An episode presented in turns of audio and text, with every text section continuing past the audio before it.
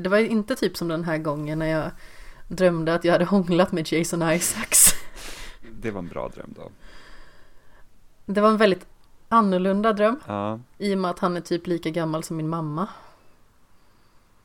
det säger inte mig jättemycket eftersom jag vet inte hur gammal din mamma är. Hon är 56. Är Jason Isaacs? Ja, vänta, okej, jag tänkte på en helt annan person. Nu är jag med.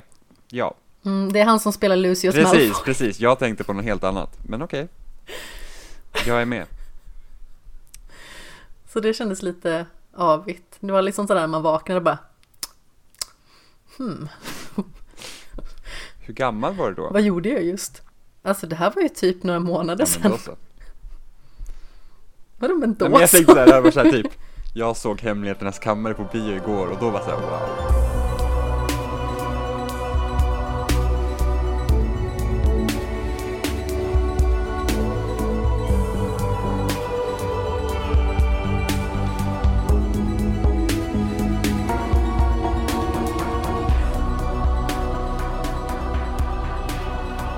Hej och hjärtligt välkomna till den 23 episoden av Skämshögen med mig Amanda Sten och med Jimmy Seppele. Hallå, Hej, jag är här igen det är du. Ja det är jag Jag lämnade aldrig Ifall någon inte märkte det. Men precis Nej men precis, alltså, du har ju växt fast i din stol, det konstaterade vi förra veckan. Ja, det är ingen bekväm stol att växa fast i heller så att Får jag, jag är på humör, kan jag säga så? Ja, men jag har en dålig stol att sitta vid helt enkelt Jag skulle vilja ha en bekväm stol eftersom man sitter ändå här då och då Ja, och ganska så länge då och då också. Ja, Läx alla avsnitt vi har gjort ungefär. Precis. Det- Så bara, idag borde det inte bli så långt. Så bara, det blir långt. Okej. Bara gilla läge. Vi är inte ens överraskade längre. Nej. Eller jag kanske är lite överraskad. Jag tror, Men hur? jag, jag vet inte, jag tror det var sist jag var det här borde inte bli lika långt. För då hade vi ändå kört, det var typ tre veckor i rad eller någonting sådär. Och så blev det ändå Vi jättelångt. hade faktiskt haft en paus. Hade vi? Ja, det kanske vi hade till och med. Är så, så bra kollar jag. Men eh, visst. Ja men precis, för det var eh, du tre veckor i rad och sen så var det Peter och sen så var det du igen. Jag bara, fuck Peter. nu jävlar. Du ska inte komma och ta min plats. Amanda kunde göra så här med mig. Peter av alla. Ja, Ja, ja, han är ju rätt fin. Jag kan hålla med om det. Säger jag utan att, Vilken utan att jag liksom, jag har ingen riktig koll på vem Peter är men Du väljer att hålla jag med väljer att ändå. hålla med ändå, precis. Jag är Ja. stå upp för Peter. ja, hur är det med dig? Jo, det är nog bra, tror jag. Det är nog bra. Ja, men det är nog bra. Synd att klaga. Ja, okej, det är på den nivån. Jag tror, jag tror det. Jag hade ju faktiskt en kund idag som typ halvt om halvt flörtade med mig. Oj, Ja, men som jag skrev, det var ju den här som sniffade sig själv i armhålan. och sen så bara, åh det är så roligt att få hjälp av dig, du är så trevlig, wink. Typ. Och jag var såhär, ja. Och det var, jag trodde att det var någon annan Nej. som liksom nej, kontrollerar sina kroppsliga funktioner medan man är bland folk. ja nej men alltså jag hade ju, nej. Men det var ju så kul för den här kunden då, att hon hjälpte henne med Hur gammal var den här människan? 50-60 70. kanske. Alltså jag är ju en hit bland gamla tanter, den saken är säker. Det är, när man jobbade som servitör så var det ju no, flera nypningar i rumpan liksom. Eh, Va? Ja, Är det sant? ja, jag vet. Alltid gamla tanter så åh du har så fint hår. Jag, jag hade ganska tjockt hår när jag var yngre. Alltså jag har inte, det är inte som att jag är typ flint nu heller, men det är liksom lite tunnare där. Man håller inte glansen så länge. Men, det, men då hade jag liksom tjockare hår. Eh, och, och vågigt liksom, mer vågigt så. Och då var åh du har så fint hår. Och man så här, mm. Och sen fick man en nyp i rumpan och man var mm. Jag behöver inte vara livrädd i alla fall när jag går hem på kvällen av att en tant på typ 80 bast har nypt mig i rumpan. Så att det är inte så. Eh, men samtidigt är det inte alltid Men det är ju för att du kanske råkar trampa på den i och med att du är så lång.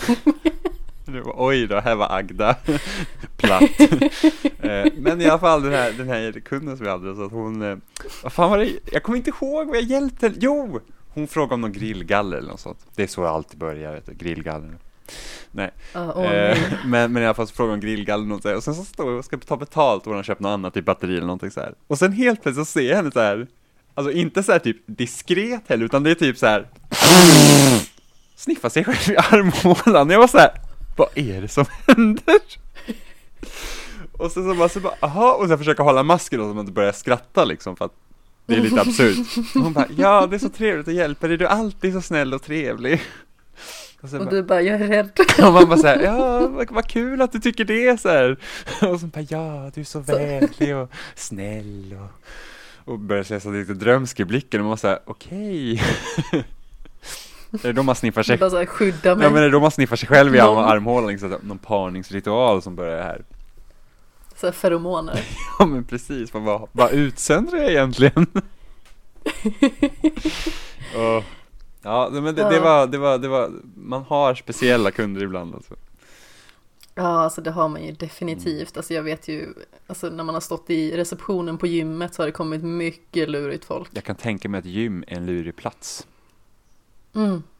Ja, definitivt. Alltså det kan ju vara både på gott och ont, för folk kan vara så otroligt trevliga så att man bara blir jätteglad. Mm. Och sedan kan folk vara så elaka så man undrar vart världen är på väg. Ja, Eh, förr i tiden, förr i tiden, på 1800-talet då när man, när gym När var, var ny, ung. ja, när, när gym var en ny beträfflighet i samhället. ja. När tiden fortfarande var diffus och världen platt så eh, jobbade jag redan på gymkedjan. Man lyfte potatissäckar och inte skrot. Ja men precis. Mm. Nej men det här var ju typ 2012, det här var samma år som jag tog studenten. Mm. Och på den tiden så hade jag inte någon fast ekonomiavdelning. Vilket är alltså den ekonomiavdelning som jag jobbar på nu. Det är liksom den fasta som började byggas upp i och med att jag jobbar på en väldigt stor gymkedja. Så den har liksom expanderat otroligt Så mycket. du jobbar på ekonomiavdelningen på ett gym? Ja, Det var news. Jag visste att du jobbar med ekonomi, jag trodde bara inte att det var gymkedjan. Vad, vad kul! ja. Mm, jätteroligt. Jag jobbar ju på leverantörsreskontra. Så jag jobbar med fakturor, kontering av diverse. Mm. Jag får ju framförallt de längsta fakturorna. Mm. Sådana som är... Alltså, ibland så kan det vara baserat på hur många rader det är, att de är långa. Mm. Men den längsta fakturan jag har konterat var 49 sidor lång. Jesus Christ. Då får man hålla tungan rätt i munnen något så att man inte... Ja.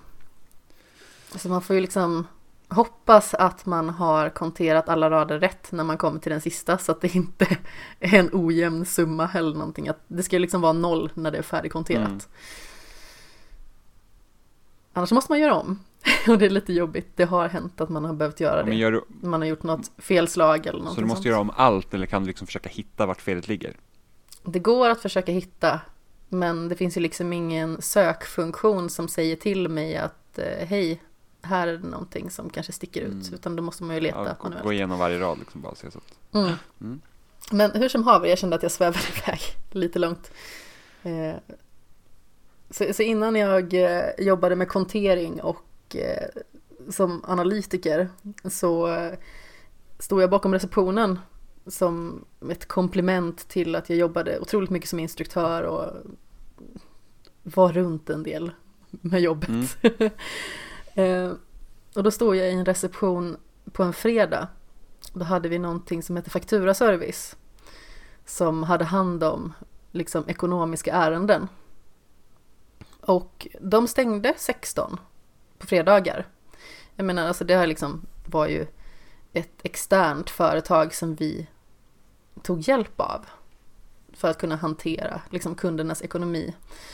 Eh, och då kommer det in en eh, kvinna som pratar engelska. Och det är inga problem, så sett. Eh, men hon kunde inte för sitt liv begripa när jag sa liksom att det företaget som har hand om den fakturan du har fått, de har liksom stängt. Och nu är den här fakturan förfallen. För det här, det här är sista dagen du kan betala den idag. Du skulle kommit in med den här tidigare. Och det du kan göra naturligtvis, det är ju att ringa den här serviceavdelningen på måndag. För att du kommer inte få tag på dem nu. Mm. Och den här personen skäller ut mig efter noter, säger att jag inte är service-minded, att jag är dum i huvudet eh, och att hon ska säga upp sitt medlemskap när det här är löst. Okej. Det var så här bara, jag försökte ju bara hjälpa dig. Ja. Men som sagt, hon hade fått en faktura, hon kommer in samma dag som den förfaller, som är en fredag. Mm.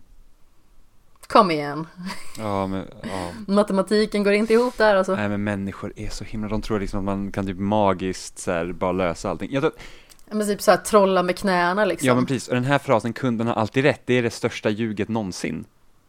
Ja, ja, alltså kunden har rätt ibland. Kunden har oftast fel. Ja. Det är liksom, men, men, men alla går ju in med mantrat att kunden har alltid rätt och då ska man liksom kunna göra allting. Så att vi har jättemånga, när vi tar emot eh, reklamationer till exempel, så är kunden helt oförstående Oj. ibland när inte vi bara kan byta ut varan. De bara, jag vill ha en ny. Och man bara, nej, så går det inte till. Jag måste skicka in den här till leverantören och liksom bara se så att godkänner de reklamationen eller vill de ha inne på service eller vad som helst och sen så kan du kanske få en ny. Eller vad som helst. Jo, men precis. Alltså, det går ju inte bara att lämna tillbaka en vara sådär. Ibland går det, Plus att, beroende Jo. på. Men liksom, de, nej det var dålig service. Men skadan kan ju liksom vara självförvållad också. Precis, så att man måste, men ibland så bara, men det var dålig service. Jag bara, ja men så går det till. Ja, jag hade aldrig tagit en sån leverantör som krånglar så mycket. Och man bara, men alltså det är vanligt. Det, så jag har själv liksom lämnat in grejer, typ så här högtalarsystem och handkontroller och grejer där man inte har fått någon ny på en gång. Det är så här, bara, vi ska kolla bara. Så att man bara, ja, det är så det är liksom. Jag har aldrig bråkat med en affär på det sättet. Nej, jag förstår inte riktigt syftet.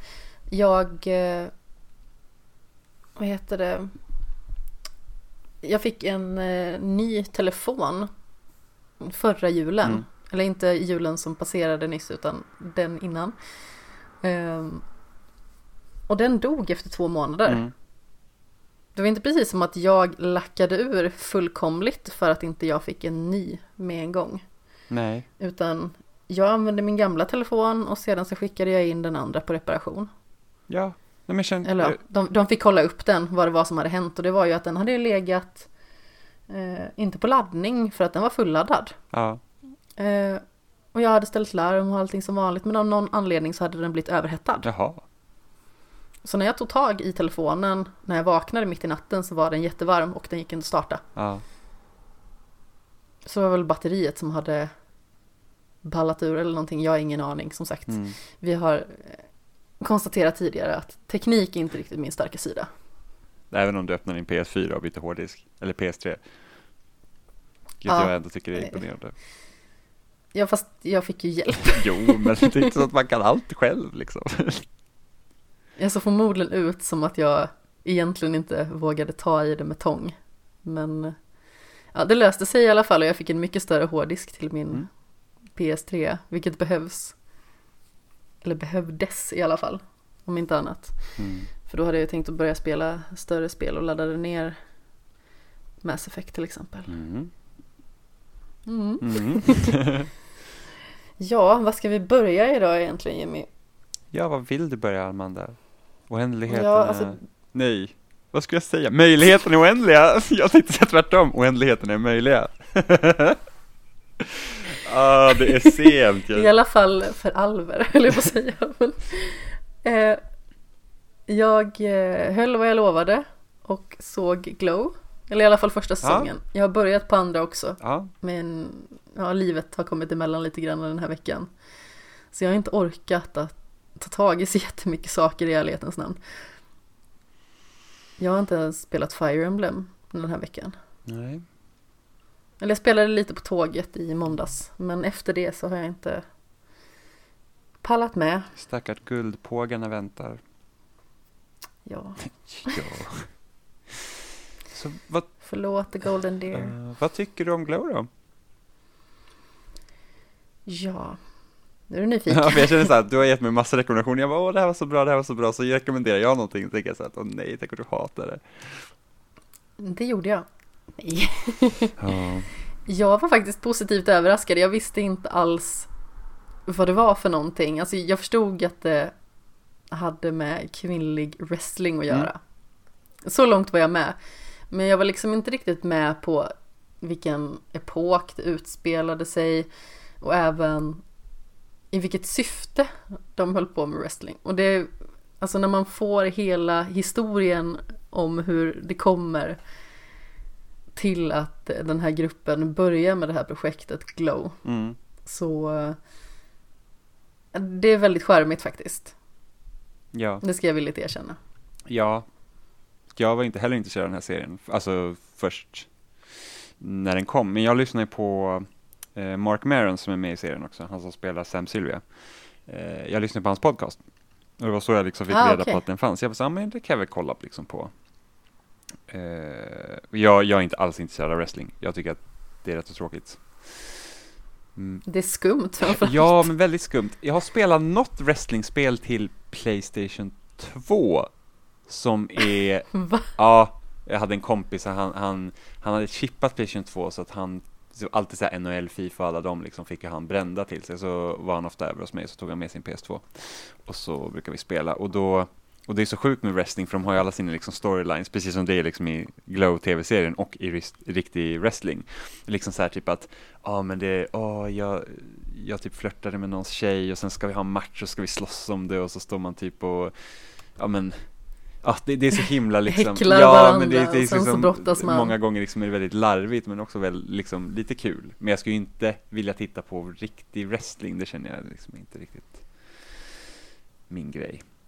Jag kan tänka mig att. Telltale-spel i wrestlingmiljö hade kanske funkat. Faktiskt. Det, nu finns ju inte Telltale längre. Quick times tråkigt. Ja event- men typ, och så här, typ events, så, liksom. nästan så här såpopera. Men då skulle det kunna vara typ som, om en glow då, att, att man spelar en, en wrestlingkaraktär, alltså på riktigt som, en människa som utför wrestling. Så att man liksom har, liksom, hela den Så delen. man får Ja. göra jag dialogval och sen jag- så kommer quick time events ungefär. Ja, jo men precis. Och sen att det liksom är I matchen. handlar, och sen en storyline om människan bakom karaktären snarare än karaktären i sig. Om man säger så. Hänger du Ah, med på vad jag menar? Jag förstår Ja, jag du tror det. Jag känner att jag typ snubblade på hela min... Poängen. Precis, jag bara... Bup, bup, ja. Eh, ja, men vad... Fortsätt prata om vad du tyckte. Jag kände att jag såg över. Jag, ty- jag tycker att de två som spelar, alltså de främsta rollerna, Mm. alltså himmel och pannkaka, jag kommer inte ihåg vad hon som spelar den absoluta Eh, huvudrollen. Alison Brie. Ja, just det. Vad är det hennes karaktär Eh, heter? Ruth. Ruth är det ja, precis. Eh, hon och Debbie tycker jag är lite osympatiska. Ja, men de... Så i början så hade jag lite svårt för liksom att få grepp om dem. Alltså Ruth är ju lite mer sympatisk i början. I och med att man känner liksom att hon är en skådespelerska som inte riktigt får sin karriärsvilja igenom. Hon får inget genomslag på något vis. Hon har haft lite teatergig. Hon är med i någon form av grupp där man står och deklamerar manus i mångt och mycket. Och eh, sedan så har vi ju liksom Debbie som är den här typiska, jag vet inte, gulleplutt eh, amerikanska hemmafrun med barn och man på något vis, före detta skådespelerska. Mm, och har haft ändå liten succé med någon såpopera så att liksom folk känner ja, men igen henne. exakt. Så att hon är liksom en, hon är en C-kändis i stort sett. Ja, Men folk behandlar ju henne liksom som att hon är högt upp på en piedestal. mm, Bara för att hon liksom har någon form av erfarenhet där. Eh, Men sen så är det ju som så att eh, Ruth ligger ju med Debbies man. Vilket kanske är lite ofiffigt. ja, Om man nu är bästa vänner, ja, tänker jag. ja, ja, ja, osmidigt. Ja, alltså det är väl kanske ingenting som man känner, det är inte en prioritet någonstans. Så det blir ju kanske lite stramt mellan de två. En aning ansträngt. Dålig stämning, TM. Ja, det blir jättedålig stämning. Och under uttagningarna till den här Glow som showen ska heta. Som Sam heter eh, regissören va? Ja, precis. Mm, som han står och försöker någorlunda dirigera. Så kommer Debbie in och eh, ger Ruth på nöten i stort sett. Och det är då han får upp ögonen för henne och liksom du ska bli huvudkaraktären i det här narrativet kring The Gorgeous Ladies of Wrestling. Fantastiskt namn. Mm, oerhört. Men alltså det finns väl lite kul karaktärer, helt klart. Sen så har vi ju den här eh, snubben som ska finansiera allting. Jag, jag, är inte riktigt säker på om jag tycker att han är söt eller att jag tycker att han är helt dum i huvudet. Han är väl båda? Jag tror det. Mm. Han var ju med, jag känner igen honom från eh, Private Practice som var en spin-off-serie till Grey's Anatomy. Där spelar han... Så jag har liksom inte sett någon av dem. Nej, de första säsongerna av Grey's Anatomy är kanon. Det... det... kan du få Ja, men alltså de är jättebra verkligen. Och sen så, nu, nu kollar jag i och för sig på Grey's Anatomy fortfarande, jag följer det. Det är liksom min lite guilty pleasure. Eh, men den är inte, alltså om man jämför med typ dagens avsnitt med typ avsnitt under andra säsongen så är det som natt och dag i kvalitet. Vill du veta vad min guilty pleasure är när det kommer till tv-serier? Mm. Alltså det här är ju en bit tillbaka för att jag kollar ju liksom inte på ång-tv längre. Nej. Ång-tv? Är det det du kallar liksom traditionell tv-kanal med typ box? Ja. Det är fantastiskt! Ång-tv! Ah, vad bra! Gud vad kul! Det ska jag också, jag ska anamma den frasen, ång-tv. Jag brukar säga ång-radio också. Fast radio är lite hippt ändå. Ja, ganska. Ja.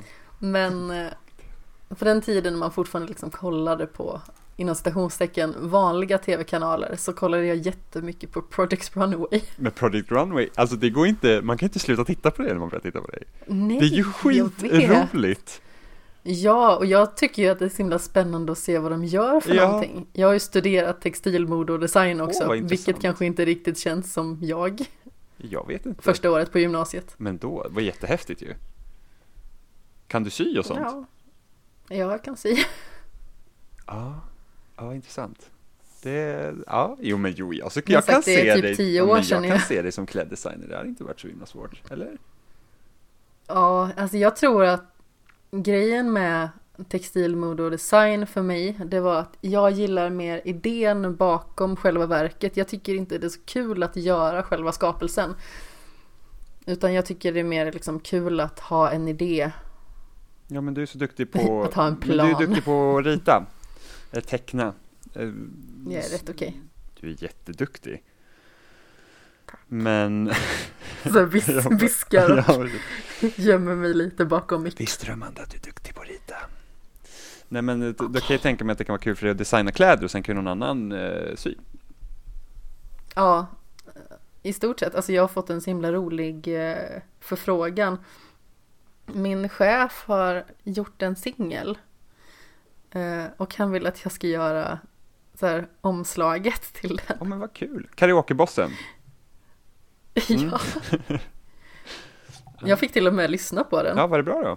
Han, han kom, alltså den var ganska så bra mm, faktiskt. Det, det är skönt. Det var inte vad jag förväntade mig. Vad var det då? Dansband? Nej. Gangsta-rap? det var någon form av rockballad. Jaha, vad hade du förväntat dig då? Nej men alltså jag vet inte riktigt vad jag hade förväntat mig men han kom in på mitt rum och så sa han att han ville att jag skulle lyssna på någonting och så hade han med sina hörlurar och så gick han ifrån mig och bara så här, lyssna på det här. Och så säger du vad du eh, tycker när jag kommer tillbaka. Det kanske är skit och då får du säga det. Ja. Jag, så, mm, jag, är inte riktigt den som mm. säger att saker är skit. Jag skulle aldrig kunna göra det.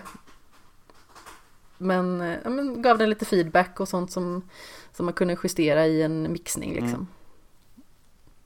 Nej men alltså eh, Jag vet inte riktigt vad jag sa om hur han sjöng när vi sjöng karaoke. Alltså det är väl så här när man, in, när man är lite på lyset kan jag tänka mig att då, då blir det liksom en annan grej. Jag var inte på lyset för jag körde. Eh, men liksom i en studiomixning av en låt så lät det faktiskt väldigt bra när han sjöng. Mm. Så det var Det var roligt. jätteroligt. Han är så annorlunda min chef. Jag tycker det är helt fantastiskt. Ja, jag har så här, alltså på något sätt så, jag vet inte mycket om din chef, jag har aldrig sett hur han ser ut ens, men jag tänker typ att han är lite som, alltså jag får typ vibben av typ hur min musiklärare var. Jag vet ju inte Nej jag vet, jag vet, och det vet ingen annan heller, jag vet inte hur jag ska förklara det, men det är ungefär så jag relaterar till honom, bara så du vet. Eh, Ja, okej. det där var inte så bra radio, men visst. min musiklärare, kära vänner. Så tänker ni på, Så någon så all, du inte vet vem det är, relaterar du till någon som du vet vem det är men som jag inte vet. Precis, så nu kan ni alla andra tänka på Amandas chef, så tänk på er egen musiklärare. Spännande övning. Ja, eller hur? Mm. vi kom en bit från Glow. Det gjorde vi, Men, jag vet eh, inte ens hur vi kom hit. Just det, vi pratade om eh, Project Runway! Ja, blir och innan dess så pratade vi om han den här muppen som eh, finansierar Precis. Glow. Men jag måste bara säga, Bash, just det, Sebastian jag, jag, måste, han, va? ba- ja, precis. jag måste bara säga till om Project Runway. Och alla sådana här typ, samma sak med den här eh, Gordon Ramsay-showen också, de tävlar om att bli typ en kock på en av hans restauranger, så här nystartad. Man blir så jäkla investerad i de där tävlingarna. Jag tycker sånt är jättekul, men alltså framförallt ett tag så hade jag en liten crush på mat-tv. Och jag gillade liksom att äta mina måltider och kolla på mat-tv samtidigt.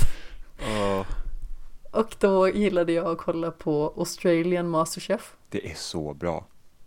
Är. Alla är så snälla mot varandra. Ja, Det är helt sjukt. Det är som att man tittar så här, och de är så duktiga. De är så mycket duktigare än de amerikanska liksom. ja, men man tittar typ på amerikanska och det är typ så här bara, åh, jag råkade typ bränna den här lilla korven. Och det är typ så här, du har i princip mördat min familj. Det är liksom på den nivån. Medan i Australian Masterchef så är det typ så här bara, åh, du misslyckades lite där. Du kan få det här av Ja, mig. det, var- fan, det var lite synd att det här hände och jag, förstår hur tufft det är, men liksom bättre lycka nästa gång. Och man bara, vad är det här? Det är ju fantastiskt! Det finns ett annat matprogram som jag vet att finns typ på amerikanska Netflix som är så här, The British Baking Show och så här. Eh, som ska vara skitbra! Och jag skulle vilja att det kommer till svenska Netflix, jag skulle vilja se det. Alla bara, det är så himla mysigt och alla är så snälla mot varandra. Och så här, åh, det vill jag också se! Brittiskt bak, det låter fantastiskt. Brittisk bak. Ja, ja. Brittisk bak, Nej men hej. alltid bra. Ja. Jajamensan. Brittiska bakdelar. ja, precis. ja, nej men vi var inne på Sebastian Mm. och jag har väldigt svårt för att veta om jag liksom tycker att han är ett totalt stolpskott. Eller om jag tycker att han är lite charmig, men det finns väl vissa delar. Typ som när han börjar eh, prata i mikrofonen. Och, och liksom säga olika typer av one-liners under matcherna och, och kommenterar. Mm. Då tycker jag att han var oväntat rolig. Men det är för att han känns som malplacerad på något vis. Ja. Ja, sen är det ju lite Att så han här, liksom bara så snubblar in där och bara oj, ja men nu måste vi ha någon som kommenterar och eh, ja men eh, det gör väl jag då. ja, sen är det inte så här typ toppkvalitet på grejerna heller. Det är ju liksom lite B-varning över hela grejen också. Ja men det är nästan lite Ja. så här man flashar upp någons garage. Ja, men lite så. Sminka en gris. typ, ja men. Det är ett väldigt roligt uttryck faktiskt. Det är väldigt roligt. Men du har ju sett både säsong ett och två och sen så har du väl sett klart trean eller? Det har jag gjort. Du har det? Det har jag gjort. Du drog alltid ett svep när det kom i fredags. Ja, ja, i princip såg jag, ja, jag såg väl klart i söndags tror jag var jag klar. Förutom när du somnade. Ja, men det gick, det gick. Vi har konstaterat Mm. att du somnar väldigt mycket Ja, till ja, det gör jag. Det är liksom, tv-serier och film. ja men det är bara för att jag har gjort så att jag, jag går inte bara och lägger mig när jag går och sover, utan jag kollar alltid på någonting när jag går och lägger mig. Eh, vilket också har gjort att jag skapar association, uh, associa, vad säger man, associering, jag associerar så. Eh, Associationer. tack. Jobbigt med språk idag känner jag. Eh, Hur gör man ord? Ja men precis, how to speak for dummies. Ehm, så jag, eftersom jag alltid tittar på saker innan jag går och lägger mig, eller när jag går och lägger mig, i samband med att jag ska sova, så somnar jag och det gör ju att när jag ska slå på någonting då är, blir det ofta så att jag sover, somnar på en gång. Så att i morse såg jag faktiskt klart en film eh, som jag har försökt hålla på med nu i två veckor och kommit typ så här fem Endless eller vad heter Precis, den? den var inte jättebra, den vill jag inte prata om. Eh, Nej men gör inte det, det är okej. Okay. Nej, för att den, den, eller bra, den var väl okej okay, men det var liksom inte så här, ja, det, jag vet inte varför jag ens hade lagt den i min lista men jag såg den i alla fall. Men eh, ja, jag såg Glow faktiskt. Eh, så och i tredje säsongen, jag vill inte spoila för mycket för dig, men i tredje säsongen så åker de till Vegas i alla fall och har liksom en scenshow där. Som är Glow. Eh, och eh, jag tyckte att säsongen hade väl lite problem att komma igång känner jag. Det blir liksom för mycket fokus på att åh, vi är i Vegas istället för att vara, ha något fokus på karaktärerna, vilket är intressant. Ah, så det är liksom större fokus på showen än karaktärerna i sig. Eh, sen så finns det ju såklart guldgrejer i den här säsongen också när det kommer till då karaktärerna och det finns en ny karaktär i eh, tredje säsongen som är eh, en man som håller en dragshow. Som okay. var otroligt bra tycker jag. Alltså det var en riktigt bra karaktär. Jag hoppas verkligen att eh, han får vara med mer. För att han, han gjorde väldigt bra avtryck liksom. Så att, eh, men jag tycker att den här säsongen den var ja, lite upp och ner jag tycker att man förlorade karaktärerna lite i det hela när man, eh, när man drog till Vegas. Liksom. Att det, det blev så stort fokus där. Eh, men jag tycker ju att Alison Brie är jättebra verkligen. Hon växer på mig mm. i första säsongen oerhört mycket. I början så tycker man att hon är ganska så enerverande. Ja, jag tror det är meningen att man ska tycka det. Jo, det gissar jag också. Fast man vill ju ändå tycka om henne i och med att hon är huvudkaraktären. Ja, och så blir man så här att ja, men jag borde sympatisera med henne, men hon är ju så, så påträngande. Hon liksom kryper in under skinnet på en lite grann. Ja. På något vis. Men jag gillar ju verkligen det, jag gillar med första säsongen det här med att de ska liksom försöka hitta på, hitta sina karaktärer i den här showen och liksom arbeta fram det. Det tycker jag är jätteintressant. Uh, och det blir ju lite problem för serien sen när de liksom har, de kommer igång med Glow och sen så är det liksom, ja men nu har vi hittat våra karaktärer så det är inte lika mycket hur de arbetar med att, att få fram det utan det är liksom så att, ja men vi kör lite på här och sen så får man se lite annat också. Så att uh, jag tycker ju nog att första säsongen är den bästa. Men uh, den, är ändå, den är ändå rolig att titta på hela tiden tycker jag. Det, det är liksom, den, ja, jag har börjat titta på andra säsongen. Mm, vad tycker du, hur långt har du kommit på andra säsongen? Det kan nog bara vara två avsnitt eller någonting i den stilen. Mm. Så det är inte jättelångt, men eh, det finns ju lite mer så här relationsbaserade delar som pågår i bakgrunden mm. någonstans. Som eh, både kan vara väldigt intressanta men också kan vara lite sådär, det känns lite som utfyllnad. Det är svårt att veta om man kommer i slutändan tycka att det genererar någonting ja. eller inte. Det jag gillar... Men vi var... Vad ska du säga? Nej, säg Nej, du. säg du. Nej, men det var okay, inget, säg. Okay. Det jag gillar med typ Netflix stora ensemble-shower är det att de har ju ofta många olika typer av personer. Alltså både, ja, både Glow och Orange is the new black är jättebra på det, att du har liksom jättemycket, och sen liksom fokus på kvinnliga karaktärer från olika etniciteter tycker jag är jättekul. Eh, ja, mångfaldet är ju rätt imponerande. Ja, faktiskt. och även här uh, Sense 8 som, uh, vad var det, två säsonger på den tror jag. Och sen en avslutande långfilm på typ tre timmar. Uh, inte så här superbra, liksom på det sättet att man säger bara wow, vilken liksom pangshow. Det är liksom inte som typ Breaking Bad eller Mindhunter eller liksom andra så här riktiga så här topp Eh, shower, men den var ändå liksom superintressant och hade också väldigt många olika karaktärer, kom från olika kulturer, så man får se väldigt många olika saker. Eh, och det, det är liksom ganska upplyftande så att det inte blir bara det här samma, samma hela tiden. Ja, exakt. Så det är de väldigt bra på. Sen så är det väl tråkigt att de lägger ner de här säsong, äh, serien också, men det...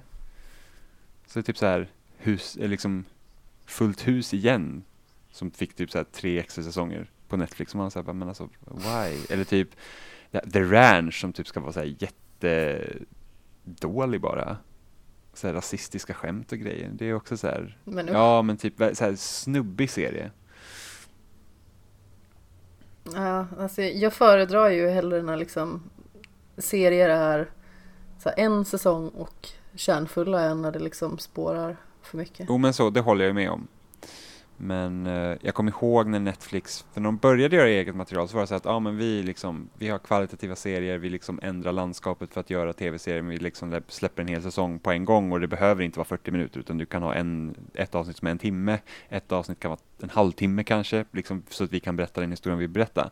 Och sen så går han, liksom bossen ut och säger så här, ja, ja vi måste börja lägga ner serier, haha, för att det är kul, för att vi har så mycket. Och man bara, men alltså, gör bra grejer istället för att bara ha mängden. Men sen är de väl lite Ja, stressade så det över är bättre med kvalitet än kvantitet. Ja, precis. Och bara, inte, bara släpp inte ut en massa skit för att sen lägga ner dem. För det är jättemånga serier också som Netflix har som de inte ens gör reklam för, typ. Så man säger oj, fanns den här? Mycket som ligger i det fördolda Netflix. Ja, men lite så. För att det är liksom... För jag kommer ihåg när typ House of Cards kom och Orange is the new black, det var liksom stora grejer. Även Hemlock Grove fick ju liksom, liksom stort utrymme för att det var liksom Just så här att ja. ja. det här är liksom, nu börjar vi göra egna grejer och nu så här, det kom, alltså Netflix släpper ju grejer hela tiden så man säger vad är det här? Så nu var det någon, jag, så, jag tror det är en japansk serie som handlar om typ när porrindustrin på to- 80-talet liksom började, The Naked Director heter det, eh, som kom eh, nu i veckan, så jag såg en trailer för. Så jag la på min lista, för jag tänkte det här kan vara kul att se. Men liksom det är också så här, det blir inga så stora fanfarer när de släpper grejer, det bara kommer en massa grejer. Det är synd.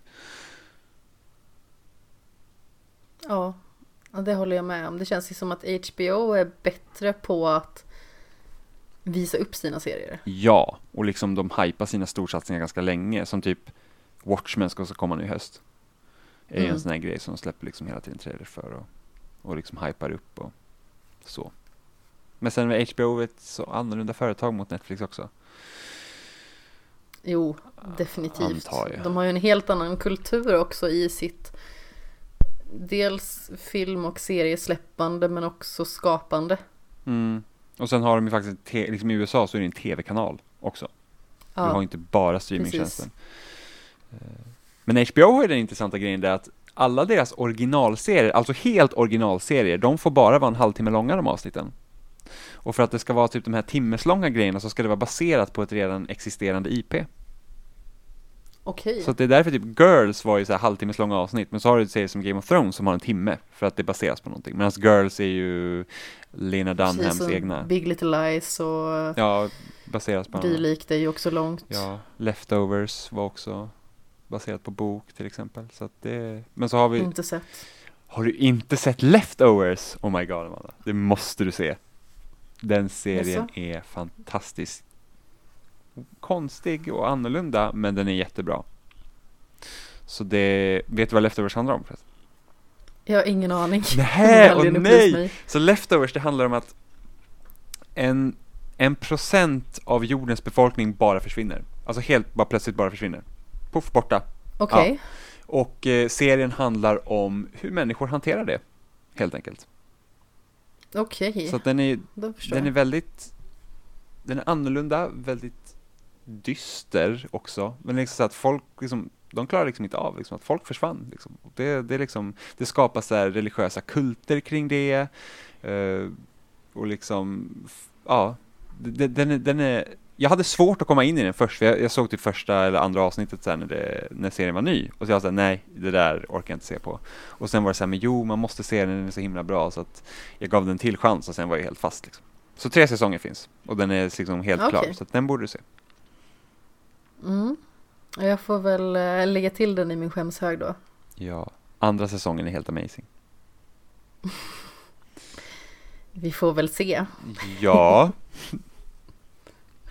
Så bestämt Ja, men jag tycker Det låter som att du inte tror. ja men det är så, du måste se den Amanda. Ja, jag ska. Förstå storheten i Leftovers. Fast imorgon, Jimmy, då finns det inget annat i hela världen än Mindhunter. Du inser det, Det är va? godkänt. Tack. Jag är ledig imorgon också. Oj, Mm. vad, avundsjuk jag blir. Ja, men sen jobbar jag i helgen så att när alla andra barn är lediga. Alla andra barn. Tack, tror jag. varsågod. Jag vet, det var liksom inget, var inget så här illa menat eller positivt menat i det statement. Det var bara Så klappa mig på huvudet ja, bara. Ja, lilla barnen. Man, Lilla mm, gumman. Vi vuxna måste jobba på helgen. Så, Mm. Ja, Vi barn jobbar i veckan. precis. Ja, jag har sett Deadpool 2. Mm. Det är den 71 filmen jag har sett i år. Imponerande siffra. Jag gör så gott jag kan. Mm. Jag har typ sett hälften av det.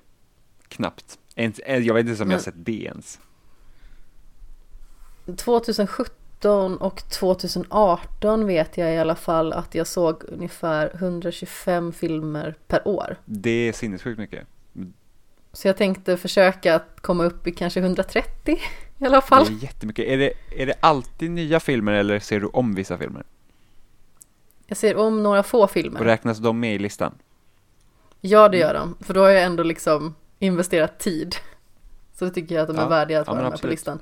Vissa kanske inte tycker det, men det är så min lista fungerar. Jag, Det är samma sak med spel. Har jag spelat ett spel innan så lägger jag till det. Att det här har jag spelat. För det är ändå liksom tid som jag har lagt ner. ja, men jag, jag respekterar det. Jag är likadant med spel. Vad snällt.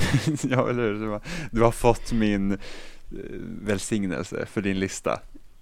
Ja, Jag gör samma sak med spel nämligen. Så jag har också så att, så här, jag har skiljer dem så att det här är spel som så att jag ska hålla koll när man gör årets spellista och sånt. Så det här är spel från 2019 som jag har spelat, så sätter jag det i en lista. Och sen jag så här spel som har släppts tidigare och så sätter jag det i en annan lista. mm. Jag har allting i samma lista. Men jag har ju separata listor för film, serier, tv-spel och böcker. Mm. Så när året är slut, böcker brukar inte komma med för att det kan vara väldigt sporadiskt, både om jag hinner läsa eller om jag hinner lyssna på ljudbok. Det kan ju vara att man är inne i en fas där man lyssnar mycket på musik och kanske lyssnar mycket på podd också, Mm. så då kan det få stryka på foten lite grann. Men när vi kommer till årskrönikan, då brukar jag göra som följer, för jag har ju en liksom skriftlig årskrönika Mm. på skämshögen, haft de senaste åren, där jag liksom gör en topplista i respektive kategori. Och sedan så, nu senast så typ hade jag lite så här bikategorier, typ årets skämshögspel eller eh, årets besvikelse, alltså sådana Mm. grejer. Medan jag innan kanske haft en topplista på typ bästa skämshögspel till exempel. Ja. Eh, Så då har man liksom fått en topplista på årets spel och de spelen som jag har tagit igen. Eller filmer, tv-serier och så vidare. Mm. Men ja, Deadpool 2 i alla fall eh, kom ju i fjol så den är inte så jättegammal. Men jag tänker liksom så här med mina skämshögsgrejer att har man gjort ett val, oavsett om det liksom är ett val, eh, ett val som inte är direkt eller ej, så blir det liksom att ja, men då läggs ju den här grejen på hög. Jag ser ju Endgame som liksom en skämshögsgrej för att jag såg inte det eh, jag såg inte filmen när den liksom kom direkt. Nej. Men det ska jag ju göra nu.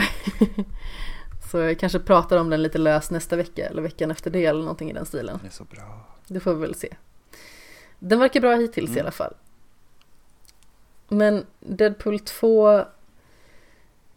Jag hade liksom inte jättehöga förväntningar på den när jag hörde talas om den första gången. För jag tänkte så här att det behövs ingen uppföljare på första Deadpool för jag tycker att det är en så himla bra superhjältekomedi på något vis. Mm. Alltså dels så har vi ju lite svart humor. Dels så har vi exceptionellt mycket penishumor som jag fortfarande är helt förbluffad över fungerar. Mm. För jag tänkte liksom så här, okej vi har penis i ena ringhalvan och så har vi humor i andra ringhalvan. Det är så här, kommer de att slå ihjäl varandra eller kommer de att kramas? Mm. Ungefär. Eh, och jag tycker att de omfamnar varandra väldigt väl, liksom i Deadpool. Det funkar bra och alltså komiken är ju på topp när det gäller den typen av liksom juvenila humor. Mm. Det funkar. Mycket metahumor också. Ja, Väldigt verkligen. självmedveten. Det tycker jag är så himla roligt. Ja, det är jättekul. Den bryter hela tiden fjärde väggen, Mm. till exempel. Eh, och tvåan tycker jag tar det och gör det nästan lika bra. Jag tycker fortfarande att ettan är en bättre film.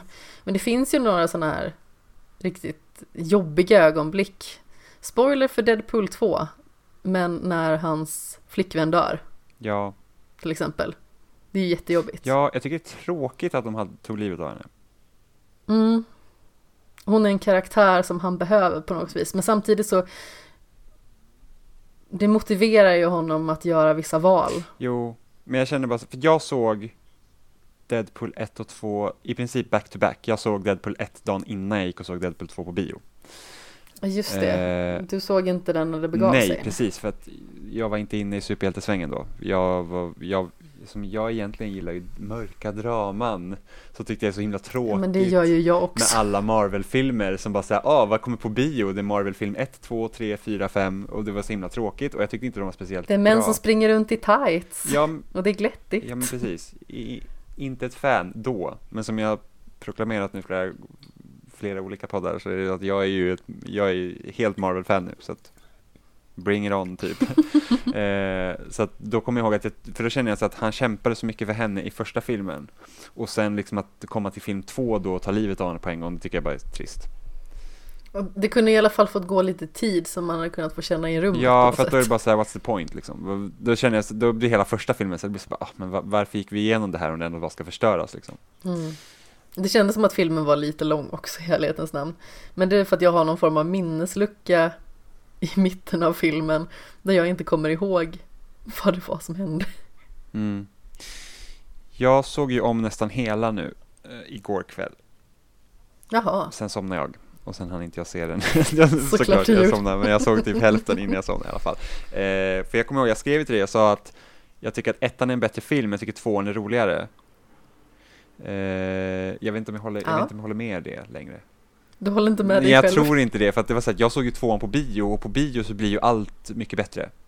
Per automatik. Generellt sett Ja, ja. och speciellt en film som Deadpool 2 är ju en jättebra biofilm. Eh, så jag tror att, jag tycker nog ettan är bättre. Men tvåan är fortfarande kul. Jag tycker framförallt att det Deadpool 1 och 2 gör väldigt bra, det är musiksättningen. Ah, ja, Det känns så missanpassat ibland men det är så perfekt Ja. på något vis. Det verkligen. är så otroligt roligt och alla de här scenerna liksom i slow motion och ja, det, det är så urflippat och jag förstår liksom inte riktigt hur någon har kommit på det här. Men det är perfekt. Ja, sen han kan vara så ful i mun och dryg och jävlig och samtidigt vara så sympatisk. Ja, Det är helt sjukt, man bara, så här, man bara, "Ah, han beter sig verkligen som ett svin och sen så bara, åh, han bryr sig liksom. ja precis. Man bara, jag vill vara din bästa vän. Mm. Ja, men lite så. Han har varit en jobbig vän Man att säger ju så otroligt mycket roliga saker. Verkligen. Vad tyckte du om Cable som inom citationstecken skurk? Jag gillade honom. Jag hade faktiskt inga problem med honom som, som liksom skurk eller liksom hans motivering eller varför han liksom hade kommit dit och så. Jag tyckte att det var rätt så spännande faktiskt. Nej, Jag tycker Josh Brolin gör ett bra jobb. Ja, vilken Jag våg. var lite osäker på hur han skulle gå in och göra den Jag rollen. tänkte bara vältränad han var. Han är, han är, ändå, rätt, är han han är ändå rätt så gammal liksom. Ja, han är ju inte purung i alla fall. Nej, men eh, jäklar vad han har arbetat alltså. Ja, definitivt. Im- Det var imponerad. precis som att jag satt och, det var inte precis som att jag satt och reflekterade Ja, jag bara såg de svällande musklerna och bara så smälte direkt. Jag bara, åh, nej. bara wow, freeze Vad frame. fin. Nej. och jag, jag var tvungen att spara en av de absolut roligaste eh, fraserna i hela filmen. Mm. Alltså den är lite dum, men den är också väldigt rolig. Det är så här, he's a bit of a dick and like most dicks he's hard as a rock and cause nothing but problems. Jag tyckte att det var så himla roligt. Faktiskt väldigt roligt. Det är faktiskt väldigt, väldigt roligt. Det är ju, jag tror det är på sista typ 45 minuterna någonstans Mm. av filmen den kommer in. Alltså, jag skrattade rakt ut när han sa den. Det är ju när han håller något form av tal, eller liksom övertalningstal. ja, Det blir lite konstigt ord. Skitsamma. Eh, när han åker till eh, herrgården där X-Men mm, håller till. Mm. Alltså det är så roligt. De visade typ alla också. Ja, Det var ju så sjukt för att i första filmen så behövde de komma på anledningar till varför inte man såg någon annan från X-Men för att den filmen hade inte lika stor budget. Eh, för de trodde inte att, ja men, att, att hyra in de skådespelarna kostar ju en jävla mycket. Även om det är bara små scener så, så då hittade de på anledningar till att inte ha med dem där och sen så trodde man att det var samma sak i andra filmer att det skulle vara så att ja men han är där nu och sen så, nej vi kommer inte få se honom men sen öppnar de ju dörren där och så står ju alla där, det är rätt så kul faktiskt. ja, verkligen. Jag tycker det är roligt hur han reagerar på, vad är det hon heter? Negasonic? Teenage Warhead? Ja, jag tror det. På hennes flickvän. Varje gång de ska hälsa. Det är så roligt. Ja, det är jättekul. Hi! Och så får han sån jättesilkeslen Ja, och låter så himla kelsen. Visst, visst han säger hennes namn också alltid? Visst är det så, hej? Ja. så, ja. Men sen jag måste säga att, jag måste säga att eh, han, uh, ungen där, Russell heter han va? Ja men precis, vad är han? Australiensare? Ja, precis. Alltså han, han ser ut som en liten ung version av eh, Rebel Wilson. Det här säger mig inte så jättemycket, jag är ledsen. Åh nej, vet du inte vem Rebel Wilson är? Nu vet inte, nu inte, jag, jag ska inte säga att jag, är så att, jag är ett fan av Rebel Wilson, jag vet bara vem hon är. Hon är typ en också australiensisk komiker som har gjort massa eh, dåliga komedier. Eh, Jaha, hon! Ja, Ja, precis. Nu Jag googlade jag här i ja, bakgrunden. jag tycker att de typ ser likadana ut. Eh, De kanske är parallella versioner ja, av men varandra. lite så. Men jag bara älskar ju, Bara det att i andra versionen så är hon en liten pojk. ja. Jag älskar ju när man får se honom första gången och sen så kommer ju, det är ju Deadpool och sen hon den här eh, tjejen med eh, Mohawk typ, ish. Ja, och han bara, precis. just, X-Men Justin Bieber, jag tyckte det var så himla roligt. Det var sådana grejer. Det är så fantastiskt. Och just för att han är, alltså han liksom, han, han uttrycker sig på ett sånt sätt att han reagerar ju på allt som händer omkring honom hela tiden. Eh, Deadpool, alltså. Ja, precis. Så att det blir liksom extra roligt. För det, det är ju även så här att någon säger någonting och sen är det som att hela publiken får exakt samma reaktion som han får. Så det, det är väldigt roligt. Ja, men det känns som att det finns en ganska tydlig koppling mellan verket och tittaren på något vis. Man känner sig hela tiden indragen. Man kan ju liksom inte zooma ut från det. Som man väldigt lätt kan göra på andra verk. Mm. Bra eller dåliga. Ja, men precis. Så är det. Mm. Jag undrar hur de ska göra, för att de skulle ju faktiskt kunna ta ehm, Ryan Reynolds Deadpool till mm, alltså dagens Marvel-universum. För att Deadpool är den enda karaktären man ska kunna brygga över direkt. För att han funkar, Ja. för han är så självmedveten. Det skulle bara säga, åh nu är jag i, i en reboot igen liksom. Vad kul det här var. Eh, så att jag hoppas, jag, ska inte, jag kan inte se någon annan skådespelare kunna spela Deadpool. Alltså Ryan Reynolds är Deadpool nu. Ja, alltså det är ju helt omöjligt att konstatera någonting annat. Ja, Han är ju precis där han ska vara. Ja. Jag tycker ju inte att han är någon annan liksom, karaktär förutom Deadpool. nej, nej men alltså det, det är liksom, det är så perfekt. Alltså han passar så perfekt i den rollen, det är helt sjukt. Hur bra det är. Mm. Så det har nästan varit skamligt det verkade någon som att det verkade som att det liksom är hans drömroll också. det. Mm. För han var väl med och gjorde en roll i någon form av så här Wolverine-film som var så horribelt dålig. Ja, där spelar han ju Deadpool också. Fast han var ju liksom inte Mm. Deadpool Deadpool, han var ju liksom han var karaktären utan Deadpool, va? Har jag för mig. Något i Ja. den stilen. Det är lite luddigt. Det här var väldigt länge sedan jag såg den, ska jag ju erkänna. Men när han äntligen fick göra Deadpool på riktigt så var det verkligen så här briljans. Jag tycker ju första filmen är så bra. Ja, den är jättebra. Men du har också tagit en, en uppföljare. Du har spelat Steamworld Dig 2. Ja, det har jag. På din rekommendation. Det är typ Ja. det enda jag gör nu för tiden. Jag bara, Amanda, vad ska jag göra? Du bara, spela det här, titta på det här. Jag bara, okej, okej. vad bra det var. Ehm, precis, för att jag, jag var klar med Fire Emblem. Och var så här, Ja, och, och så jag visste inte om jag ville liksom hoppa direkt in i Final Fantasy 7. Som jag har, är bara såhär, vad ska jag göra med mitt ja liv? precis. När Fire Emblem är slut. Och du för, du för, eh, du gav förslag på att jag skulle spela Steamworld, ha, Steamworld Quest, eller Heist, Häst, något av dem, något Steamworld-spel. Steamworld häst. Heist, Quest, whatever. Eh, Ja, Steamworld häst i alla fall. häst. Eh, Ja. Ja, det är ju faktiskt typ... Nej, men först Quest och sen så sa jag att har du inte spelat Heist så är det ett fantastiskt roligt tvådimensionellt strategispel. Mm. Så jag tog ju inte någon av dem. Nej, vad är grejen med det? Eh, för att jag, jag var så här, ja, jag ska kolla, finns det på Game Pass? Så fanns Steamworld Dig 2 på Game Pass och jag har ju spelat Steamworld Dig 1 och tyckte att det var väldigt bra. På PS Vita Mm. av alla plattformar. Ehm, så jag bara, men jag kan spela Jag spelade också det på PS Vita. Ja, men jag lånade ut min vita till Robin nu för han ska spela Persona 4. Eh, och jag tog upp den maskinen, jag bara, den här fan maskinen var ändå, det var en bra manik. Det, det, det var, det är ju egentligen min Persona 4-maskin, för att det är typ, jag köpte vitan enbart för att kunna spela Persona 4 och det var värt alla pengarna. Det spelet är helt fantastiskt. Eh, men i alla fall, Steamworld 1, jag gillar det, men jag har liksom inte varit så att åh, jag gillar det så mycket så att självklart kommer jag spela uppföljaren. Utan det är så här att, ja, ja, det, det, det kommer liksom sådana spel.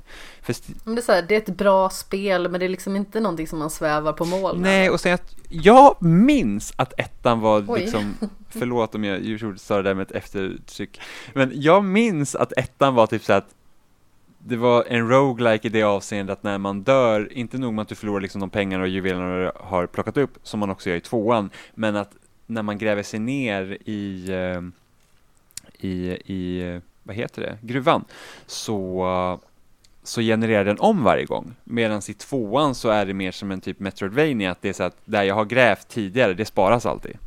Så att man utforskar kartan på det sättet. Eh, och jag föredrar ju det framför att det går om och om igen hela tiden. För att eh, bland det värsta jag vet är att göra om samma sak om och om igen. Det Det är jättefrustrerande. Kan vara.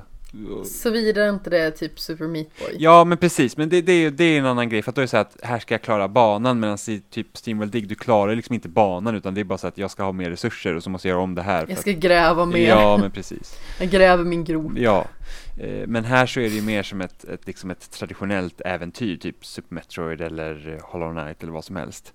Eh, Mm. Och jag tycker det är jättebra, för att det, det är liksom, de har hittat någon bra balans med att ha så här bite-size grejer, liksom allt det här att du ska hit nästa gång, så att man liksom hela tiden har ett ganska tydligt mål i sikte, men inte så att åh, det här är målet i spelet och sen så är det enda man jobbar för, utan det är typ så att okej, vi ska hitta Rusty som är första spelets protagonist, men för att hitta honom så har vi de här olika grejerna vi ska göra och först ska du göra det här och så går man och gör det och nu ska vi göra det här och så går man och gör det och så ut, utforskar man ju kartan eh, samtidigt.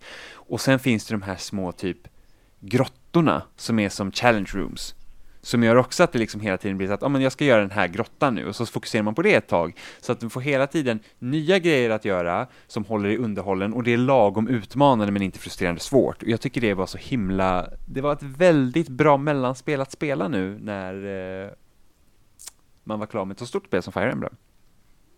Hur långt har du kommit? Jag har väl spelat en fyra timmar tror jag. Så Mm. har vi kanske kommit kanske halvvägs. Kanske. Någonting i den Ja. stilen skulle jag nog säga. Så att det var väldigt trevligt. Jag tycker det är ett väldigt bra spel. Så att nu vill jag ju spela Steamworld Quest och Steamworld Heist och till min förfasan så finns de inte på Xbox. För fasan. Ja. Jag vet inte, säkert inte. Men jag är finlandssvensk också så jag kan inte svenska språket ordentligt.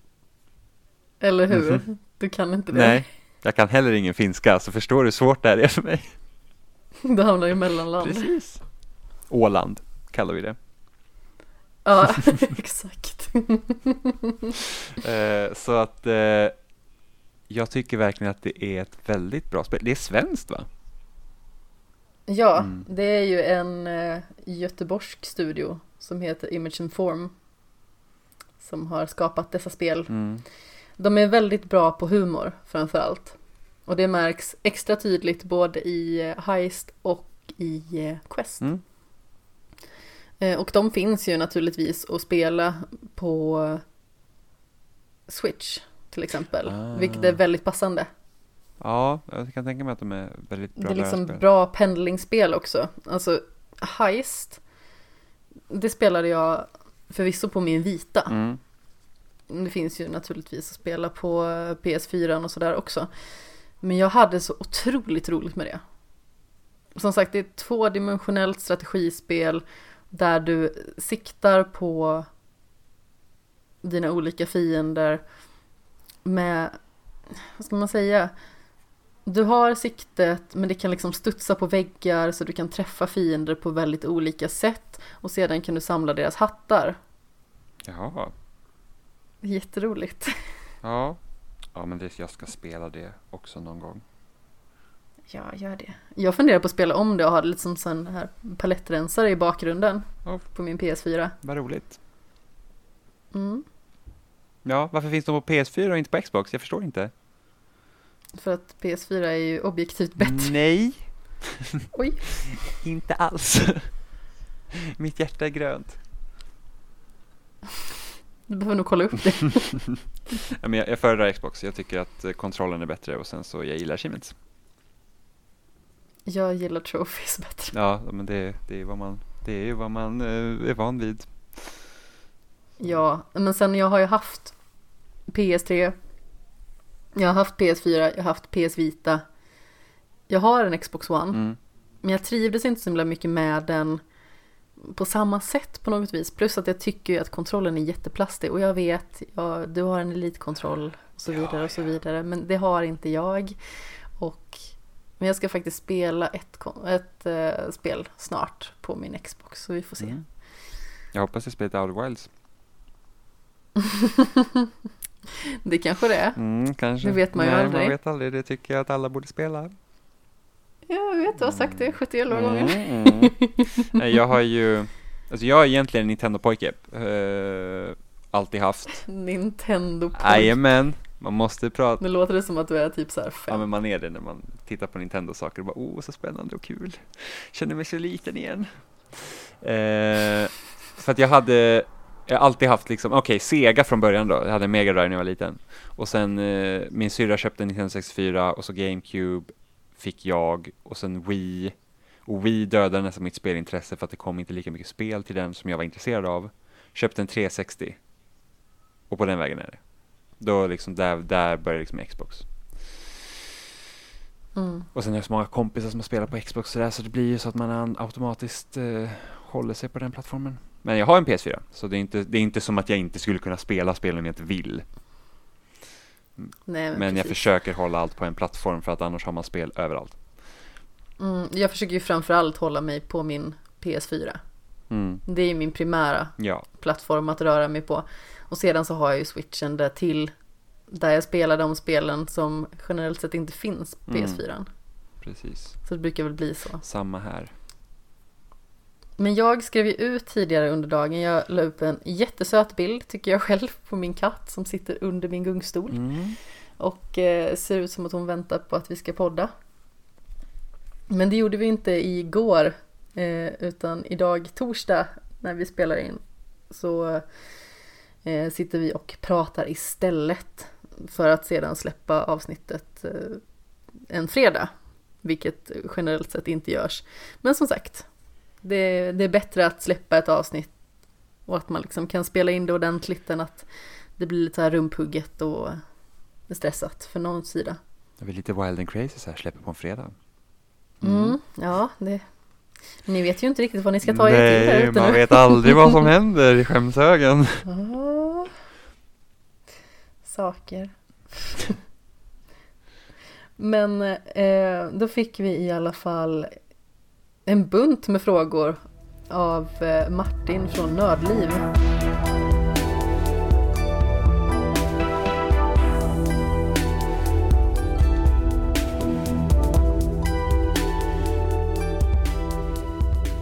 Till att börja med så fick vi en önskan om att vi skulle lista våra tre bästa upplevelser i spel, tv-serie och filmkategorier. Mm.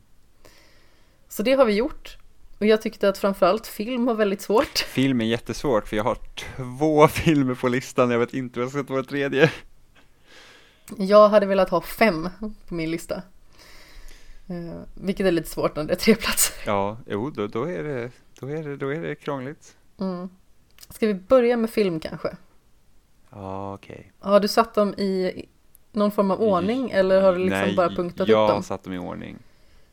Ja men vad bra. Eh, du hade ingen plats tre? Jag, måste, eller? jag, jag skulle kunna nämna bara någon film, men jag... Hmm. Det är så mycket film. Jag slänger in bubblare så länge. Ja, jag slänger in bubblor. Jag ska tänka på min nummer tre här som jag försökt tänka på länge. Jag, jag har en ganska tydlig topp fem på filmer som jag har gett fullpoängare Ja, i min värld. Och eh, två av dem som jag har gett fullpoängare som inte kom med. Det är Incendies, alltså regisserad av eh, Denis Villeneuve. mm. Och eh, även... Nu sviker mitt minne mig lite granna. No Country for Old Men av Coen-bröderna var det ju. ja. jättebra film. Den är otroligt bra. Det var en sån här go-to-film som jag hade innan när folk frågade mig vilken är din favoritfilm. Men det har ju hänt lite på de senaste åren också. Mm.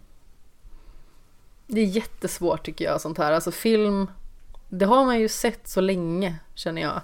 Och man har konsumerat så otroligt många. Som sagt, vad jag vet så är jag snart uppe i tusen stycken. Ja, säkert mer.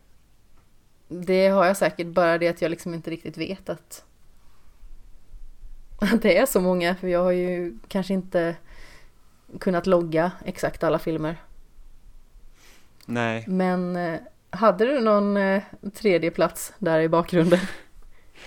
Ah, det gör det inte lätt för mig Amanda. Alltså jag, det, det roligaste är att den enda filmen jag tänker på ah, det är så, alltså jag har ju inga så här djupa filmer i min topplista, känner jag. Jag har typ filmer som gör mig glad. Är du så ytlig? Ja men lite så, jag känner, jag, jag, jag, var så, här, jag gillar mörka Nej. draman, jag har inte ett enda mörka drama på min lista.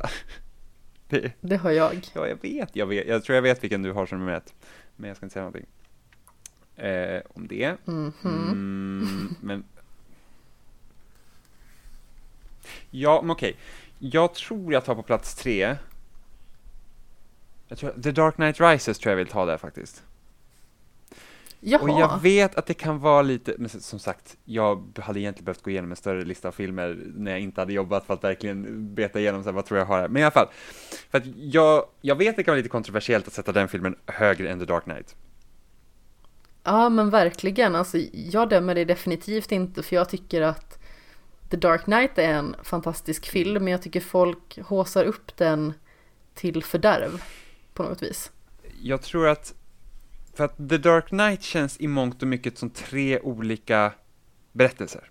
Den känns väldigt uppdelad i tre. Mm, Den är Eh, lite spridd. Precis, för att de är liksom i, de är i Kina och de är Hongkong eller Shanghai, jag vet inte. Eh, och, och sådär, så att det, det är liksom så att det händer väldigt mycket i den, även om jag tycker den är helt fantastisk den här filmen. Absolut. Jag skulle absolut inte argumentera emot att den är fantastisk. Däremot så tycker jag att hela grejen med Heath Ledgers Joker och liksom filmens storhet, jag tycker att det har blivit lite blåst bortom liksom rimliga proportioner på något vis. Jag tycker att Heath Ledgers Joker är jättebra, Mm. Men jag tycker ju inte att det är den bästa Jokern. Va, vem har du som bästa? Mark Hamill i Batman Arkham-serien. Ja, ah, okej, ja. Mm. Det kan jag förstå. Alltså den rösten, Har du, Den är briljant. Alltså jag har ju sett serien också. ja precis, naturligtvis. animated series. ja. Mm. Men alltså spelen ligger ju mig så varmt om hjärtat så Alltså det finns inget bättre när man liksom hör honom säga någonting om bats. Mm. det jag älskar med Nolans Batman-filmer är ju det att de har lyckats få, alltså de har liksom, han har gjort superhjälten jordnära. Att det känns inte orimligt att det här är en människa som skulle finnas på riktigt. Och, och, då man, Men och exakt. så tittar man typ på Marvel-filmerna och det är väldigt flashigt, väldigt serietidningsaktigt och det är ju inte Nolans Batman-filmer. Det är verkligen så att hur skulle vi göra Batman på riktigt? Eh, vilket jag gillar med Mm. dem. Anledningen till Det är mörkt som attan. Ja.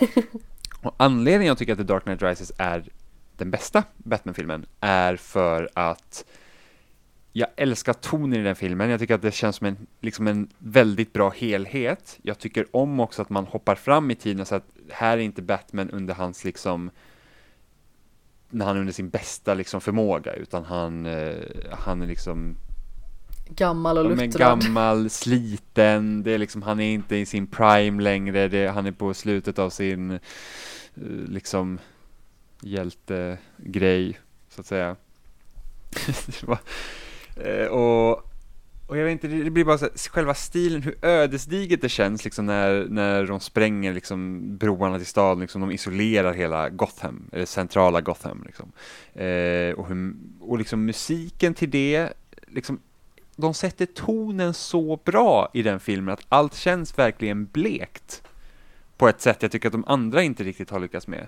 Och att det känns som att uh, de har liksom höjt the stakes. Ja, alltså The Dark Knight är ju lite mer urballad. Tack vare Jokern kan man väl säga. Men ja. inte på ett dåligt Nej. sätt. För jag älskar Jokern. Så tro ingenting där ute. Ifall ni vill kasta kottar på mig, gör inte det. Jag orkar inte. Sen har... Jag orkar inte ducka längre. Nej, för alla Okej. kottar. För övrigt, jätteroligt skämt i, Dead, i Deadpool 2. När, eh, när, när de är i The Icebox. Och någon typ, när han typ regenererar eller någonting så här, så bara Who are you? Han bara I'm Batman. Ja, Fantastiskt roligt skämt. ja! Eh, Åh, vad fint det var. ja.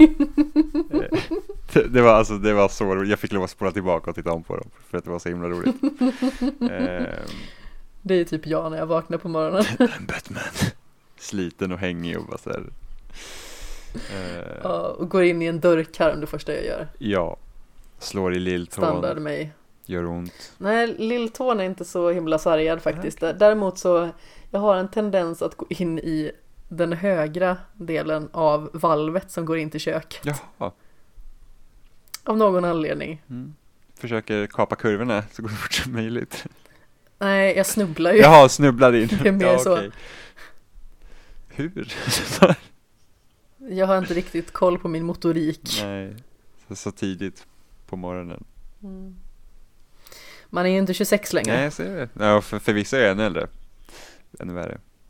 Jag är glad Mm. att jag kan slå upp ögonen på morgonen. Man vet aldrig. Vad mörkt det ja, blev. precis. Fast- Och jag vaknade idag också. Oh. Finns ju en risk. Man är inte ung längre.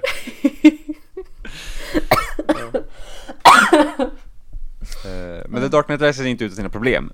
Men, så, alltså, ty, jag tycker typ slutet när de har klippt som att Batman typ offrar sig och, och tar livet av sig tycker jag är ganska billigt.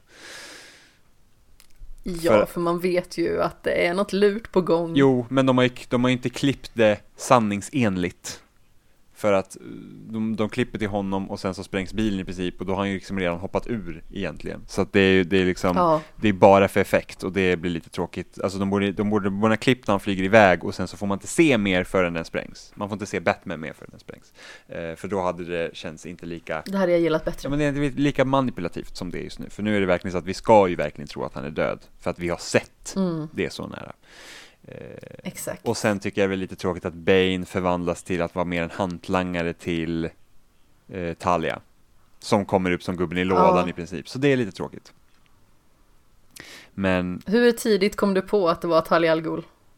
jag är så dålig på sånt där att jag kommer inte på det alls.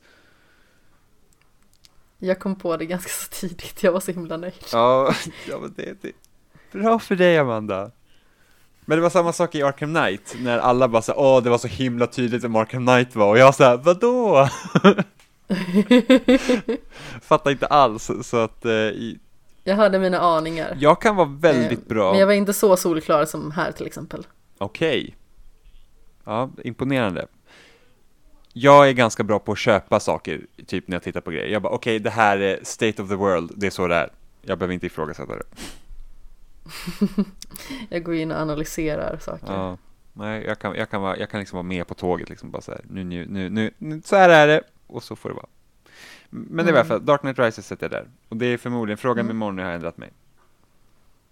Ja men det är ju lite så, jag visste inte alls vilken av de här fem jag skulle ta, jag visste bara ettan i stort Mm. sett. Som du säkert också vet. Ja. Men min plats nummer tre är i alla fall Inglourious Basterds. Oh, Så tänkte jag, Tarantinos eh, andra världskriget-film med en av de mest briljanta inledningar på en film någonsin. ja, Som då är med eh, alltså en, en av de bästa skådespelare som har eh, spelat en nazist. ja. Det är alltså Christoph Waltz som spelar Hans Landa. Han är helt fantastisk skådis. Ja, alltså den rollprestationen och obehaglig han är för att han ser ju så himla trevlig ut. Mm. Alltså han har ett trevligt ansikte, han har liksom ett väldigt så insmickrande beteende men han är så vidrig. Ja. Och man tror ju liksom att okej, de har kommit undan här i början och sen så börjar de skjuta i golvet. Mm. Och sen så får man se eh, Shosanna eh, springa sin väg över fälten. Ja. Mm. Föredrar Django faktiskt. Det gör inte jag. Jag tror att jag har den som eh, plats nummer två däremot på min Tarantino-lista. Mm. Jag tror jag har, jag tror också att Django som Ja, det är olika beroende på vilken dag man frågar, men det är antingen Django på etta eller så är det Reservoir Dogs som etta. Oj, det var lite otippad. Ja, Jag älskar den filmen, jag tycker den är jättebra. För mig tror jag att det är Inglourious Basterds, Django Unchained och sedan Kill Bill. Ja, jag är inte jätteförtjust i Kill Bill-filmerna. Jag tycker att musiksättningen där är tipp en topp. Ja, den är faktiskt fantastisk. Men jag tror jag har... Det är inte bara det som gör att den är bra naturligtvis.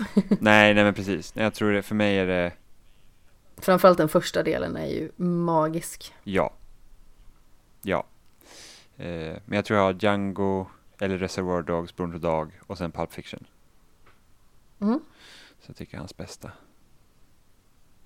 Plats nummer två.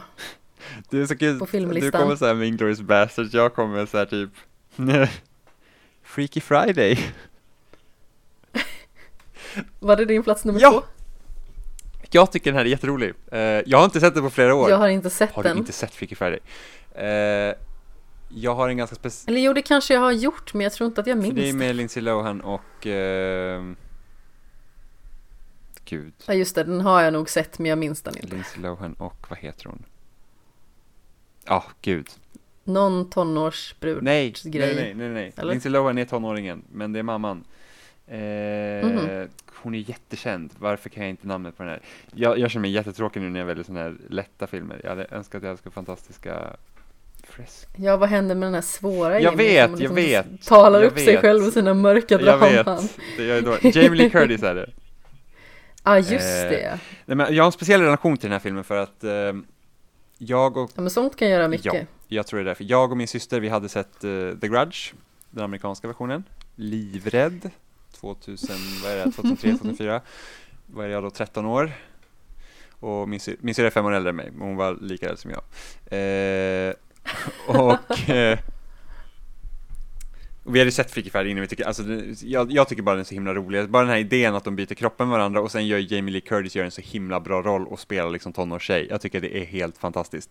Eh, och sen hon får typ, för hon, hennes mamma då är ju eh, psykolog. Och så då ska hon Ja, spela psykolog som eh, tonårstjej och det blir bara så himla liksom, hon bara går ifrån allt mot liksom vad man bör göra så här typ att ah, jag ska fråga hur ni mår, hur tänker om det här och sen börjar hon ge massa råd och sådana här grejer och sen så får hon liksom, ja men försöka spela rockband. Ja, det, är liksom helt, jag tycker den, det är bara så skruvad idé, jag tycker den är jätterolig. Men det är också flera år sedan jag sett den så hade jag sett om den idag hade jag kanske inte varit lika lyrisk, men i alla fall, jag gillar den. Men jag och min syrra hade sett The Grudge. Och livrädd verkligen. Och sen så typ, vi hade sån här så här, barndomshem, liksom så här, två våningar, så vi hade så här, seriekopplade telefoner. Som, eh, ja men det är så här, ringer du så ringer det i båda, så här, nedervåning och övervåning. Eh, och precis. mitt i natten så, ja för ingen kan ju sova för att vi är jätterädda. Alltså The Grudge är liksom den läskigaste filmen jag sett, jag tycker den är hemsk. Eh, jättebra film, men hemsk. Ehm, och så börjar, så börjar den här jävla telefonen låta mitt i natten och min syrra blir ju hysterisk, alltså verkligen hysterisk. Och vi, och som våra rum var ju liksom, vi, vi hade ju skilda rum men de var liksom ihopkopplade. Så vi hade liksom att du går in genom dörren så kom du in i ett, ett rum som var typ ett tv-rum. Och sen går man in djupare så var det mitt rum och sen var det min syrras rum liksom bredvid. Som hon sov i. Så vi liksom, det var ju öppet till varandra. Och hon bara, Jimmy vad håller du på med? Jag bara, vadå? Telefonen låter, sluta! Och jag bara, men jag gör ingenting. Hon bara, sluta! Det är helt liksom hysterisk. Och, hon bara, och sen så tog det ett tag så kom hon så här, kan inte vi sova i samma säng? Och jag bara, ja kom hit. Så vi sov skavfötters i min säng. Och så fort jag höll på att somna så bara slog hon till mig, du var inte sova först! Eh, så ja, och så var jag så här, men ska vi slå på en film? Så vi satte på Freaky Friday, VHS, by the way.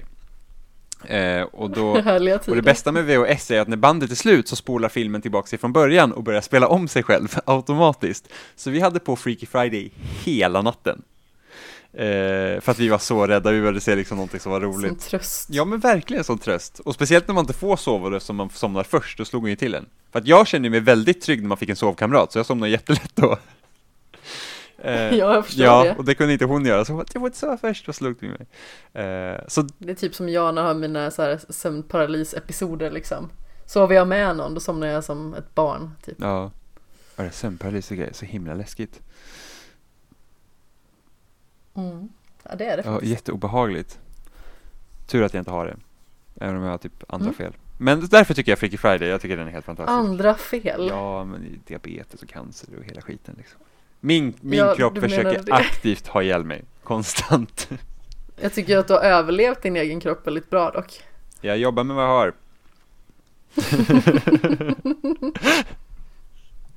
Så, men det, det var min tvåa. Det är liksom inga så här, Mm. det, är så här, det är inga Oscarsvinnare på min lista. Eh, min nummer två är en Oscarsvinnare. Så förutsägbart Amanda, så förutsägbart. Nej, det vet jag inte om jag Jag tycker. skojar men bara. min nummer två är eh, Das Leben der anderen. Inte förutsägbart. Nej, det är en film som eh, blev utsedd till årets utländska film. Mm. Det året den släpptes. Det handlar ju om eh, efterkrigstiden i Tyskland och eh, hur folk blev avlyssnade under den tiden. Alltså framförallt lite mer, vad ska man säga, estetiska personer. Alltså folk som hade mycket åsikter och potentiellt uttryckte dem i konstform såsom teater eller böcker, dikter och så vidare. Eller var skådespelare på något vis.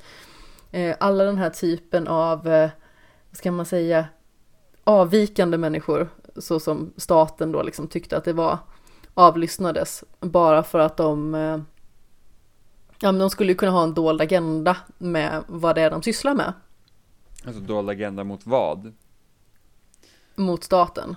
Alltså att de skulle skapa något uppror eller den typen av eh, liksom. Men det här var efter, an- efter andra världskriget. Precis. jag tänkte då är det, är det fortfarande ett nazistiskt styre precis efteråt? Eller hur, hur gick det till? Jag är inte så jätteinsatt i det där. Ehm, ska vi se här. Jag ska kolla vilket år i alla fall som den utspelas. För att då har jag kanske lite bättre koll Mm. på. Eh, det är Östberlin 84 och 85. Ja okej, då... Men det är ju i alla fall Stasi som, Ja. som härjar. Och eh, men det är framförallt ett par man får följa som blir avlyssnade och vad som händer med den mannen som sitter på andra sidan och lyssnar på det här paret. Mm. Och liksom får en inblick i deras liv, hur de mår och vad som händer liksom med honom under tidens gång. Mm. Det är faktiskt superintressant och otroligt gripande. Det låter jättespännande. Mm. Det är en magisk film. Jag, jag kan inte rekommendera den nog. Sen så är det ju alltid lite svårt för många att eh, se på filmer där man liksom inte riktigt kan eh, lyssna. Man kan liksom inte ta bort blicken från verket för att då tappar man bort sig lite grann. Jag vet själv det att jag kollar just nu på en serie som heter La Casa de Papel Mm. som är en spansk serie. Och visst, man kan väl ett ord här och där. Men det är inte precis som att man följer med i berättelsen om man råkar kika bort lite grann. Nej. Så det gör ju att man måste ha fullt fokus hela tiden. Och det är samma sak här. Nu rudimentär tyska kan jag väl någorlunda liksom. Men eh, man måste ha fullt fokus. Det är liksom ingenting som är som på engelska. Där man liksom bara kan eh, i stort sett släppa och bara slänga ett halvt öga på tvn. Mm. Men det är också att man blir mer investerad. Helt klart. Ja, men då måste du hålla koll hela tiden, annars förstår du inte vad som händer. Precis. Men har man inte sett den, se den definitivt. För det är en helt otrolig film. Jag gillar ju väldigt så mörka och deprimerande saker. Ja, jag med, till skillnad från vad Melissa säger nu då. Men det gör jag. Det är liksom, mår jag dåligt efter att ha sett en film, då, det är bra. Vad säger din plats nummer ett? Det är inte en mörk drama. Gud, nästan, nästan lite pinsamt. Äh, okej, inte så pinsamt för den här filmen, men i alla fall. Nej, eller? Eh, nej då, jag tror inte det i alla fall. Jag vet inte vad du tycker. Du får se. Eh, min nummer ett, det här är min favoritfilm, alltså i alla kategorier. Och det, det, är, så här, det är mina favoritfilmer, alltså skulle jag verkligen sätta mig ner och så här topp 10 de bästa filmerna som någonsin gjort, då skulle jag tänka annorlunda. Men nu, nu tog jag mina favoriter. Eh, nummer ett är Pirates of the Caribbean, Curse of the Black Pearl. Jag vet att det är kul, men jag älskar den här filmen! Den är helt fantastisk! Förlåt mig, förlåt. Ja men du, det hade varit värre om jag tagit Freaky Friday på första plats, eller typ The Holiday, som jag också älskar den filmen. Men det, det samtalet har vi haft. Sluta Amanda! Sluta! Förlåt mig. Det är typ så här, jag skulle lika bra sagt Hasse och Tage eller någonting, Strikes Again eller något. eller Sällskapsresan. Att han gör en brygga. Så här är det, när Pirates of the Caribbean kom ut på VHS, så vi hade VHS väldigt länge. Eh, jag såg den, När jorden fortfarande var ja platt. men precis. Jag såg den 13 gånger på en vecka. Uh, ursäkta mig. Yes. Vi hade sett den på bio, jag, min syster och sen en kompis. Eh, vi visste inte var, vi, Hur gammal var du egentligen nu? sen tre- 12, Okej. my prime age här när jag var på toppen av mitt game. Eh, så vi såg den, vi trodde det var en skräckfilm, för, vi, vi ville se den för att det var Orlando Bloom, för att vi alla gillar Sagan om ringen. Eh, och sen så, vi trodde först det var en skräckfilm och sen visade det sig typ vara en av de roligaste filmerna jag sett. Men eh, jag såg den 13 gånger första veckan när den kom ut på VS. Men det var inte meningen att det skulle bli 13 gånger så att jag liksom bara så såg den och sen så bara, ah, nu ska jag se om den, du vet, som man typ, när man var liten och skulle typ kolla på en Disney-film, man bara säger jag kan se samma film varje dag i en Man vecka. såg sönder saker till vansinne. Det är typ jag och Mumin. Eller jag och typ Ringen i Notre Dame. Ja, men precis. Jag tror min syster, hon såg typ Lilla Sjöjungfrun tre gånger på en samma dag, när hon var liten. Ja, sånt har väl hänt. Ja, Inte just Lilla Sjöjungfrun kanske. nej, men Men eh, för mig är det hänt i Pirates. uppenbarligen. För det var ju verkligen så här, men det var typ så här, köpt den, kommer hem, yes, sätter sig ner och kollar den. Sen kom min syrra hem från skolan. Hon bara, jag vill också se den. Så bara, kolla på den igen, lätt var med på det. Sen kom ett av våra fosterbarn hem, så bara, Pirates har kommit, ah, ska vi kolla på den? Japp, tre gånger. Och sen så bara, det är klart man kan kolla på den dagen efter igen. Och dagen efter det, och dagen efter det, och kolla liksom flera gånger, så bara, ska vi se den igen? Och sen så och sen blir man ju såklart trött på filmen när man sett den tolv gånger. Men då hade vi i skolan den fredagen var det så här filmdag i skolan, så då ska alla i högstadiet kolla på film. Och vilken film visar de? Fucking Pirates of the Caribbean! Då var man lite less. Eh, Jag förstår ja, det. men jag tycker den här filmen är helt fantastisk. Jag tycker att Johnny Depp gör typ en av sina bästa roller någonsin. Alltså han som Jack Sparrow gör ju den filmen helt och hållet, för den är så himla oväntad. Den är bara helt Mm, jag tycker om Johnny Depp väldigt mycket faktiskt. Jag tyckte om Johnny Depp väldigt mycket. Ja, jo, så är det För väl. sen, jag fick höra att i senaste Pirates-filmen så behövde han ha en öronsnäcka i örat så att han skulle säga sina lines. Men jag vet. Och då, ja, då blev man säga att, mm, och den filmen är ju inget bra. Alltså det är egentligen bara första filmen som är bra. Två och tre är okej. det är typ bara första filmen jag har sett Ja, men det är den enda du behöver se. Fyran är, fyran är vedervärdig och femman är väl lite bättre men den är inte bra.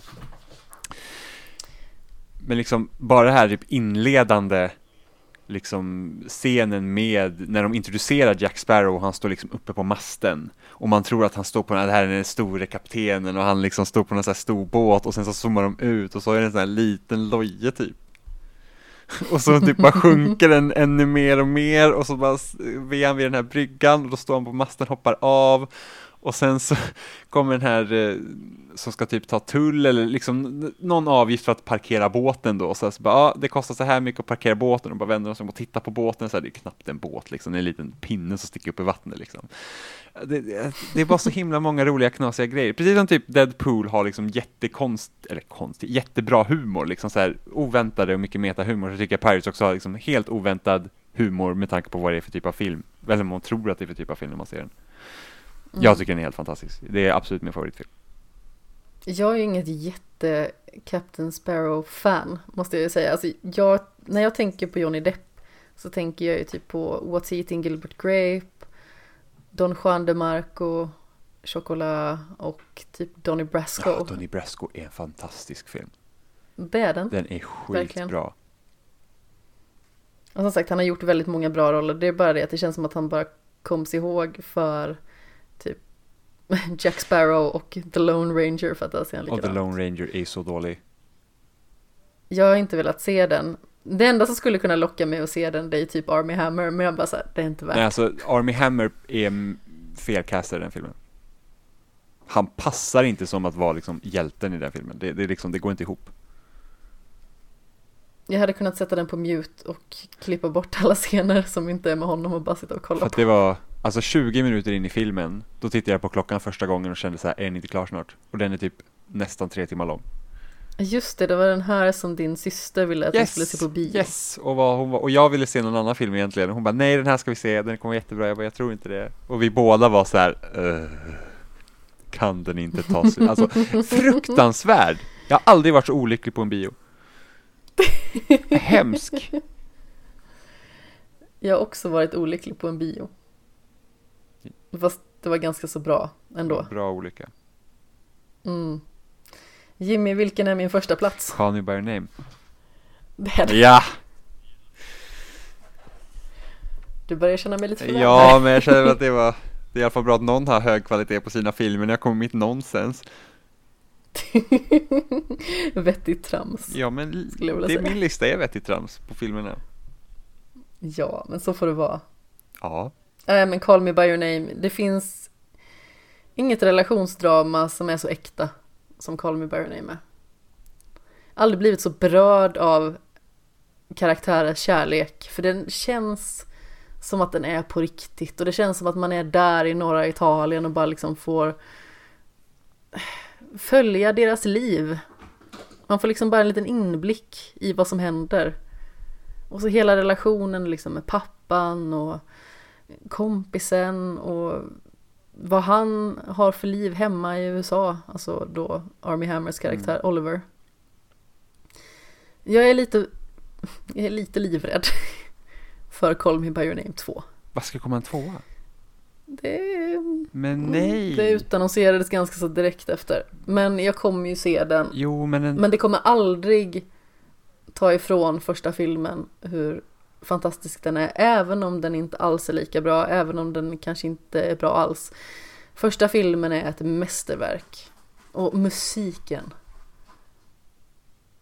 Det behövs ingen tvåa Den är liksom klar Nej, herregud, jag vill inte ens ha en Nej, tvåa. Jag den är vill... klar. Jag förstår inte det här med att man måste uppfölja det. det. Det är det som är så skönt ofta med, med just när man tycker om då mörka draman, är ju det att det är liksom en film. Och det är det.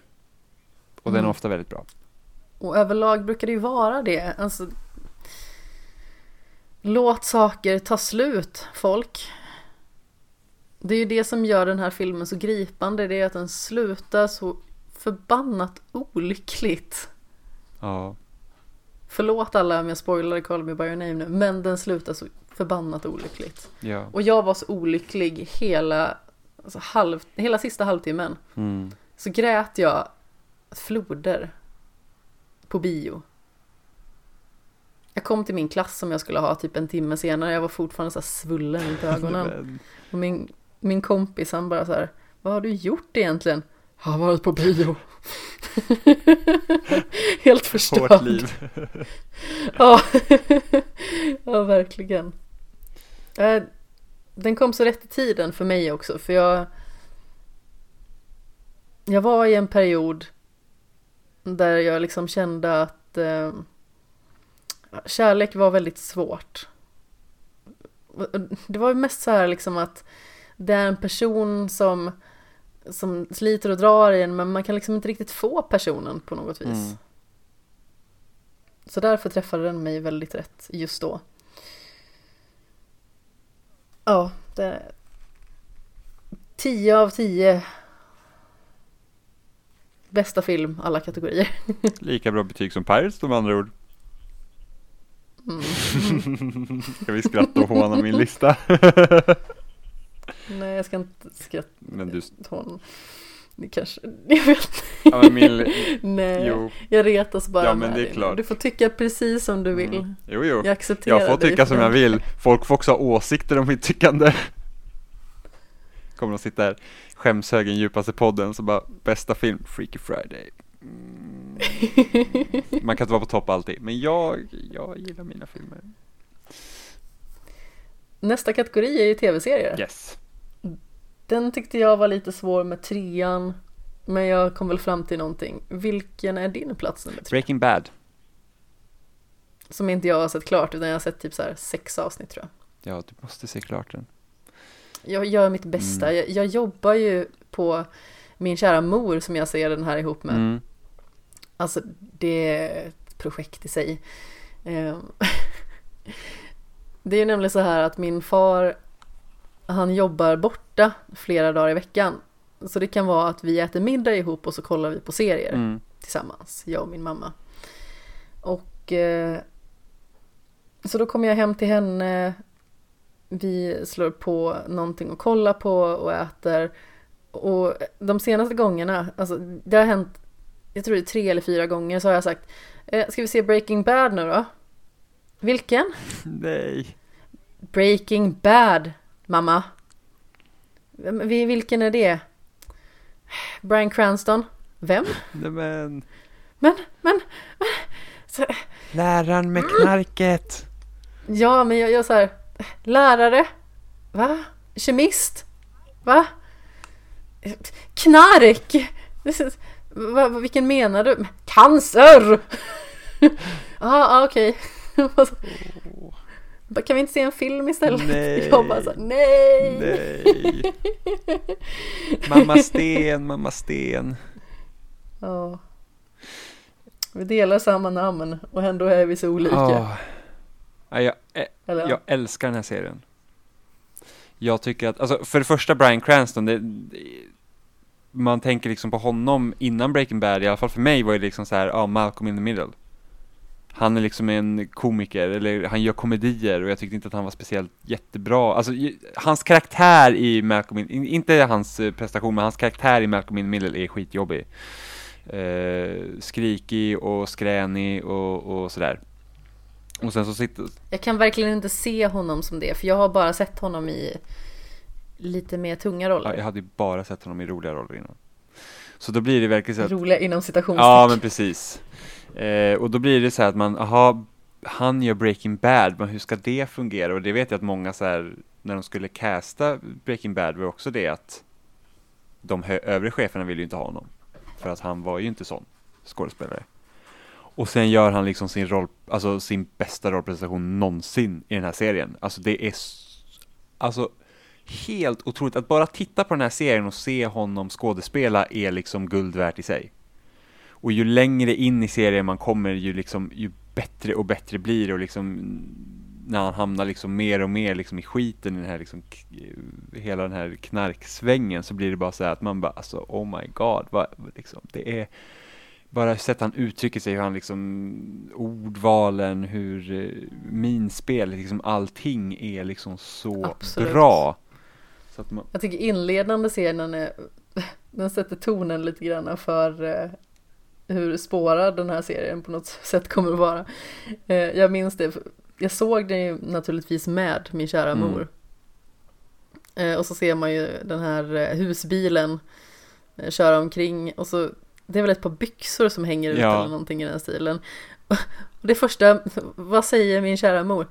Varför hänger det byxor ut i fönstret? Jag bara, hur ska jag kunna veta det? Jag har sett precis lika lite som du. Åh, det är så stört. Man sitter och tittar med dem så bara, varför är det sådär? Varför är det så? När händer det? Va, vad är det nu? Och man bara, men titta! Så får du veta. Hon vill alltid veta saker, hon vill alltid läsa baksidan liksom. Nej men. Jag bara så, men kan du inte bara kolla på det? Ja, Men Jag vill veta vad det är för någonting. Är bara så här, ja okej, det här är ditten. Och så ger man typ lite grann, ja men jag vill, vad handlar det om? Kolla på saker. ja.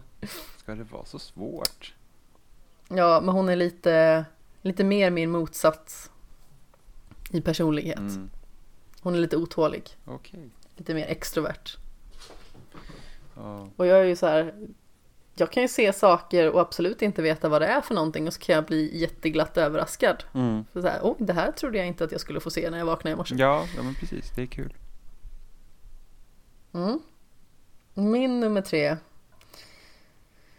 Alltså jag tyckte det var väldigt svårt det här med serier. För det finns ju så himla mycket serier som man sett för, alltså mycket komediserier, brittiska sådana, alltså till exempel Office och Extras och dylikt. Alltså det finns ju mycket så här Monty Python. Men jag vet inte.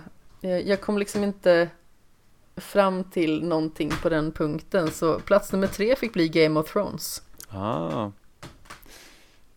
Jag hade ju övervägt att ta Game of Thrones om inte de två sista säsongerna hade varit så mediokra. Mm, men det är någonting ändå som gör den här serien till väldigt bra sammantaget. Mm.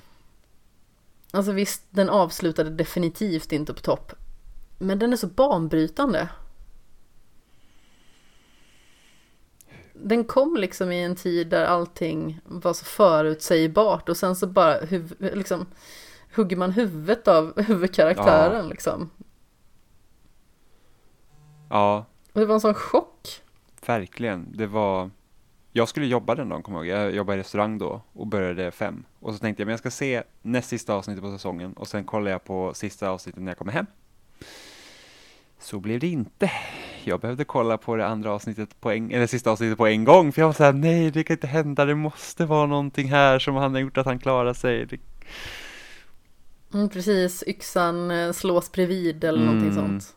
Eller yxa är det kanske ett svärd. Ja, sak samma. Mordvapnet. Ja, men precis.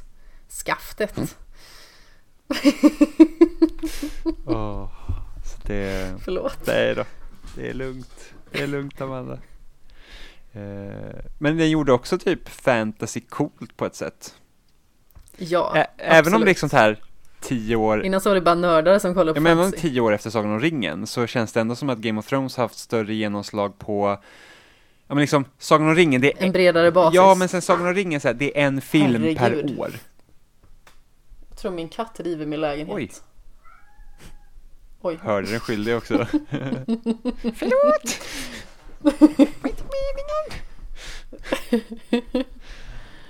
Ah, dessa djur. Ja, ah, förlåt. Game of Thrones, nördar, Ja, Sagan ja om men Sagan om ringen. ringen var liksom en film om året. Medan Game of Thrones är liksom under flera år och det är liksom varje vecka ska det vara engagemang och liksom den blir största serien i världen. Eh, Ja, det är svårt att inte dras med i allt det där och trots hur den avslutades så är det väldigt svårt att se förbi dess storhet på något vis. ja, jo, men så är det. Alltså, jag kommer ihåg att när jag såg Game of Thrones så hade inte jag känt för en serie på sen Lost. När den kom. Det är liksom, jag blev Jag har ju en känsla av att Lost kommer ju komma lite halvhögt på den här listan. Maybe. Men det var liksom så här att jag blev helt fast i den serien. Det var så att när första säsongen var klar, jag beställde böckerna på en gång. Jag bara, jag kan inte vänta till säsong två. Jag måste veta vad som händer och jag vill läsa liksom om den här världen. Jag vill läsa om allting. Eh, så att det liksom blev på den nivån. Och det är inte så ofta man har den känslan. Alltså när jag var liten så kunde det vara så att jag kunde så här, obsessa över saker. Typ som när jag började läsa manga, då skulle jag läsa all manga som kom på svenska. Tills det liksom blir helt orimligt. Eh, Men jag är också en sån person. Jag har gått in så otroligt hårt för saker. ja, Så här, man, man upptäcker en helt ny värld och sen så, så här, jag måste utforska ja, allt. men precis. Men samma sak när jag började spela Pokémon. Jag är på ett uppdrag. Ja, men exakt. Men det var som när jag spelade Pokémon, alltså, nu kan jag ha varit 6-7 år. Och det liksom, allt var Pokémon. Det var liksom så här att allt jag skulle lära mig liksom alla monsters namn, jag skulle lära mig alla utvecklingar. Liksom jag, jag till och med var, det började ju med liksom animen på TV4 såklart. Och så här typ att jag fick inga Pokémon-kort så att jag lånade mina kompisars Pokémon-kort och så skannade jag in dem i vår dator och så skrev jag ut egna fattigmanskort Åh. liksom så här. Eh, och, och liksom jag kommer ihåg att jag lånade guiden till spelen av en kompis innan jag hade spelet själv och läste ut den typ flera gånger eh, innan jag fick spelet. Så att det var ju liksom, jag var helt inne i den svängen. Eh, Mm, det var jag också. mm. Men jag gillar att så här bara dyka ner i någonting och bli helt uppslukad. Ja, och så vill man ju att någon annan är lika uppslukad som en själv också, så man kan dela det med någon. Det kan vara Ja. skitsvårt att få med folk, men för att jag är verkligen så att det här, nu gillar jag det här och nu ska jag verkligen gilla det och nu vill jag ha någon annan som gillar det lika mycket som jag och sen så, ja, det är lite tråkigt om inte det händer, men då får man liksom, Ja, men det är faktiskt jättesvårt.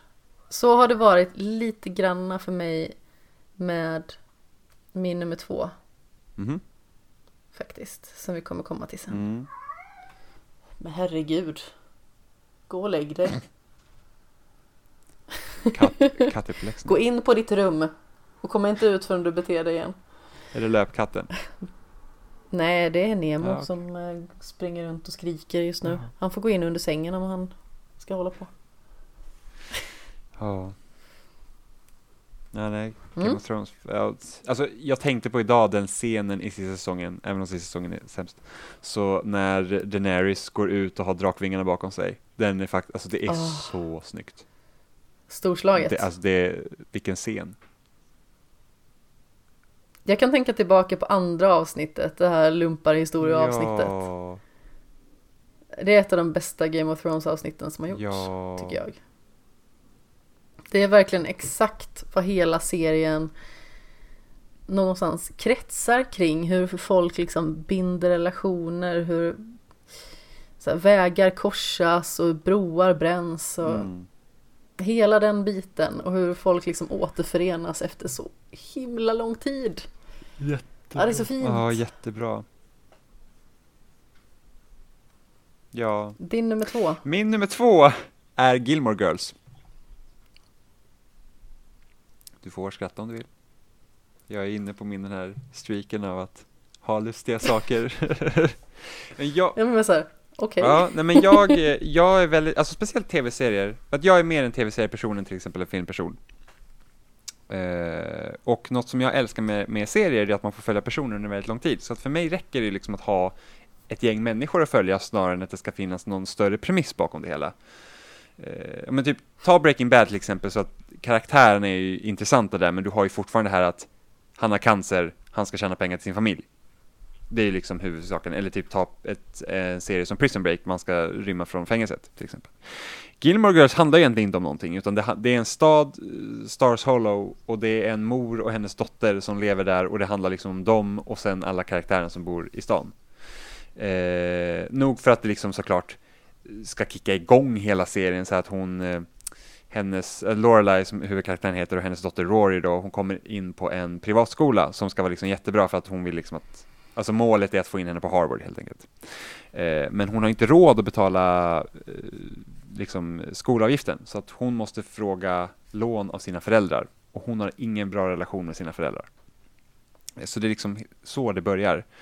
Eh, och den här serien handlar liksom då om eh, ja, de här två personerna, hennes föräldrar och hennes relation till dem och sen alla de här konstiga personerna i stan.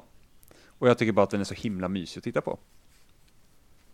Det får du Den tycka. gör mig glad. Har du sett Gilmore Girls?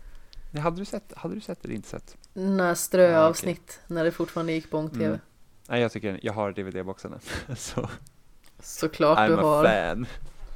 Nej, jag, jag, jag, jag tycker den är, den är helt fantastisk. Den är så himla mysig. Det är sånt som man blir glad av att se. Mm. Man blir ju både glad och lite rädd eh, av min två Okej. som är Det är Mindhunter. Mindhunter. Mm. Mm, definitivt. Alltså, jag har ju sett den fem gånger nu Oj, ja. sedan den kom. Den kom 2017 och jag såg den först 2018. Oj, ja då är det då, imponerande. Jag har gått in för det. Ja, verkligen, det kan man säga. Jag tycker att den är helt briljant. Den är framförallt alltså, stilren. Alla miljöer funkar så bra och skådespeleriet helt oklanderligt verkligen. Mm. Alla karaktärer, de är liksom välformade och manuset är smart. Alltså det här är en intelligent serie. Mm. Jag vet att det låter ju väldigt sådär varje gång någon person säger att "Åh, det här är en smart serie. Som man säger smarta saker och gör smarta Mm. saker. Men eh, jag tycker att den är väldigt intelligent uppbyggd. Dialogerna är intelligenta. Och man kan hela tiden köpa varför personer gör som de gör. Mm. På något vis. Och framförallt så, den är ju baserad på verkliga händelser. Inte rakt av naturligtvis. Ehm, för det finns ju vissa saker som de har gjort om. Men eh, hur man liksom får se den här framkomsten av beteendeanalyser under så tid, eh, liksom tidigt skede. Mm. Ja, det, jag tycker det är jättespännande, men jag tycker ju sånt är spännande också. Jag, psykologi, kriminologi, det är ämnen som jag... Eh, vad ska man säga? Jag, jag går igång lite på det. Kanske ska läsa till kriminolog. Jag har faktiskt funderat Mm. på det, Men gör det. Det är väl en, jag undrar kanske. om det är en tvåårig utbildning eller något sånt där. Någonting i den stilen är det. Jag har ju kollat på det. Ja. Jag har för mig att det var Kristianstad högskola som hade Ja. det. Av alla ställen. Ja. Om jag inte missminner mig. Varför säger man Kristianstad istället? Eller varför, varför säger man inte Kristianstad? Jag vet inte. Var, var kommer det ifrån? Eh, Jag tror att det är för att kungen var väl dansk, alltså kung Kristian. Aha, ja så måste det vara. Det är, Nu det, drar jag någonting ur öven lite halvt här. ja, vi säger så. Men jag tror att det är så det gick Där till. kan man ha SD eller något att klaga över. Inte svenskt. Ja. men Mindhunter är bra på det sättet också att du får också se hur karaktärerna påverkas av det de håller på med. Ja. Och vilka gränser de drar till för att Mm. lyckas. Har man läst boken Mindhunter så vet man också hur mycket John Douglas, alltså Holden Ford, Mm. hur mycket han påverkas av det som händer. Mm. Det inte, Alltså i synnerhet när han skaffar familj sedan. ja, och det är ju inte kon- alltså, Jag kan ju bara tänka mig alltså, sakerna de får se, höra. Liksom det, man kan ju inte gå bort och vara Sådana opåverkad. bestialiska dåd liksom och sen så har man barn och oroar sig hur de ska klara sig i världen. Ja. Jag tror bara typ människorna som arbetar på Google, liksom i deras sökmotor, de måste liksom gå igenom vissa saker för att se till så att inte det Mm. är för sjuka grejer som, eh, som syns. Alltså de är Mm. ju helt förstörda. Alltså en, han typ så han, Ja. han, han, jag kommer ihåg det var någon intervju jag läste, han var så jag, så jag har mardrömmar, alltså jag, jag känner mig helt förstörd över vad folk postar. Det är liksom, Jag kan tänka mig det. Alltså jag lyssnade på Mördarpodden Mm. idag. Eh, nu kanske jag slaktar hans namn här men just det här avsnittet handlar om eh, Armin eh, Maywes. Eh, som då alltså är kannibal. Söker upp en person på nätet som är villig att bli mördad och uppäten. Och eh, han skär av den här personens penis och eh, de liksom äter den tillsammans. Och sen så tröttnar han typ på att han förblöder så himla långsamt så han knivhugger honom i nacken eller någonting i den stilen. Eh, Det är ju det här som Mein Teil, Rammstein-låten, handlar om. mm, Och det, alltså, igår så var jag inte på topp. Så när jag satt och lyssnade på det här på tåget hem, jag bara, jag orkar inte lyssna på det här för det är så äckligt. världen är en mörk och hemsk plats. Ja, det är den verkligen. Jag vill aldrig gå ut igen.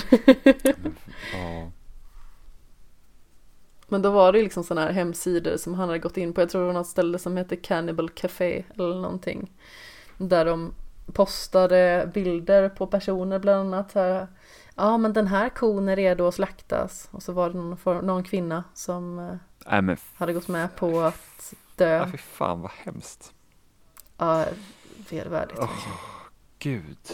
Förlåt att jag kanske ger dig mardrömmar. Ja, jag slocknar ju. Jag, jag kommer ju aldrig ihåg vad jag drömmer längre för jag sover konstant. Jag kan inte komma ihåg senast jag hade en mardröm faktiskt. Inte jag heller riktigt. Vilket är skönt. När man var liten var det så himla jobbigt att ha mardrömmar. Mm. Det var verkligen liksom så här. Absolut. Mm. Så jag tycker det är jobbigt att ha mardrömmar nu men jag har drömt så himla konstiga saker som har varit inom citationstecken mardrömmar. Alltså förstår du vad jag är för typ av person när jag mår jättedåligt i drömmen över att jag är rädd att komma för sent? Mardröm, stora skräcken, jag kom för sent. Och så vaknar jag liksom och bara så, åh, åh vad skönt det var banddröm. Lättnaden. Ja men samma sak precis, jag, jag har nog berättat om det här tidigare men sedan lite mer än ett år tillbaka så slutade jag äta sötsaker. Mm. Det handlar inte bara liksom om det här med att försöka rensa systemet, få ut liksom sockerberoendet ur blodet, utan det är mer den här betingningen att äta saker Mm. som är så otroligt negativ. Jag tror att många framförallt skulle behöva ta sig ur det, för att det är en sån liksom ritualistisk grej. Att man liksom sitter och kollar på film och då äter man någonting, man går på bio, då äter man någonting, man är glad, då äter man någonting för att fira. När man är ledsen, då äter man någonting för att trösta sig. Mm. Eh, liksom bara få bort sådana grejer, för det är så otroligt onödigt. Och jag har ju tappat en del på grund av det här. Men i början så, då drömde jag alltså att jag åt en förbaskad jäkla muffin. Och jag mådde så dåligt i drömmen. Över att jag åt en muffin. Och så vaknade jag och bara så, åh, Gud, jag känner, jag, vad skönt att jag inte bröt mitt löfte mot mig själv. jag känner igen det där att drömma om mat. För att eh, mitt projektarbete i gymnasiet, då var jag vegetarian i två månader. Just det, det har Ja, du nog och jag började liksom till mig. drömma typ om så här korvar och salami och liksom bara, så här, bara kött liksom i typ drivor, bara så här åt. Det var liksom det var helt vansinnigt, men jag tror var så att fick så himla näringsfattig mat i skolan och allting och sånt, så att det blev så att man fick inte i sig tillräckligt mycket. Och då började man liksom sukta efter. Hjärnan börjar spöka. Ja men verkligen, bara "Åh, här har du en liten rökt skinka från Perssons liksom. så, ja. Ska vi gå vidare till plats nummer Mm. ett? Kan du gissa? Project Runway. ja precis! Sunset. Beach! Nej! Har du sett Sunset Beach? Våra bästa år. Ja, Ja, har du sett Sunset Beach förresten? alltså, alltså- inte liksom sett sett, men det har ju Jag och min syrra, vi, passerat på vi tv. följde det slaviskt i början av 2000-talet alltså. Vi, alltså det var det verkligen varje dag eh, komma hem och titta på Sunset Beach, det var ju liksom skitlånga avsnitt, det var ju typ en timme och en kvart kommer jag ihåg vi började titta på TV4 eller något sånt Åh, där. det var så patetiskt. Alltså det är Allt. jättelöjligt verkligen, vi var så inne i det och vi såg inte sista avsnittet. Till denna dag har jag inte sett sista avsnittet, vilket är lite, men alltså det är onda tvillingar och fucking eh, förhäxade juveler och båt som upp och ner i vattnet och Ja, men det är massa sådana skumma saker. Det är samma galet. sak i det här, våra bästa år liksom. ja. ja, det är sjukt. Det är inte Sunset Beach på nummer ett. Eh, Tack, vilken tur. på min plats nummer ett så är det Lost. Ja, Eh, det visste jag ju. ja. För att den har inte kommit tidigare, Nej, så det måste ju vara ja, någonstans. någonstans måste det vara. Eh, alltså Lost för mig är liksom så här att det är liksom första serien som jag liksom helt fastnade för. Eh, på det sättet att man liksom var med och följde exakt varje vecka och det var liksom viktigt att se varje vecka. Eh, och liksom jag tror det var, träffade rätt i, alltså 2004 kom jag så 13 så då börjar man liksom ändå bli tillräckligt gammal för att kunna liksom förstå vad man tittar på också. Eh, och det här med att just den här ön de var på och det var så stort mysterium. Och det var liksom, alltså jag var typ med på typ tre olika Lost-forum och bara diskuterade teorier och, och, och liksom vad kommer hända sen och vad betyder allting? Och sen så en av de stora behållningarna med just Lost är inte bara det mysteriet, jag vet att många tycker liksom att åh det är så mystiskt och så spännande och det här ska vi titta på, det var ju det att alla karaktärer som var och för de som inte vet vad Lost handlar om, det är, det är ett plan som går mellan Sydney och Los Angeles som störtar på en ö mitt ute i havet. Eh, som försvinner. Och, de, och då gäller det att de ska liksom överleva då på ön och det visar sig att det är någon så här, händer massa konstiga grejer på den här. Och det är ingen som kommer att rädda dem. Så de måste leva på den här ön. Eh, och, och det är någonstans här jag tror fascinationen för liksom karaktärsdrivna berättelser kommer ifrån för att det var så speciellt med att sätta 14-15 karaktärer som kanske var så här, hu- liksom, större karaktärer och där ingen känner varandra från början. Tittarna känner inte karaktärerna och sen ska de leva tillsammans och sen så får man de här, ett avsnitt var ju liksom, det var alltid en karaktär i fokus i varje avsnitt så man får se flashbacks på dem och det var ju liksom helt nytt för typ tv på den tiden. Liksom att åh, vi som har en flashback, åh, du också måste följa varje vecka för att förstå vad som händer. Det är inte liksom att Monster of the Week-grej, utan det var verkligen så att missar du ett avsnitt så kanske inte du förstår nästa vecka vad som har hänt och vad som pågår. Eh, så det var ju verkligen den här följetongen. Sen så ballar ju serien ut och så skulle jag liksom dra hela liksom så här att det här är vad Lost handlar om genom alla säsonger, då skulle det låta helt banalt, för det är helt banalt många gånger, men när man tittar på det så är det så otroligt bra. Eh, och man verkligen kommer in i den här karaktären och det liksom finns alltså både glädje och sorg och, och liksom allt, så att man nej, den är, den är helt fantastisk. Och det räcker med att se de två första avsnitten som man sett hela piloten. Man, om man inte gillar det då, då kan man lika bra skita i det. Men alltså det kan vara en av de bästa pilotavsnitten jag någonsin har sett. Det, det är helt perfekt. Härliga tider. Mm. Min nummer ett är inte en sån långkörare direkt. Den kanske är för lång ändå. Eh, men det är Sherlock. Mm. Och eh, när jag skulle se den här så visste jag inte alls vad jag hade att förvänta mig. Alltså när jag såg den första gången. Jag har ju sett den säkert för många gånger. Ja. Eh, man blir ju lite kär i både Benedict Cumberbatch och Martin Freeman i den här serien. Mm. Den kemin de har, den är någonting utöver det vanliga. Den fungerar så otroligt väl. Sherlock som liksom är det här geniet men han har liksom ingen som helst koll på omvärlden på något mm. vis. Han lever så himla mycket i sitt eget huvud. Ja, och sen sätter upp den här överlägsenheten också, att han anser sig vara bättre än alla mm. andra hela tiden. Han är super, superdryg, men det är någonting i en som liksom inte kan låta bli att tycka om honom. Men det är väl för att man själv är super, superdryg då antar jag. Eh, och sen har vi liksom John Watson som är superharmlös, liksom en liten mysfarbror på något vis, men samtidigt så är det någonting i honom som hela tiden söker efter fara. Mm. Han kan liksom inte släppa det. Han kan inte lägga liksom krig och elände bakom sig, utan han, eh, han måste få den kicken på något vis. Och därför blir han ju vän med Sherlock och de börjar sin resa tillsammans. Och jag tycker att första säsongen och andra säsongen Alltså det, det, är så bra så jag vet liksom inte ens var jag ska börja. Jag tänker inte dra hela harangen och hur mycket jag älskar varenda episod och hur mycket i varje episod som är så perfekt. Tredje säsongen är också väldigt bra. För det finns mycket liksom i, i skärmen med återföreningen mellan Sherlock och John. Mm. Trots att någonstans så hade man ju kunnat gilla att det är liksom ett litet mysterium att Sherlock försvinner. För resten av världen då mm. naturligtvis. För man vet ju att han överlever. Ja, visst, visst var det i slutet av säsong två när han liksom då tog livet av sig? Ja. Mm, han fejkar sin egen Precis. död för att rädda alla hans nära och käras liv. Och eh, sedan så blir han ivägskickad på ett uppdrag österut. Vilket han kommer hem från i början av säsong tre. Mm. Säsong fyra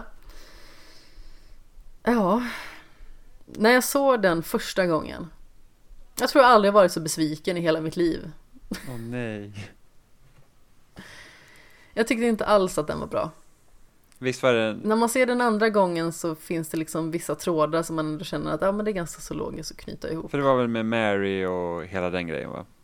Mm. Ja, exakt. Som, som, som, som jag inte spoiler för Sherlock. spoiler för Sherlock. Mary dör.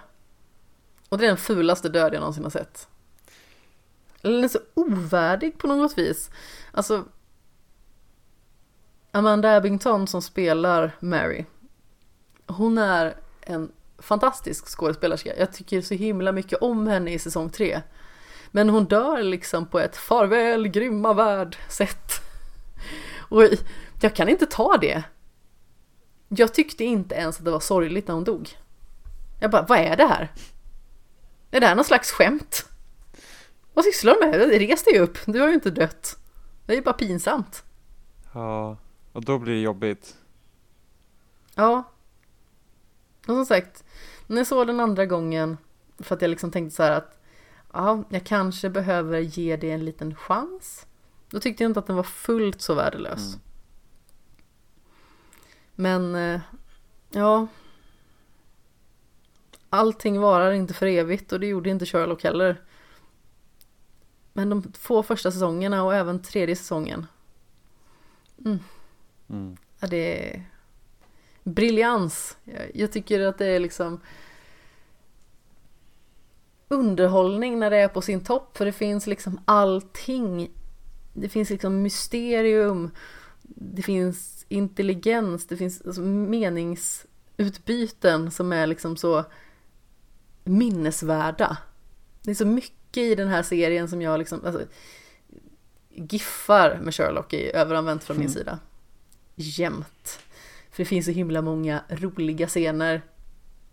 Och det finns sorg naturligtvis. Det är så hjärtskärande när Sherlock dör, Mm. inom citationstecken. Och John sörjer honom. Jag, få gånger jag har varit så ledsen i en serie också. Och, och en karaktärs vägnar.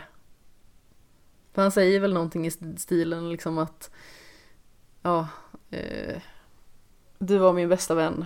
Eh, ja, nå- någonting åt det hållet i slutet. Jag var så ensam. Och, ja.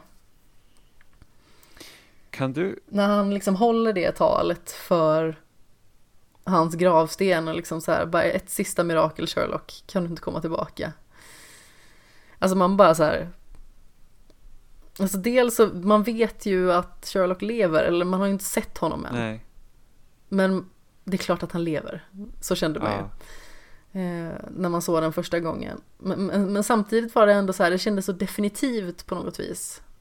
För man visste inte att tredje säsongen var utannonserad. mm. Det var så hjärtekrossande. Fullkomligt. Vad skulle du säga? Förlåt. nej, nej, ingen fara. Eh, jag undrar bara, kan du också känna så här, du vet, om du tittar på en serie och så dör en karaktär du tycker om? Kan inte det liksom kännas så här, alltså känner inte du också någon så här tomhet efter att nu, nu lever du i en värld där den här personen inte existerar längre? Ja, Jag kan tycka att det är jättejobbigt, för det kan vara så att, då är det så här, ja men nästa gång jag ser om på den här serien, då kommer personen leva igen ett tag. Tills man kommer till Ja. samma punkt. Ja, men alltså, jag kan tycka att det är jättehemskt. ja, det är ju förfärligt när någon liksom som man bryr sig om trillar av pinn. Det är samma sak i filmer egentligen. Alltså serier blir ju kanske lite mer förödande egentligen för att Ja. de är så solklara och sen helt plötsligt försvinner de. Ja, och sen så går det liksom, där får du följa karaktären längre tid. I en film så är det i alla fall två timmar och sen är det över. Ja, Men det är typ, men i serier, det verkar här att nu, nu lever inte den här karaktären längre. Det är hemskt. Liksom det, det är liksom så att när, ja. det är liksom finito, det kan aldrig komma tillbaka. Om det typ inte är typ våra värsta år eller Sunset Beach. Våra bästa år menar jag. Och våra värsta år, jag, oj, jag kan avsky den. Avskyr båda. Ja men den, den intromelodin till våra värsta år, den är ju så hemsk. Alltså den är så jobbig, alltså det är typ, där har du verkligen 90-talet i, i en vignett liksom. Det- Ugh. Fult, skränigt, nej oj, uh. usch. Ja, ja, Ska vi gå över på spel? Ja! ja. Innan vi fastnar för länge. Ehm, plats nummer tre på spellistan. Jag hade faktiskt svårt att sätta en plats nummer tre, för att det, jag tänkte bara, ha- jag försökte liksom väga mot varandra, så här, vad, är, vad vill jag ha här, vad vill jag inte prata om, varför och så vidare. Eh, för att plats ett och två, de kändes ändå så klara, klara för mig. Eh, men trean var så att det kan liksom vara, alltså det finns ett drös med spel att välja på, som jag ska kunna ha på plats tre. Men till slut så valde jag faktiskt Minecraft. Okej. Eh, och jag tycker Minecraft är så här.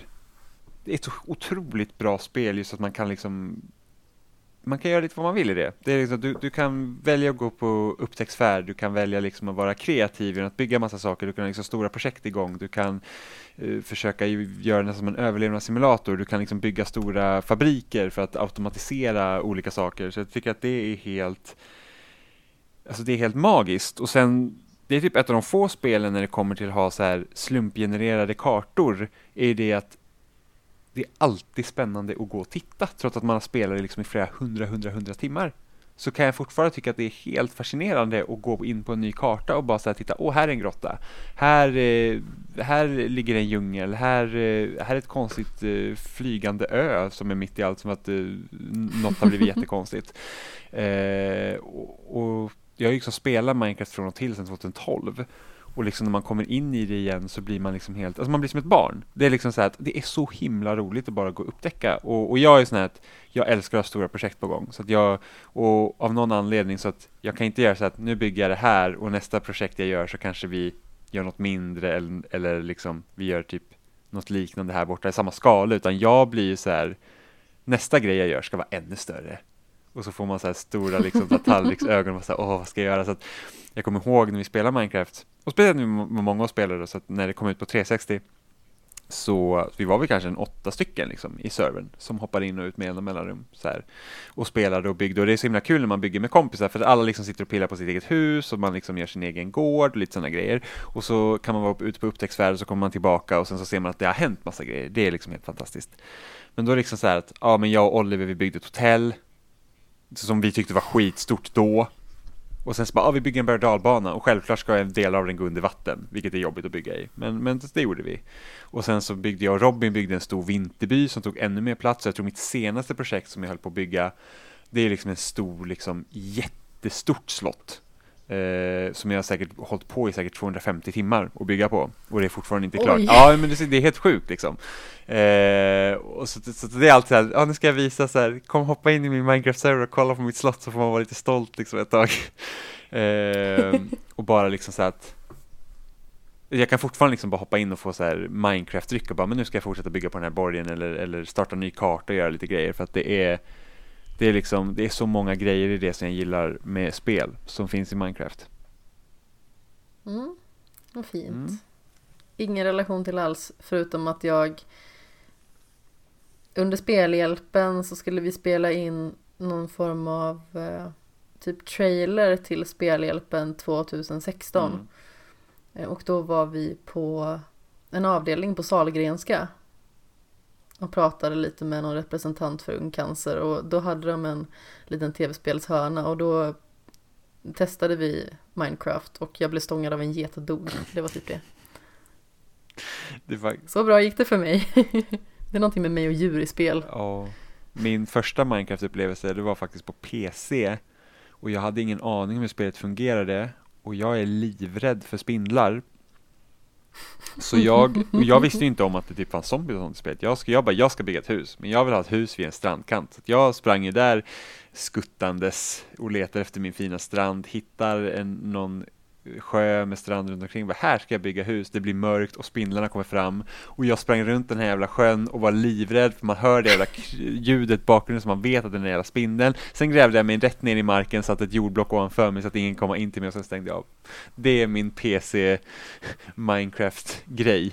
Jag rörde aldrig spelet efter dess på PC. Sen, sen tog jag tag i det när jag kom till det. Så det... Oh. Jag är verkligen livrädd för spindlar. Det, det är min största skräck. Alltså ibland kan jag typ bara tänka så här, tänk om jag skulle vakna en morgon och så har man stor spindel på bröstet. Alltså jag skulle bara hoppas på typ självdö. Jag är så rädd för spindlar. Det är liksom, det är löjligt hur rädd jag är. Du har alltså arachnofobi då kanske? Ja. Säkert. Jag blir stel av skräck. Min plats nummer tre tyckte jag också var väldigt svår. Mm. Jag håller med dig där, det finns så mycket titlar som man kan sätta liksom på den platsen man vandrar liksom fram och tillbaka med så första säsongen av The Walking Dead, vi har Journey, vi har The Last of Us, vi har Horizon Zero Dawn. Så det är så många titlar där som samlas i en stor odefinierbar klump mig. Mm. Som är så svåra att placera ut. Men jag kom fram till att plats nummer tre är Celeste. Oh, bra val. Ja, jag tycker det också. ja, du gör det! Mm, ja, ja, jag gör det. Absolut. Förvånande ändå, Amanda. Eh, Förvånande. Mm, man skulle kunna tro att jag inte gillar spelet med tanke på att jag just har tatuerat in det på min överarm. Mm. Ja, rent liksom så här av hatkärlek liksom. Mm. Absolut. Nej, men jag har pratat om det här så himla många gånger förut i alla typer av poddar. Men det är ett spel där svårighetsgraden matchar den emotionella kampen. Och det görs på ett sånt otroligt precis vis. Det är som fingertoppskänsla i hur hela det här spelet har skapats. Det är någonting så enkelt som att du ska bestiga ett berg. Det är en väldigt simpel metafor för att må dåligt. Mm. Men det görs så perfekt för du har liksom den här Super Meat Boy grejen liksom att du dör, du behöver göra om saker. Men helt plötsligt så kommer du förbi det här hindret. Och då känner du dig belönad och det känns som att du har gjort en personlig seger. Att du har kommit någonstans på din mentala resa. Mm.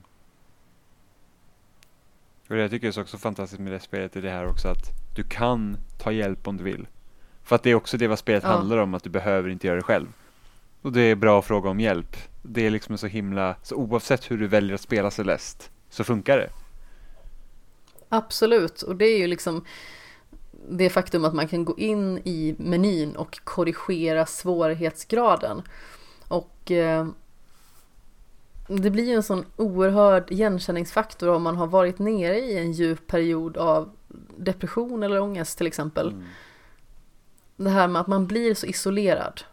För att man är ingen rolig person att vara med. Och man tror att man är en börda för precis alla. Mm. Men när man ber om hjälp så blir det mycket lättare. Generellt sett. Mm. Om det är en person som bryr sig. Ja men precis. Jag ska inte grotta ner mig för mycket i det men det fick bli min plats nummer tre för jag känner att den är ändå värdig den platsen. Även att vi har våra journeysar och dylikt som är där uppe och nosar i toppen så ja det är något speciellt med det spelet som eh, får mig att vilja stirra ut över horisonten Mm. på något Och vis. musiken är fantastisk också. Absolut. Jag har en låt med i listan som är liksom med på mitt träningspass. Jaha. Eh, och sen så har jag någon som liksom är med i så här spelmusiklista och sen så har jag någon som liksom är med i min liplåtarlista. Mm. När jag är ledsen och behöver lyssna på någonting som är lite sorgligt. För jag är en sån här att jag, jag vältrar mig i den känslan som jag känner för stunden. Så jag är jätteglad, då lyssnar jag på jätteglad musik. Är jag jätteledsen så behöver jag bara någonting som, eh, vad ska man säga, utlöser det hela och spinner vidare. Alltså, känner jag att det finns en sorg i mig så kan jag lyssna på saker bara för att få mig att gråta ut ungefär. Jag är precis likadan.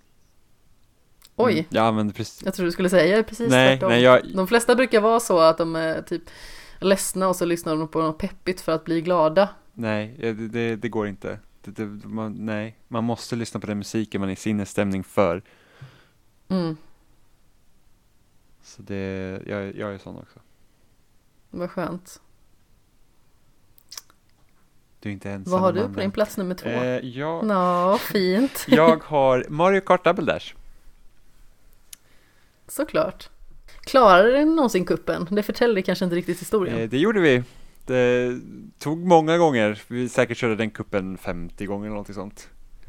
Eh, ja, alltså det, det var absurt. Det fick ju som sagt min syster att börja stortjuta i frustration. Hur många utbrott till blev Ja, det? jag vet inte, men eh, det, det var den där växtens fel som finns med i det spelet. Alltså otroligt vidrig, ja, otroligt vidrig bot som bara var äcklig. Eh, alltså verkligen, jag, jag, alltså så fort jag ser den karaktären så är jag fortfarande sur på grund av det. Eh, men eh, jag älskar Mario Kart, ja det är min favoritspelserie genom alla tider. Jag tycker att det är så himla roligt och jag tycker att Double Dash är spelet som jag, jag tycker körkänsla i det spelet är absolut bäst för att de har, de tog lite här som en kör eh, fyrspann med häst. Så du vet att du, du liksom sitter och, och, vad ska man säga, slidar med bakakten liksom. Mm, Eh, driftar kanske man kan säga. Eh, och lite det grejen har de tagit i Double Dash för det är två karaktärer i, i per bil. Och sen så är den bak, den liksom slidar ju då så att man ska kunna ta kurvorna bra. Så då, då är hela spelet är ju byggt på det också så att kurvorna blir väldigt vida och väldigt breda på det sättet att man ska kunna liksom köra sådana häftiga slides igenom. Eh, och det blir så himla roligt bara. Och sen har det typ seriens bästa battleläge. Med, först har vi Balloon Battle som är, finns i flera Mario Kart där man har tre ballonger och så ska man försöka förstöra dem för sina motståndare. Och sen har de lagt till två nya, så det är Bob on Blast där man kastar bomber på varandra och samlar stjärnor. Och då ska man få typ få fem stjärnor eller någonting sånt, alltså fem träffar. Eh, men blir du träffad så förlorar du stjärnor. Jätteroligt om man är fyra stycken. Och sen har de Shine Thief heter det. Och då är det liksom en stjärna man ska fånga. Och sen den som har stjärnan ska försöka undvika de andra spelarna. Och man får en stjärna genom att skjuta den andra. Så att det är liksom väldigt många eh, högljudda kvällar som man har haft med det spelet på grund av det. Eh, men jag tycker det, det spelet är helt fantastiskt. Jag, tänka mig. jag har nog spelat reinkarnationen till Wii mest faktiskt. Mm, det sämsta spelet. Oj, förlåt mig, mm. antar jag. Mm, Amanda, nej, nej alltså. Känner att jag går vidare till min. Gör så. Ja, det blir mer Mario. Oh. Mm. Super Mario Bros 3 till NES. Bra val. Mm, jag tycker det också. Mm. Varje gång. Mina val är så bra, så proffsigt mm, utförda. Vä väldigt oh. mycket bra Amanda, mycket bra. Klapp, klapp, klapp. Eh, hur som haver. Det här är det första jag förknippar med tv-spel. Jag eh, hade liksom ingen fast konsol förrän jag var i vuxen ålder faktiskt. Jaha. Utan jag eh, har haft bärbart. Men varje gång jag var hemma hos mina kusiner i Ronneby så satte vi oss i deras kök när de hade en liten köks-tv och spelade Super Mario Bros 3 tillsammans. Var tredje bana, var tredje liv. Mm. Vi var ju en kusinskara på, som sagt, uppenbarligen tre personer. eh, och vi var liksom så här tripp, trapp, trull också. Så är en född 93 och så jag född 92 och eh, min äldsta kusin född 91. Bra årgång har jag hört. Den är väl okej. Okej. Okay. Ja. Så är dina känslor Ja, väldigt ledsen. Och alla 91 års ja. vägnar. Ja, precis. Nej, men så vi var ju väldigt jämna egentligen. Alltså, det är väl i perioder i livet som det är någon som liksom blir lite eftersläntare eller sådär. Eller någon som går om någon annan eller sådär. Beroende på hur man utvecklas naturligtvis. Men eh, vi hade väldigt roligt ihop. Alla tre. Mm. Ja, det var ju någonting som vi väldigt lätt kunde, vad ska man säga, falla in i alla tre. Och det var liksom på lika villkor. Jag menar så här, hoppar man studsmatta så finns det ju någon som så här, någon är äldre, någon kanske är lite tyngre, någon trillar ut. Alltså, sådana grejer. Eller när man typ har så här vattenkrig. Någon trillar i... ut. ja men det har väl hänt. Jo men verkligen så här, någon är tyngre, någon är äldre, någon trillar ut liksom.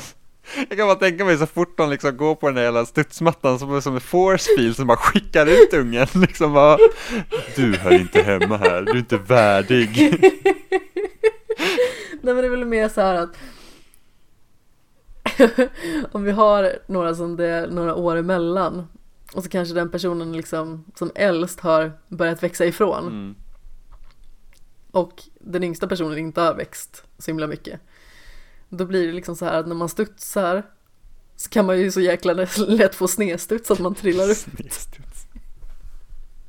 Ja. ja. Men ja, Super Mario Bros 3 i alla fall, fantastiskt. Mm. Vad är din plats nummer ett? Mer Mario. Faktiskt. Eh, min... Får jag gissa? Ja. Får jag gissa? Ja. Galaxy? Ja! Hur kunde du gissa det? Kvinnlig intuition. Okej, okay. men det är, det är sant. Det är mycket sant. Det är Super Mario Galaxy. Eh, jag för mig att du har sagt det, det någon gång kanske. Möjligt. Eh, jag, nu är det länge sedan jag spelade Super Mario Galaxy, men jag är helt, jag tycker det här spelet är så magiskt, jag tycker det prickar verkligen rätt, liksom hur Nintendo är som spelföretag. Eh, hur de liksom leker med eh, sina serier och just det liksom Mario ute i rymden känns ju liksom så att vad är det som händer? Liksom, det, det, är inte något som man förväntar sig egentligen. Liksom att nu skickar vi ut rörmokaren liksom. Eh, och hur hon leker med liksom, så här, gravitationen och hur hon liksom spar, alltså, bara skapar banor som liksom det, det, det, är liksom så här, det blir nästan wow varenda gång man liksom kom till en ny värld. Eh, och sen jag är ju väldigt förtjust i, eh, i den uppbyggnaden så att du kommer liksom, du har en värld och sen finns det flera olika stjärnor att ta i den liksom att det blir som olika banor på en bana med de utmaningarna. Och det var ju det de började med typ i Super Mario 64. Då har de det. Eh, och så Sunshine och sen Galaxy. Sen dess har de ju gått lite ifrån det. Eh, I alla fall i Galaxy 2 så var det ju mer så att det var traditionella liksom banor, du hade liksom här är en bana och sen så åker du till nästa bana och så till nästa bana och det tycker jag inte jättemycket om. Odyssey så var det ju mer som var jättestora öppna banor också, men där var det så att du kommer in i den här öppna världen och sen så är du där hela tiden. Eh, och så är det en massa strösselmånar mm. som egentligen, alltså det blir nästan som collectibles i valfritt open world-spel. Eh, medans i Galaxy så är det liksom specifika utmaningar för den här stjärnan. Det är inte så att åh, hoppa på den här skuggan så får du en stjärna, utan det är verkligen här har du en hinderbana du måste ta dig igenom för att kunna ta den här stjärnan, eller samla mynt eller vad som helst. Eh, och just det här med att man Ja men just det här med liksom små planeter, gravitation, hoppa, liksom det är så lekfullt som bara Nintendo kan göra. Och sen var det också första gången de använde riktig orkestrerad musik i sina spel. Vilket mm. också bara gav den här känslan att Galaxy var så himla speciellt. Ja. Den har jag fått lyssna på live faktiskt. Gud vad avundsjuk jag blev nu. Förlåt. Nej men det var en eh, så här science fiction musik konsert så de hade lite blandat, alltså spel och filmer mm. och tv-serier så det kom faktiskt Super Mario Galaxy med. Fantastiskt. Det var väldigt fint. Ja. Ja, det är ett jätte, jättebra spel. Jag skulle, jag skulle önska att Nintendo liksom bara så här, typ remastera det till Switch. Då kanske jag spelar det någon mm. gång. Ja, det är så bra. Jag ska kanske inte, jo jag kan säga det, bara för att jag litar på att du inte mördar mig. Men eh, jag somnade när vi spelade. Amanda, varför? Varför gör du så här mot mig? Jag vet inte. Jag är en destruktiv person. Som. Var det du som hade handkontrollen? Nej, Nej. då är det förlåten. Eller, Eller ja, vi var två. Ja, så jag, jag kommer inte ihåg, man, man kan ju spela ihop. Ja, men, fick du... men det var inte jag som höll i Nej, då fick du bara pekan. Ja, då förstår jag ju att du somnade. Vad värdelöst! du är mycket förlåten. Tack, mm. Ja, herregud. Sämsta co-op. Värdelöst. Ja, verkligen. Jag viftar lite. Ja, kul. Mm. Jag tror att du kan gissa min första plats också. Ja, men gud, ja, ja. Jag är helt säker. Mm. Kör i vind. Och du måste tänka vilket av dem? Dille. Jo. Definitivt. Är det Arkham Asylum? Såklart det, Batman Arkham Asylum. Jag tänkte bara när det, det kunde ha varit City också. Spelet som fick mig att bli en fullfjädrad tv-spelsnörd. På riktigt. Mm. Kan man väl säga. Det låter ju väldigt sådär ska man säga, det låter lite töntigt faktiskt. Men, tv-spel är ett, alltså spel överlag för tv-spel är ett knepigt ord. Mm. Men, vad, Absolut. men vad annars ska man kalla det men, liksom? Ja, men när jag spelade det här, då fick jag upp ögonen så himla mycket för vad spel kan vara. Alltså för mig så var det liksom så himla mycket så här hoppa, springa, skjuta mm. lite grann innan. Men det här var något helt nytt. Och det var ju liksom inte ens när Arkham Asylum var nytt per definition, utan det här var ju liksom några år senare. City hade ju varit ute redan en, säkert ett år. Jaha. Jag tror City släpptes väl 2011. Mm, korrekt. Och eh, jag spelade Batman Arkham Asylum i slutet av 2012. För att jag hade en vän som skulle spela in ett podcastavsnitt om det spelet. Och jag har alltid gillat Batman. Mm. Så så fick det bli. Plöjde igenom det på min laptop, plöjde igenom City på min laptop, spelade om det och så var jag helt fast, jag bara, jag måste ha nya spelupplevelser, det här är ju helt fantastiskt. Varför har jag inte grottat med mig i det här förut? Och så började jag köpa lite titlar på min liksom, PC. Eh, bara för att liksom kunna här, testa mig fram mer och se vad det finns. Och sen så, den sommaren som följde så skaffade vi en PS3 till hemmet. Mm. Vilken välsignelse på något vis. Ja.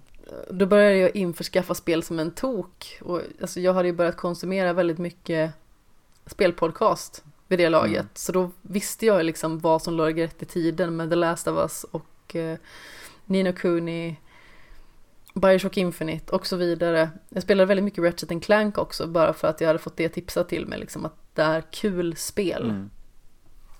som jag då skulle uppskatta och det gjorde jag. Men ja, det var ju en helt ny värld för mig. Ja. Och det spelet öppnade upp så himla med liksom många möjligheter. Och vad det liksom skulle leda till sen. Sen så är det naturligtvis, det är ju det är människorna bakom att jag spelade det som, som anledningen på något vis. Men att spela ett sånt spel och få en sån uppenbarelse. Det var något utöver det vanliga faktiskt. Mm. Det var en ganska tacksam spelgeneration att eh, hoppa in i för att det, det känns att det var mycket experimenterande med det under förra generationen. Det här med hur berättar man historier i spel och att det liksom, det blir någon, det blir mer än att jaga poäng. Även om det såklart har existerat tidigare också, men det liksom blev på en större Absolut. skala. Helt enkelt. För Mm. jag kände ju också även när jag köpte min 360 och började liksom spela typ om jag köpte Orange Box, spela Half-Life 2, Portal, eh, Mass Effect, Bioshock. Det var liksom saker man inte sett. Jag hade inte sett det förut i alla fall. Och det Nej. blir liksom bara så wow, liksom, vilken grej. Men vad hade jag liksom för erfarenhet av spel tidigare? Det var typ så här Smash, Mario Kart, eh, Mario till NES och sen eh, Game Boy, Mm. The Sims ungefär. Väldigt begränsat. Mm. Men vi hade några fler mer spelrelaterade frågor och eh, jag tänker ta dem i, i ordning här. Vi hade till att börja med vilken våran favoritspelkonsol är Ja, genom alla tider. eh, för mig är det GameCube. Mm, jo. Har man ju fått höra några gånger. Jajamän, chatten. så är det. Finns fortfarande inga GameCube-spel på Switch. Varför? Kom det. Mm. Det har vi. Nej men GameCube är liksom första konsolen jag hade liksom när den var ny. Som att jag, jag, jag fick den, och den kom, när kom den i Sverige? 3 maj 2002 tror jag. Och jag fyllde år, jag fyllde år i slutet av maj så jag fick din födelsedagspresent med Smash. Eh, och det var liksom, det är egentligen starten på mitt spelintresse att liksom ha som huvudsakliga hobby. Eh, och Men liksom när man bestämmer sig för att ja, men jag vill liksom lära mig mer om spel, jag vill liksom kunna mer om spel, jag vill spela massa spel.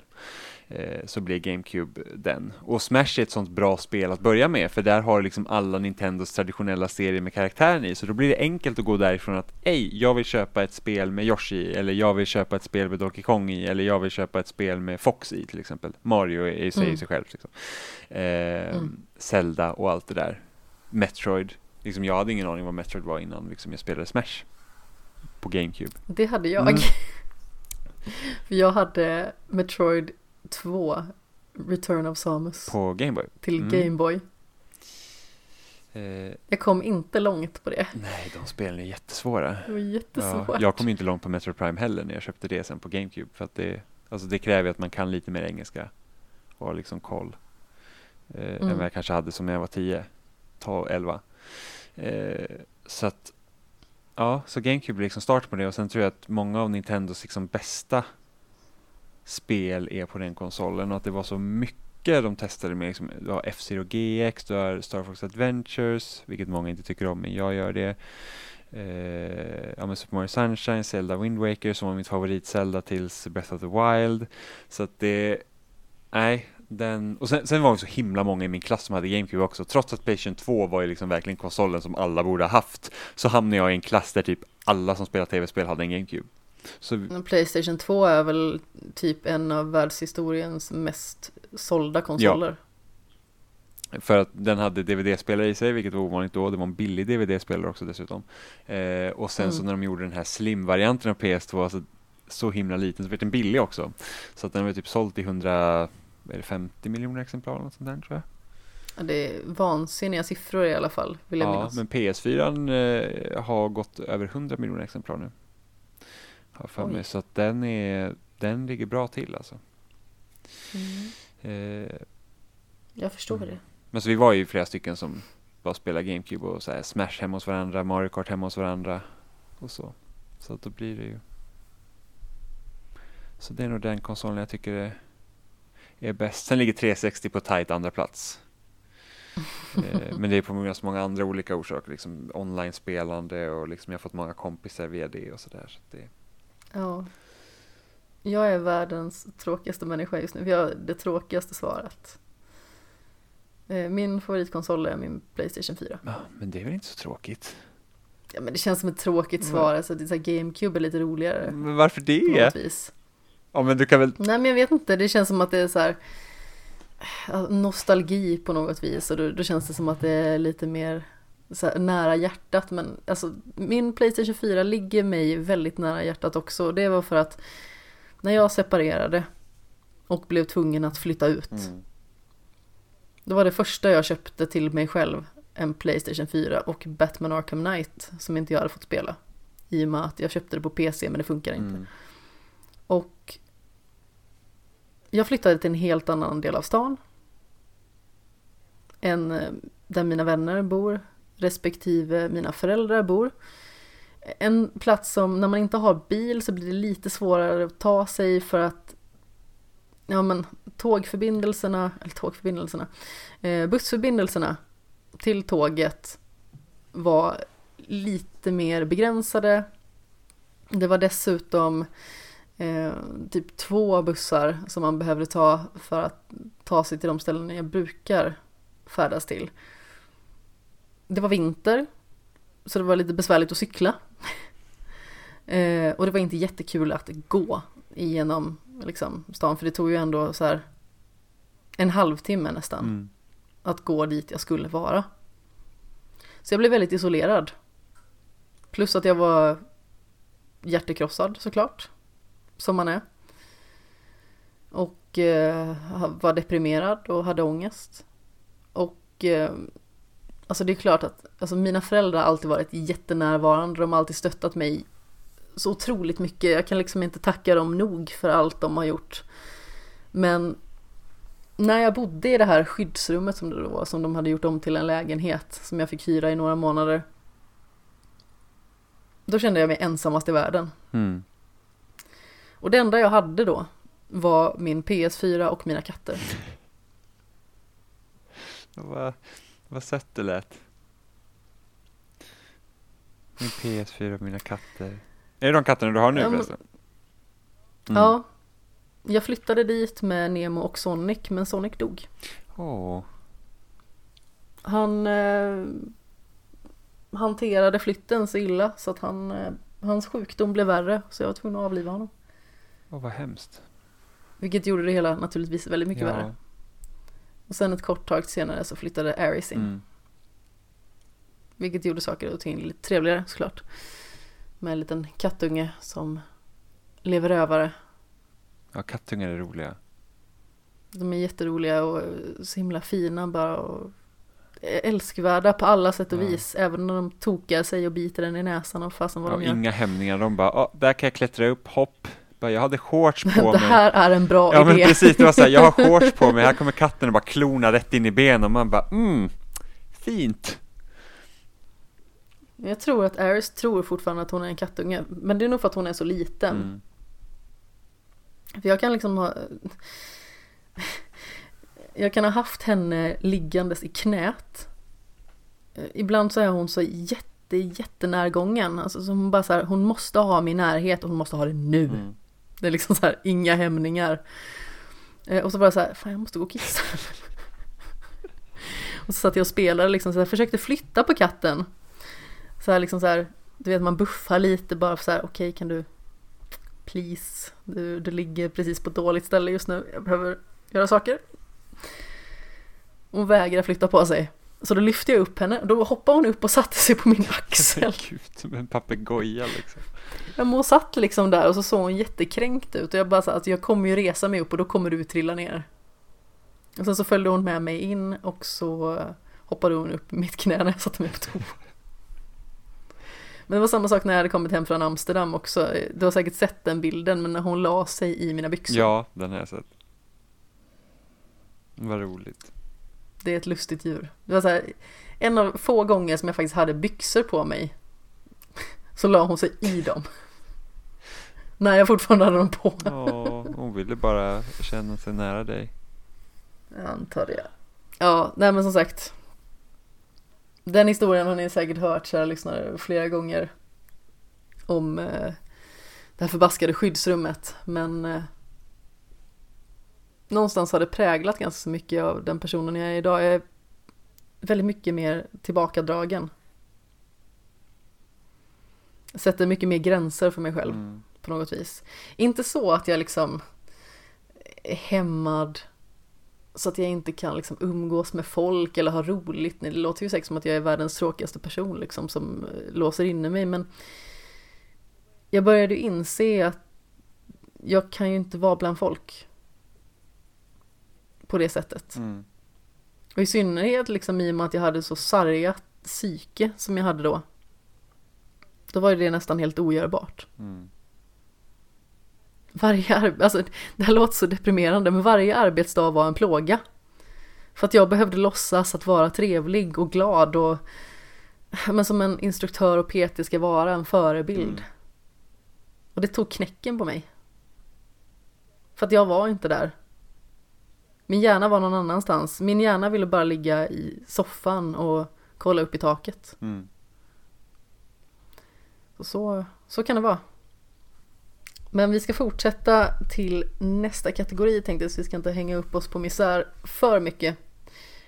Vilket man lätt gör såklart. Men du ska få förtälja ditt finaste spelminne. Ja, eh, inte jättelätt. Nej, det var skitsvårt. Jag har inte skrivit något Ah, ens. Okej, jag, jag, hade- jag har några stycken som jag funderat och bollat mellan, men jag tror att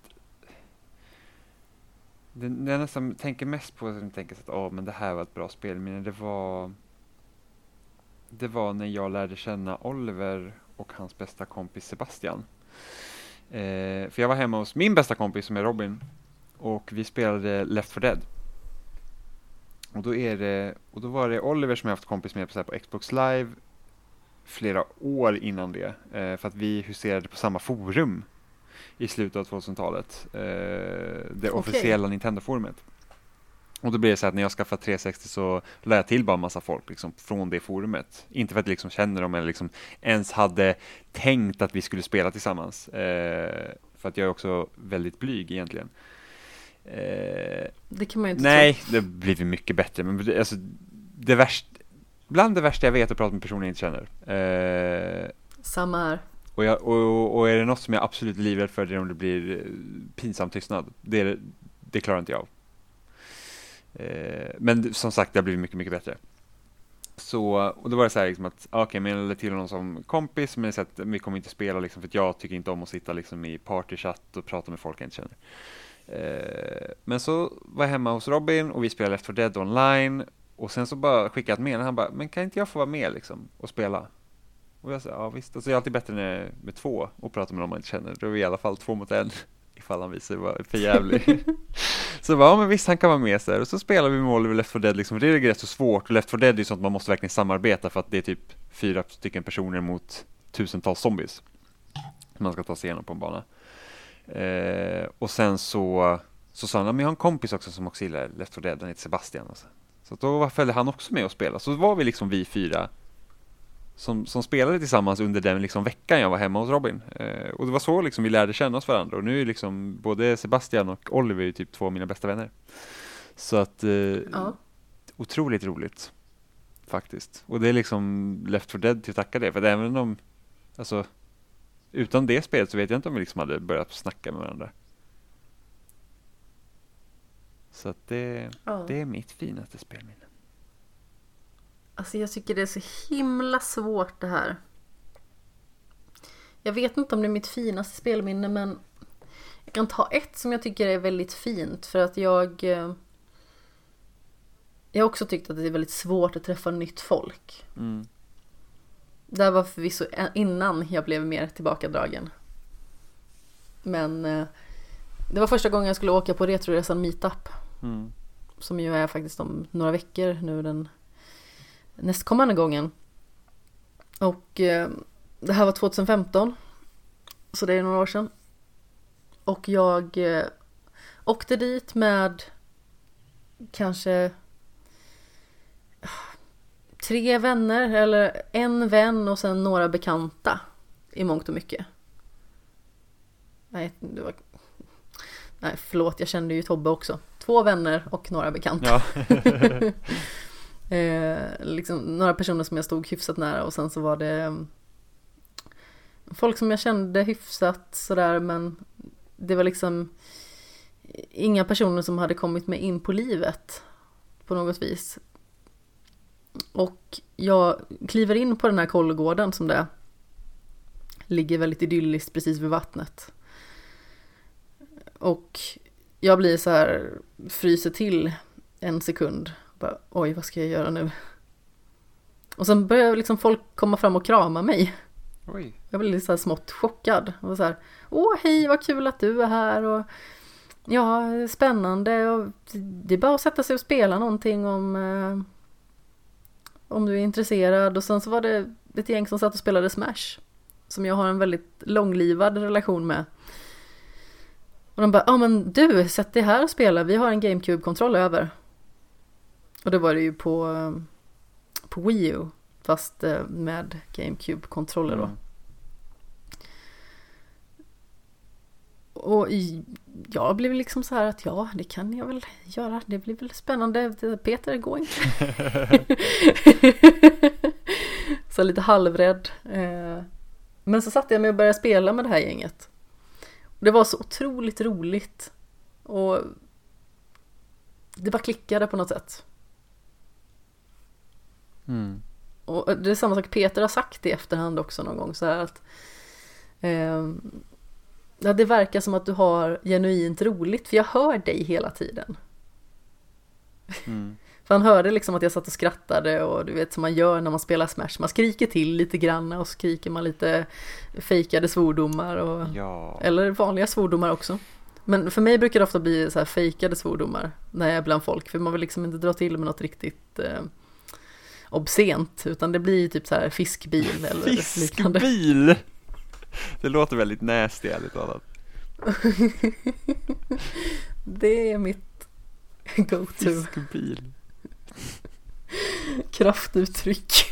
Verkligen. Ja, det, vilken känsla i ordet alltså. Ja, men det kommer ju. Tänk på vad de två första bokstäverna är. Jo, jo, jag förstår, jag förstår.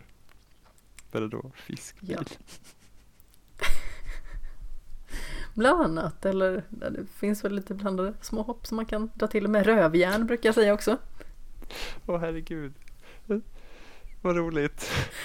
Åh, försöka hålla ett skratt. Åh, Du får skratta, det är okej. fiskbil och rövjärn. Ja,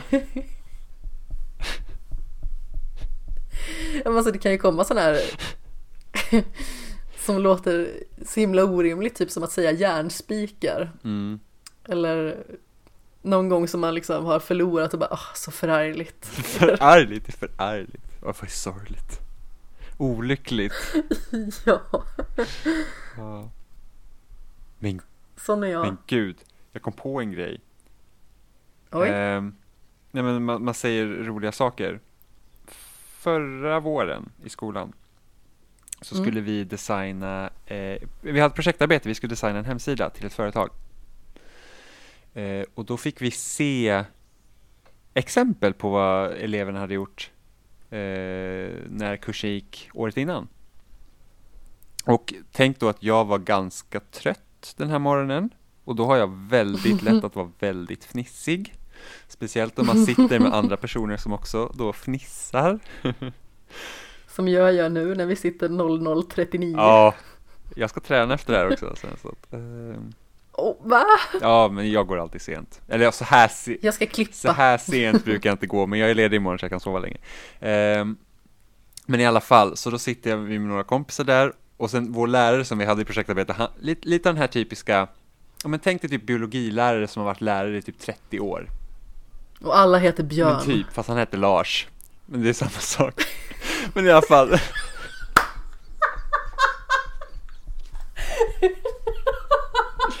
Vet du, ska vi till roliga än Amanda? Lugna ner dig.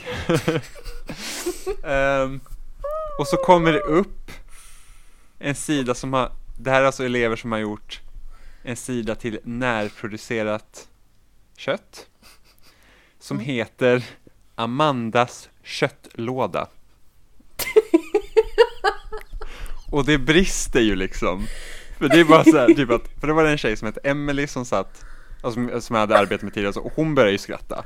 Och då inser jag vad som är så roligt. Så jag börjar skratta och man försöker ju hålla sig för att det är föreläsning. Och börjar fnissa. Och sen så säger en kille som heter David, som jag också hade bra kontakt med, han liksom säger, och han kommer från Lidingö så han har lite, lite den här Lidingö-dialekten. Mm. Ja, man pratar lite släpigt. Precis. Eh, och han bara, ja, ja, det var ju olyckligt, säger han.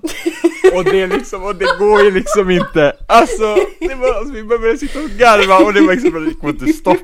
Och läraren, helt oblivious, bara så här, han bara, är det något som är roligt? Och så, så bara, Ja, ja, och det var liksom bara David bara, ja namnet. och det liksom bara, så Amanda köttlåda som är som, vem, man kan inte döpa en sida till Amanda köttlåda, det går inte! Åh, så var det bilder med massa köttstycken, alltså det var, åh, det var, ja, det var jobbigt. Åh, Alltså det var liksom på gränsen att jag höll på att få gå ut ur klassrummet för att jag kunde liksom inte hålla mig. Och så varje gång jag tänker på det här Amanda köttlåda så blir jag så himla glad. Ja, det var kul. Det var en liten tangent, men det var Ja. värt det. Jag tänkte, jag vill kontra med en rolig historia. Eh, Men det var en felhörning. Eh, Så jag står och ska skriva på svarta tavlan i våran crossfit-yta. Mm. Och så i alla fall så har det inte kommit så himla många så jag blir så här, vad, vad händer? Och så kommer min eh, kompis Westlund. Och eh, han ropar till mig, det är fel på kvinnor. Ursäkta mig, sa jag liksom sådär jättebesvärad. Var jag verkligen. Så, här, "Vad- är det du står och säger? Så kom han lite närmare. Jag sa att det är fler på ingång.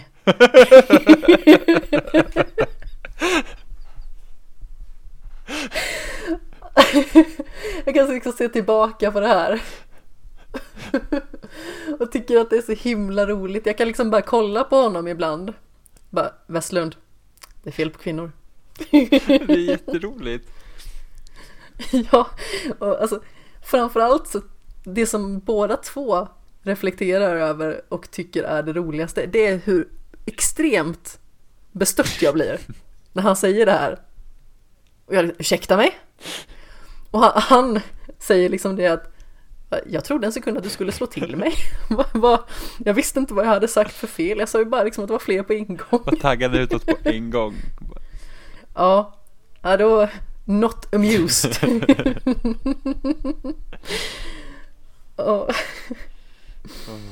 Jag tror, har vi gått förbi alla? Nej, vi har en kategori till. Yes. Och sen ska vi prata om fler saker. Ja, det ska vi. Det här kommer bli ett Det är ju jättelångt ett avsnitt. Gigantiskt avsnitt. Det är redan Det är som jättelångt. mitt Minecraft-spelande, det blir bara större och större. Ja. Och sen så blir man stångad av en Sen blir man get. stångad av en get och jagad av en spindel. Så gräver man ner sig någonstans för evigt och Mm. för alltid.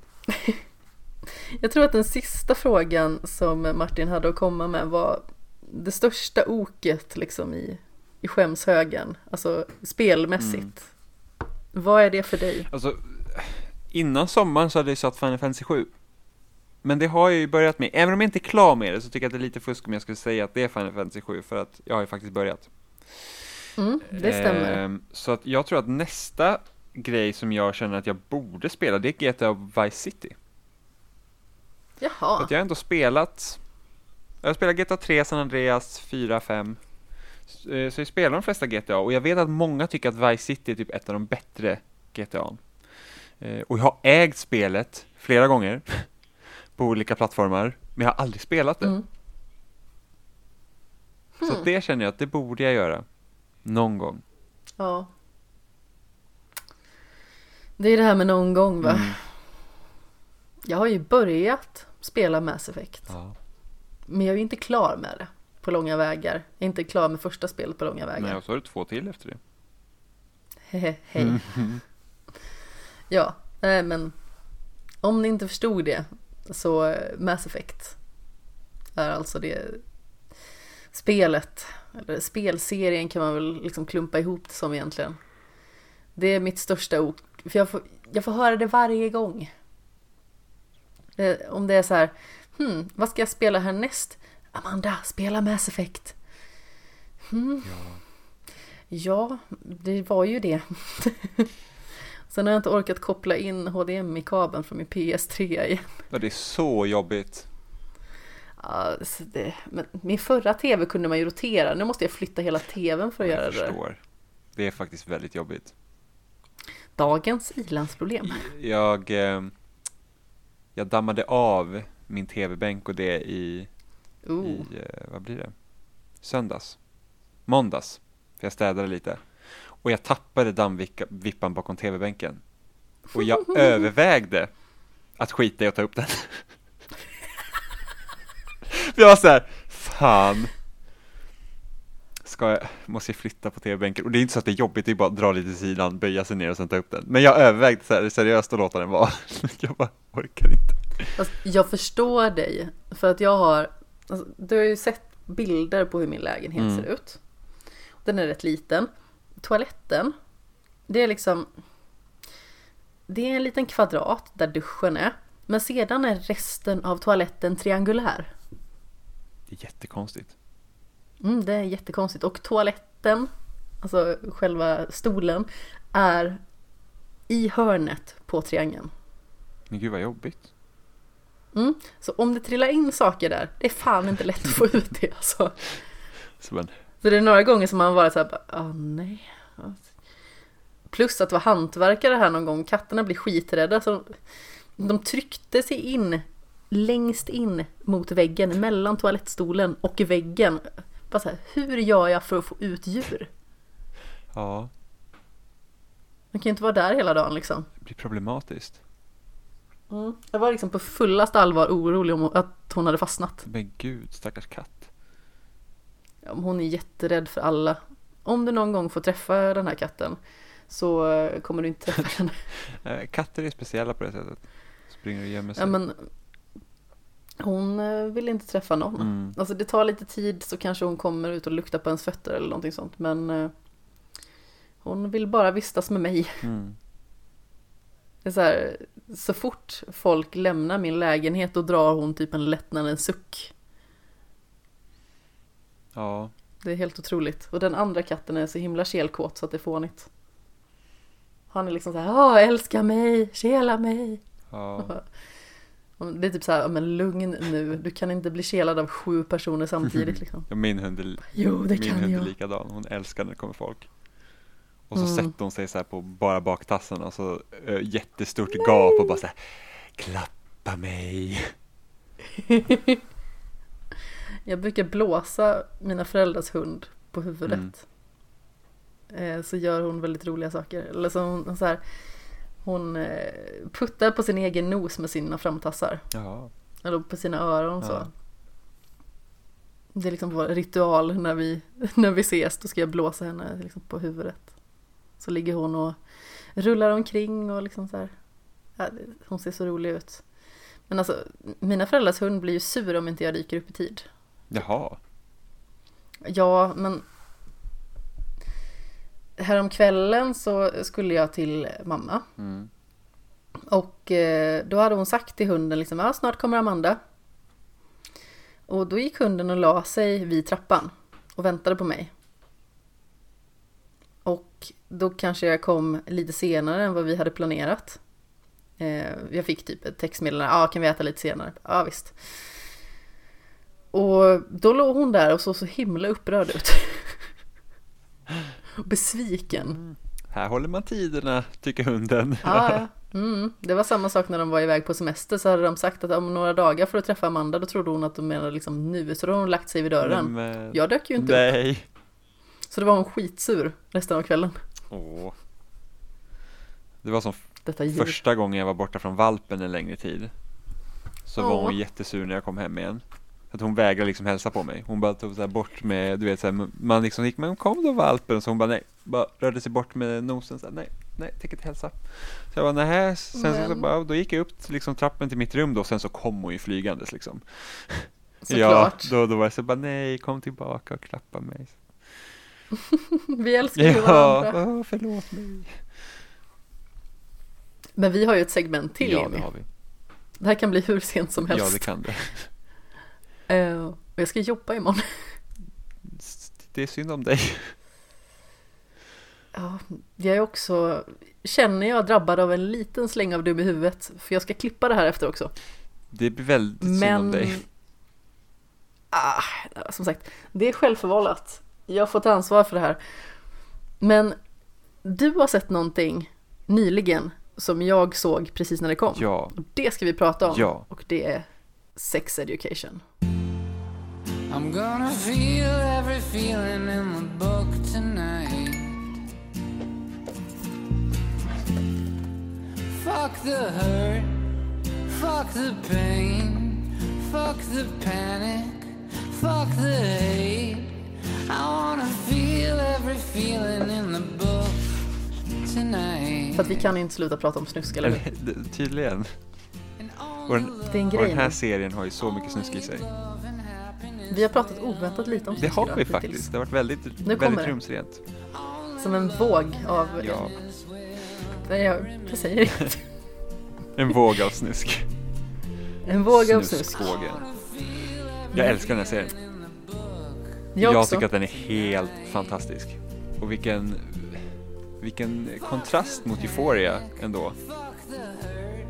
Eh, Ja, det är liksom fortfarande en väldigt bra ungdomsserie. ja, Men på ett helt annat ja, sätt. för den är inte lika mörk som Euphoria var, även om de, han, de han, alltså behandlar snarlika saker emellanåt.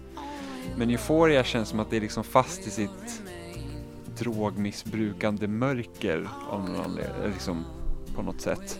Så är den här mycket mer lättsam, även om den också behandlar tyngre teman. Absolut. Den går ju in väldigt mycket på saker som vi nuddade vid förra veckan. Liksom mycket så här tabu som har med sexuella ting att göra. Mm. Alltså exempelvis onani, vi, vi pratade ju om det eh, häromdagen över chatt liksom, att det finns ju en extremt rolig scen när det är en tjej som liksom får tips om att du måste veta vad du vill ha. Annars så kan liksom inte killen veta det. Eh, och hon liksom bara så här, "Äh, men hallå eller? Det handlar ju inte om vad jag vill ha, det handlar ju om vad den personen, jag fejkar ju jämt. Och då liksom till slut efter lite om och men så går hon med på att hon ska hitta vad grejen är. Eh, skrattar när jag tänker på det här. Ja, och den här karaktären Amy Hon ligger liksom så här lite taffligt försöker ta på sig själv Och det går inte Hon tycker liksom att det känns jätteobekvämt och så främmande. Och sen så hittar hon liksom precis rätt punkt. Och då ballar det Ja, och det roligaste, det är verkligen här liksom, känn, känn, känn, så bara ping! Och så ögonen blir bara stora som tallrikar och så här, det här är grejen. Och sen blir det typ så här Duracell-kaninen gånger tusen i nästkommande scen. Alltså Ja, och börjar onanera som en det är galning. Så och så den här galet. stackars kudden som blir antastad liksom Som hon bara gnider sig emot i en scen. Jag bara såhär, stackars kudden. Ja men alltså det är ju så, Du behöver ett bättre men hem. det är så sjukt. Alltså det är så sjukt att se det, alltså det är liksom helt, helt maniskt Ja, och helt magiskt också. Alltså det är så himla, himla roligt. Ja, Och framförallt liksom allt det här med vad det sedan urartar i. Hon liksom kommer till skolan dagen efter. Och så, hon är typ hög. ja hon är helt förändrad liksom Hon är hög på liksom alla glädjehormoner som utsöndrats de senaste typ 24 timmarna. Och hon hittar Otis som då är huvudkaraktären. Och, och säger liksom så här, jag har onanerat hela natten. Ja. Och det känns som att min klitoris ska falla av. Och jag har ätit tre paket med tekakor. Men jag vet vad jag vill ha. Nu ska jag hitta Steve. Det är så himla roligt. Det är så himla roligt. Hon typ vinglar iväg. Ja. Alltså jag kan känna igen känslan typ om man inte har legat med någon på väldigt länge. Och man får den här liksom, jag vet inte, överdosen av positiva hormoner. Man är så här, ja det här kändes ju bra. Ja. Typ så ser hon ut. Och det är så himla roligt. Och sen när de väl ska ligga med varandra, alltså förklaringen. För Ja, här, jag vet vad jag ja, vill ja, det ha. var så himla specifikt. Du gör så här, du börjar röra där med din tumme och sen blåser du mig i örat och gör dig redo för fyrverkerier. Ja, Vilken taktik, blås mig ja, fantastiskt. Och den karaktären, hon är väldigt rolig. Eh, för att det var redan så här, hon är ju med i, jag tror den inledande scenen för hela serien tror jag va? Ja, precis. Hon blir påsatt av eh, Groff. Precis, Adam. Adam, Mm. Groff som liksom är Man tycker liksom lite grann att det är seriens antagonist Det är liksom så motsvarigheten till Nathan, bara det att han har en bättre karaktärsutveckling Ja, gud ja, och han blir ju liksom inte heller skurk på det sättet heller, utan han är ju bara en karaktär i mängden egentligen också. Ja, det är bara det att han är liksom den här dryga mobbaren Precis. som, som gör dumma saker. Eh, och hotar med att liksom slå ner folk eller ta deras lunchlåda och Ja. sådana saker. Som den typen av karaktär gör i Och sen är han ungdomsserier. så korkad också. Han, han är till och med bra på Ja. att se dum ut. Ja, alltså han ser ju ut som att han har tappat det fullkomligt. Det är liksom så här, Fattar ingenting liksom. han är liksom inte bakom flötet bara utan så här, allt hopp är förlorat. Men eh, i inledande scen, då sätter han på henne och hon fejkar ju såklart, som hon liksom har deklarerat i senare delar att hon alltid Ja. gör. Eh, och han gör det också. Och det sätter verkligen tonen för hela den här serien, liksom vart den börjar för någonstans. ja. Men sen är det också så roligt för att det, Och hon bara så här, fejkade du just? och han ljuger om det ju. Eh, nej, Och sen hon bara, jag måste få se kondomen. Och han, nej det får jag inte. vet, och sen så är det så jävla kul, så tar hon upp den och så bara lyckas hon få tag i den så bara, where's the spunk? Och jag tyckte det var, jag var så här, jag bara oh my god! Det här är det bäst! Då bara visste jag så, jag visste på en gång, jag bara det här kommer jag gilla, det här var asroligt. Uh, Fruktansvärt så det roligt. var kul. Det finns så många situationer i den här serien som man liksom bara skrattar rakt ut till. Ja, och det handlar ju då om Otis då som startar tillsammans med Maeve som är en annan karaktär i serien en så här sex education grej i skolan för att hans mamma är sexterapeut. Exakt, och hon är ju spelad av eh, Gillian Anderson. Yes, fantastisk. Helt briljant. Även Asa Butterfield som eh, spelar eh, Otis gör en väldigt bra rollprestation. Han spelar ju liksom den här torre tillbakadragna killen som han ser lite försagd ut, han är rätt försagd också men han har liksom ett väldigt roligt sätt att föra sig på och dessutom använder han ord som inte många andra i den åldern skulle liksom ta i sin mun på Nej, något men det är vis. typ som han är typ lillgammal på 60-talet nästan. Absolut. Ja, Så han ungefär. känns som en, liksom en gammal farbror fast ändå inte. Ja, ja men lite sådär. Han han ser lite ut som eh, vilken mattelärare som helst som du kan Ja. tänka på. Som heter Björn. Såklart. Eller Lars. Ja, eller Lars. ja. Men eh, jag tror faktiskt att min mattelärare i första året gymnasiet hette Lars också. Skitsamma.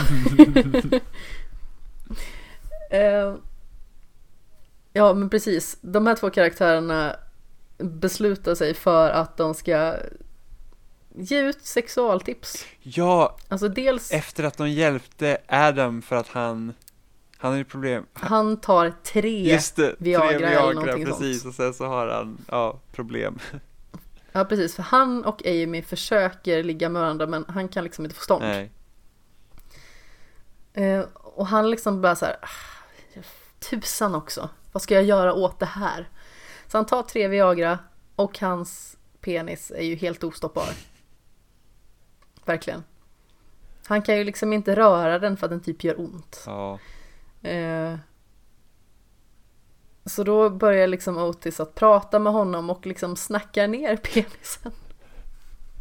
Mångt och mycket och han liksom bara såhär, du måste stå upp för dig själv och ja men du måste liksom acceptera att du är den här personen med en jättestor penis och visst du är liksom rektorns son och det är kanske jobbigt att du känner dig liksom utpekad hela tiden och, och sådär. Eh, och så går han in direkt efter det här i matsalen Gud. ställer sig på ett bord, drar ner byxorna. Och han liksom bara, tja, det är jag som är Adam Groff, jag är rektorns son och det här är min stora penis.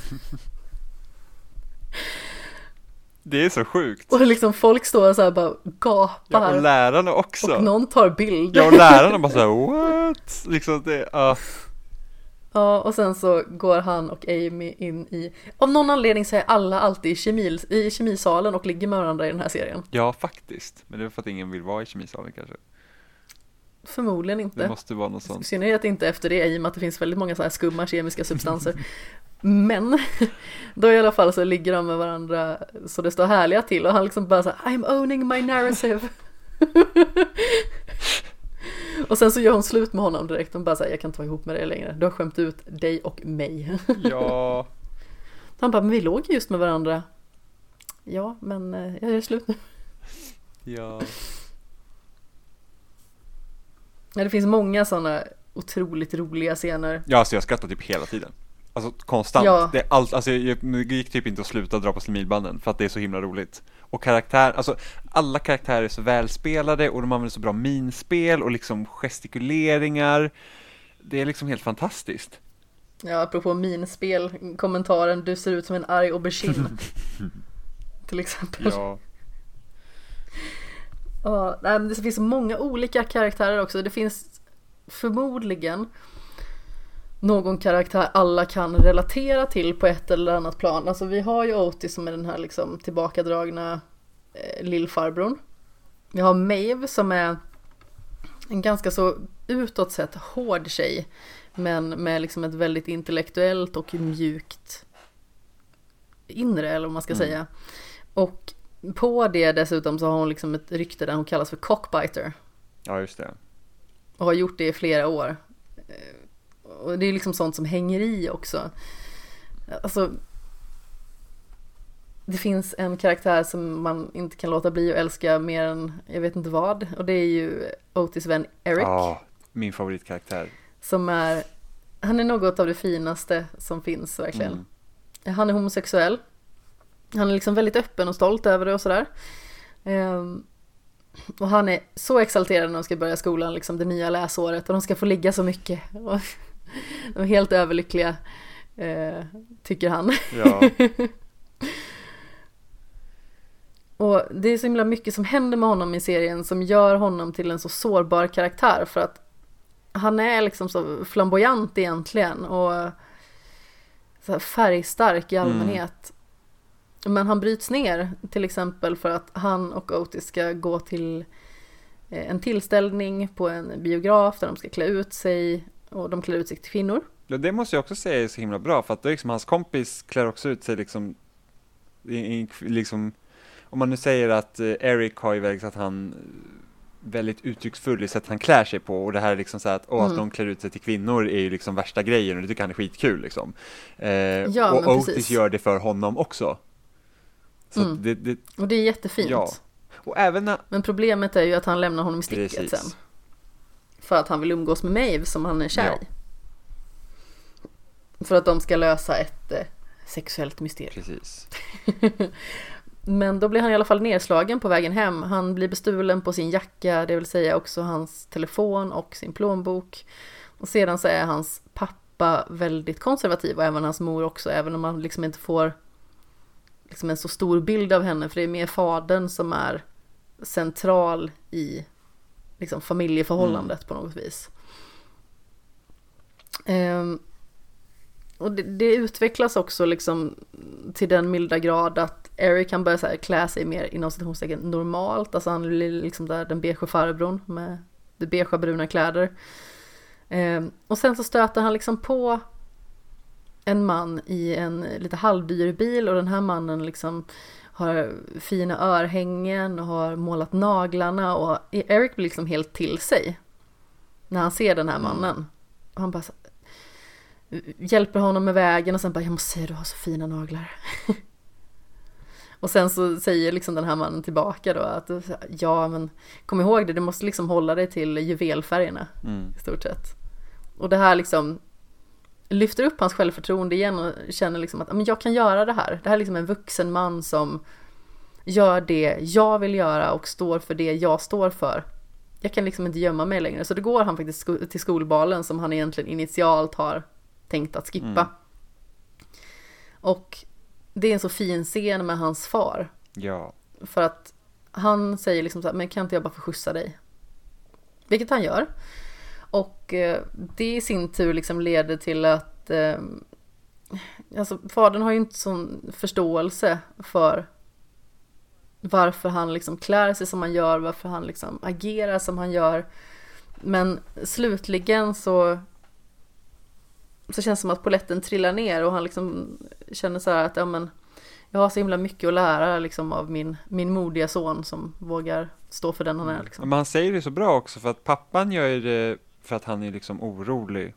Att, att hans... Mm, han är ju rädd att han ska bli skadad mer. Precis, och då säger han så här, jag kommer bli skadad oavsett, varför kan jag inte få bli det och vara som jag är? Och det tyckte Ja. jag verkligen så här, sätter huvudet på spiken, och jag så bara, ja men faktiskt liksom. Det är så Ja, sant. för det är ingen som kommer gå igenom hela livet och klara sig helt oskadd. Liksom. Nej, vi alla har våra eh, sår att dölja, Mm. eller vad man ska säga. Och eh, han kommer in på dansen i alla fall och Otis ber om ursäkt. De kramar om varandra och sedan så går de och dansar. Och det är ju så otroligt gulligt. Ja. Det är så fint när de dansar ihop och han liksom bara, det är jag som för. och så börjar han liksom, så eh, lägger han honom, honom över armen liksom så, som i klassiskt liksom så här maner. Mm. Och sedan så snurrar han runt honom. Det är supergulligt, Mm. verkligen. Jag tror, alltså när jag verk, alltså första gången jag verkligen kände så att Eric var liksom karaktären som jag verkligen, alltså vilken, vilken full pott liksom. Det är, jag tror det är tidigt i andra avsnittet när Maeve och Otis har bestämt att de ska testa det här sex education grejen. Och så kommer hon och så ska hon prata med eh, med Otis då. Och hon bara, ja men Otis jag behöver prata med dig och så står Eric kvar. Och sen hon bara, och sen så tittar han på dem och så bara, va? Vill du att jag ska gå? Och hon bara, ja. Och så säger han något skitroligt efter det och hans min är ju liksom bara så perfekt. Och jag bara, så jag bara oh my god! Vi har spelat till, spolat tillbaka flera gånger där också bara för att se om det, för det var så roligt. Oh, och sen när han pratar med mig första gången, jag tror det är i första avsnittet. Och hon säger någonting till honom och sen går han därifrån och han typ bara utbrister så här, du vet, som han skriker fast viskskriker. Och så bara, I just talked to me! Så helt, det var så här, det bara sätter huvudet på spiken hur han är som person. Det är liksom så helt liksom, så uttrycksfull och liksom livlig. Det är, alltså, det är så fantastiskt. Och hur relationen utvecklas mellan honom och Adam. Ja, alltså så här är det. Herregud vad man blev Men exalterad. inte bara det, det var så fint! Alltså, Ja, här, jag brukar, jag, som vi sagt, vi, första gången jag var med i, i Skämshögen, det var ju för att vi pratade om när vi sitter och bölar till saker. Och jag Ja. bölar ju ofta till sorgliga saker. Det är sällan jag bölar för att det är fint saker. Men alltså, när Mm. de sitter vid skolbänken Ja. och liksom så här typ att, för att, ja, de låg med varandra. Eh, när de hade båda kvarsittning, för de som inte vet då. Ja men precis. Och det var liksom så här, Alltså, l- ja, sä, säg du. ja men det är så ro- roligt också för att de är liksom i luven på varandra och Adam har liksom gjort narr av Eric så himla länge. Ja. Vilket då genererar liksom att Eric har fått nog. Han är trött på att bli kallad för tromboner. Ja, Som då kommer ifrån att han eh, spelade ett blåsinstrument och fick eh, semierektion på scen.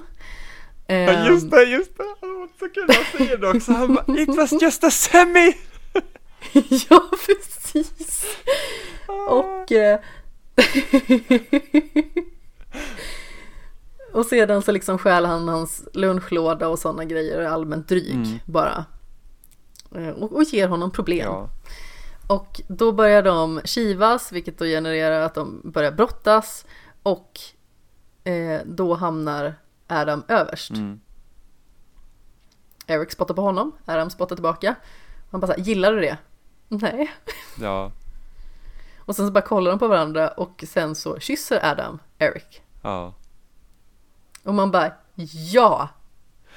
Det är så här det ska vara. Det, det var lite otippat, för jag trodde att det var därför han hade problem med erektion i början. För att han helt enkelt inte tyckte, han var inte så, liksom, inne på tjejer. Det var, Mm, nej men det ja. trodde jag också. Och sen så visade det sig att det inte var det då i början. Och det var så här, jag bara jaha. Okej, då var det inte det. Och sen så kom det här i slutet ändå, så jag tyckte det var väldigt bra twist. Ja, jag blev väldigt glad när det hände för jag tyckte det hände så himla fint. Och, och framförallt i och med att han liksom har varit en rövhatt. Och jag gillar Eric så mycket. Och de verkade få liksom en väldigt bra upplevelse. Även att Adam liksom var så här bara. Du säger inte det här till någon för att slå ihjäl dig. Ja, precis, så de hade liksom, så det var ju så att han liksom Hans pappa är ju väldigt hård också. Ja, vilket svin. Eh, Mm. Men ändå inte, Herke. inte, det finns inget svin i den här serien som är liksom svinigt svinig så att det blir liksom töntigt. Det är inte svart eller Nej, som, som jag kände att Euphoria blev med Nate. Eh, Ja, men alltså Utan när det är liksom, Adams pappa dansar ja, i de tomma skolkorridorerna, Ja, det är ju det är svinroligt. jätteroligt. Och när han går liksom och tränar, hur ska han säga typ bindor? Ja, Så, och så, sanitary Ja. products. det, var, det är bara att säga bindor liksom. Eh, så det är kul. Men, eh, så han avfärdar ju Eric efter det, liksom att det inte blir någonting mer. Och sen så Mm. sitter de ju, de har kemi va? Eller ja, jo det var kemi. N- Någonting sånt. Ja, no, naturvetenskapligt orienterat ämne. Eh, så, Ja. så, så är det bara en plats bredvid Eric där efter att de har legat med varandra. Och då sätter de bredvid varandra och så liksom bara så här, du vet, långsamt med händerna så här mot varandra och typ, om nästan så här, lite tåflört, lite lillfingerflört. Ja men precis ser man liksom ett knä som nuddar Ja. det andra och, man liksom ser hur så här händerna så här sakteliga så här går mot att röra varandra. Ja. Och Eric ger honom en penna också, det är också så här, va, varsågod. Ja, och liksom att de är, Du kan få min ja men alltså de är med om det tillsammans liksom. Och jag bara, jag bara tyckte det var så himla fint så då började jag böla Ja. liksom. Nu jag bara, det gjorde Det jag var så- också. Det var så himla Såklart. vackert. så att, eh, ja, vilken grej. Men det var en så genomfin scen på något sätt. Det var ingenting som förstörde den. Nej, Den bara fick vara. ja men Och verkligen. den var inte lång heller utan det var liksom bara så här att vi låter det hända här. Ja. Och liksom, den scenen liksom sa allt man behövde veta. Och det var så himla, ah, det var, ah, det var, det var så himla bra.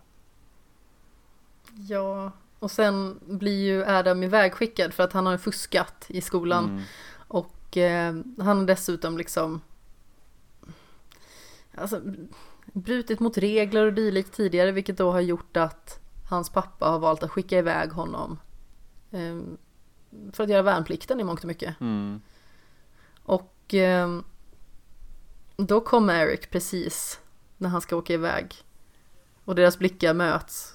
Och man bara känner att nej, Ja, det var, vad jobbigt det här ja, är. jättejobbigt. Man får se hur det urartar sig i säsong två liksom. Om man, kom, Mm, om verkligen. han kommer vara med fortfarande eller hur de gör. Ja, de kan inte bara lämna det hängande där. Nej, jag känner också det, man vet ju aldrig. Eller kanske de gör, men gör inte det. Nej, det har varit jätte, jättejobbigt. Ja.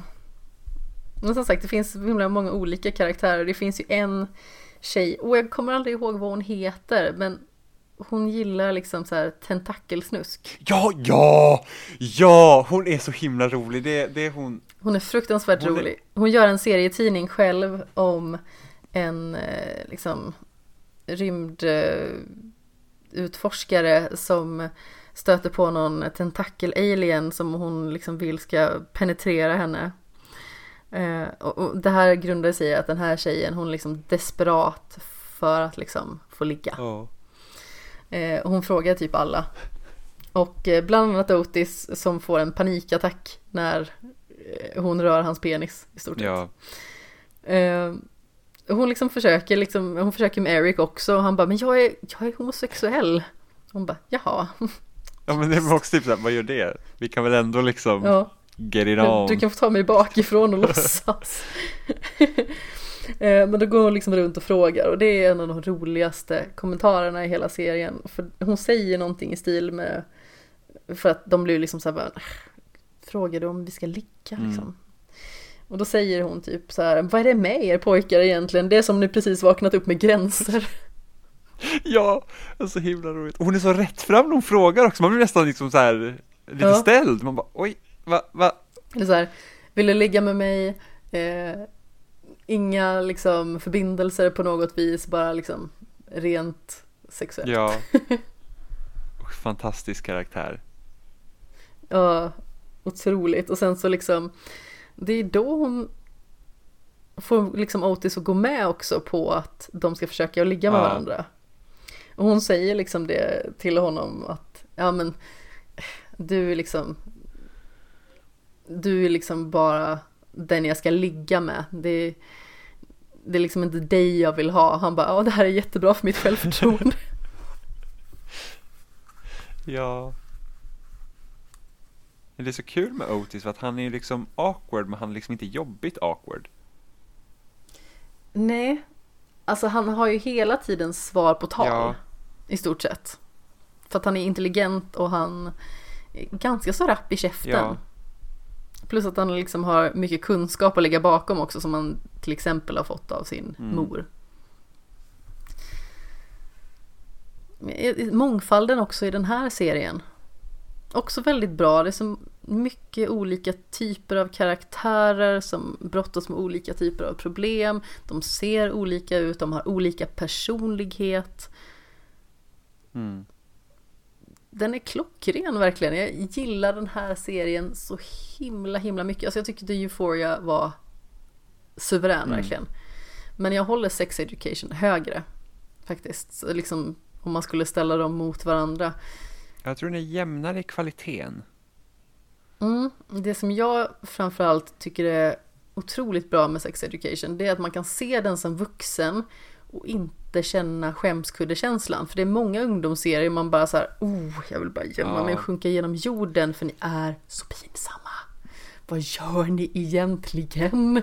Ja. Men här känns det så här, alla val känns hyfsat motiverade, man förstår varför saker händer med folk, man förstår varför de agerar på vissa sätt, man kan känna igen sig, men man behöver inte skämmas över igenkänningsfaktorn. Nej men precis.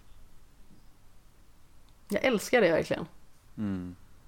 Jag blir bara glad av att se den, jag behöver liksom inte känna att det så kryper under mitt skinn på något vis, utan jag kan bara sitta och asgarva, gråta lite grann, bara så här hänföras av hela liksom, den här berättelsen. Mm.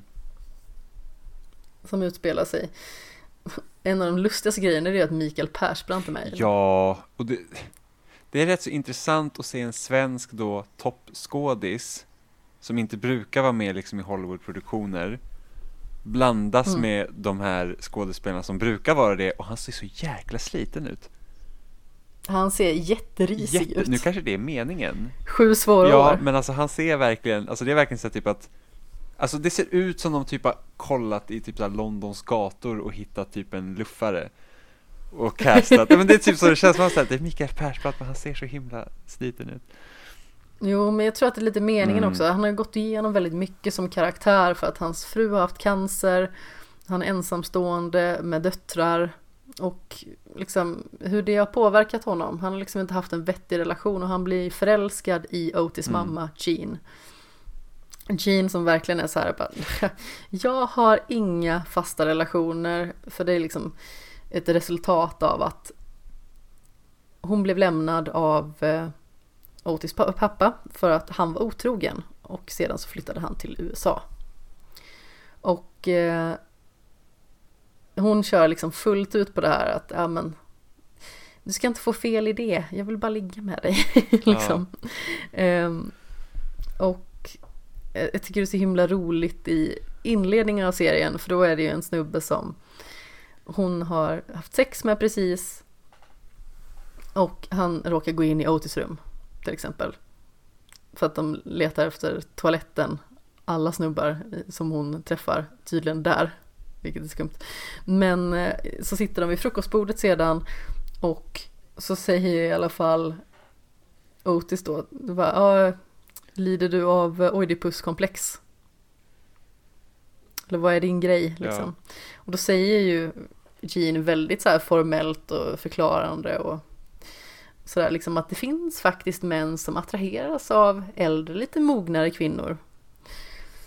Och så ska den här mannen då säga hej då till henne, pussar henne på kinden och säger hej då mamma, eller eh, jag menar Jean. Fantastiskt. För vet man inte vad oidipuskomplex är så betyder det alltså att man har liksom ja, intresse av sin mor Mm.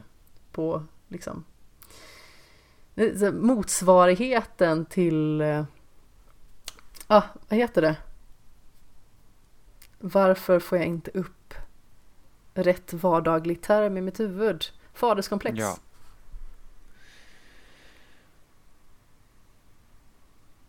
Otroligt roligt. Väldigt roligt. Och det händer ju lite senare igen också så det blir en liten till spin på det där. Ja, men och sen, eh, nu ska vi se, Mikael Persbrandts karaktärs dotter gör ju också samma grej. Eh, Ola heter hon. Hon letar Ja. också efter toaletten och kommer in i Odys rum och då sitter ju han och gör research till hans sex education grej där så att han ska ju, så ja. att han ska ju försöka hjälpa att få lesbiska tjejer att få ja, det bra. Som sitter och kollar på lesbisk Ja, porr. och så kommer hon dit och han bara, va? Nej. Smäller ihop datorn. ja. Så typ, så det är så himla roligt. Ola är ju också supermysig som karaktär. Ja, det är hon. Hon ser så himla snäll och trevlig ut. Mm. ja, verkligen. Och det är så himla, De får ju varandra i slutet. ja, precis. Men det lär ju inte vara. Nej, men jag är lite, jag tycker det är lite tråkigt att eh, de försöker göra Odis och Maeve att de ska liksom vara så här kärlekspar. För att det hade varit så himla skönt egentligen bara att se att de bara var kompisar. Ja. Att man liksom, Eller att de typ så här låg med varandra en gång eller någonting och sen så bara, nej men vi ska nog vara vänner ändå. fast det känns inte riktigt som Odis. Nej, jag vet, men alltså det kan ju råka hända. Men vadå? Ja, jo. Konstiga saker har väl hänt? Absolut. Eh, Jag har legat med kompisar. det har du säkert. Ja. Men Det lät som att det var jättemånga, men nej, Nej. det är det jag känner, det är så sällan man får se kompisrelationer mellan tjejer och killar i serier eller, eller Ja. filmer överlag. Så det hade varit skönt att bara ha det så. Mm. Ja, men det tycker jag också för att generellt sett så finns det en sexuell spänning. Mm. Och sedan när den liksom slätas över av en romans. Det blir inte riktigt samma sak längre. Nej. Alltså nu är det så här, det är en serie som inte jag tycker är jättefantastisk. Men jag såg ett tag i min tonår på Bones. Ja. Ehm, och då var det de två huvudkaraktärerna som liksom är uppenbart attraherade och kära. Eh, och så fort de får varandra, då tappar spänningen fullkomligt. Och det är synd, alltså, även om man är vänner så kanske man har en sexuell spänning. Mm. Det är inte så himla konstigt, för det kan det ju finnas. För att man tycker om varandra och man man är ju liksom bara en människa, man har ju faktiskt instinkter. Eller liksom så här, det är inte precis som man kan bestämma sig att okej, dig attraheras jag av, men jag attraheras inte av dig där borta. Utan det är liksom så här att det är sånt som bara kommer till en. Mm. Sen om man agerar ut efter det eller inte. Det är en helt annan sak, det är ett helt annat kapitel som vi inte ska gå in på här. Ja, precis.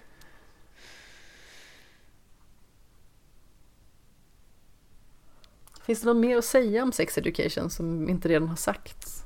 Jag vet inte riktigt. Jag tror, jag tror inte jag har någonting. Det enda jag tänkte bara. Alltså. Jag tänkte på Otis och eh, mammans relation med varandra känns liksom som en vänligare version av Bates Motel. Eh, jag vet inte om du har sett Bates Motel? Nej, jag har inte gjort det, men jag har hört Ja, talas om den, den, den är väldigt bra, men där har du liksom ett, en dysfunktionell relation mellan Norma Bates och Norman Bates. Eh, Som också är så här eh, mor och son, liksom att hon är väldigt kontrollerande. Så på, på många sätt så påminner hon om eh, Odys mamma. Liksom att de har samma drag, bara det att det är mycket mer överdrivet i Bates Motel, att det är liksom så mycket mer styrt. Medans eh, i Sex Education så känns ju den relationen liksom mer sund. Även om hon också har liksom så här, hon ska kontrollera och liksom kolla, men ja, hon är men liksom det är lite inte, mer så här. hon, hon är ju inte, vad ska man säga, hon är inte kontrollerande på ett för negativt sätt där Otis inte får göra saker. Men det är att hon vill gärna veta Nej. vad han gör. Men det är ju lite grann den här utpräglade liksom, analytikern i henne som hon naturligtvis blir i och med att hon är psykolog. Ehm, och det genererar ju liksom både positiva och negativa saker. Alltså, det positiva är ju naturligtvis att han har väldigt mycket kunskap med sig som han kan utnyttja. Det negativa är ju liksom att hon analyserar allt han Mm. gör. Ehm, och det kulminerar ju också i första säsongen i att hon skriver en bok om sin tonårsson som eh, har lite problem med alltså dels alltså erektion, dels att få utlösning och så vidare. Mm. Vilket naturligtvis är fel på många sätt. Ja, I synnerhet i och med att han inte har gett sitt medgivande utan bara börjar på den här och skickar iväg till förlag. ja men precis.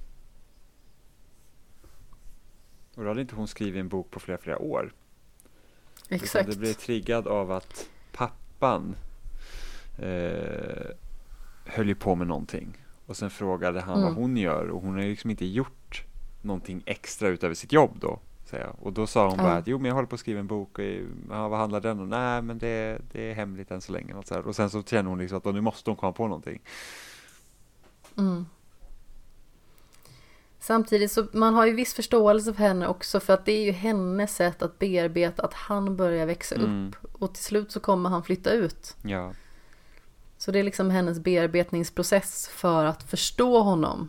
För att det är liksom inte alltid lätt att förstå alltså, någon som är i så olik ålder i relation till en själv. precis. Alltså det kan vara svårt att förstå människor i allmänhet tycker jag. Mm. Men om vi tar det liksom sådär ett steg till att det är liksom inte en far och en son.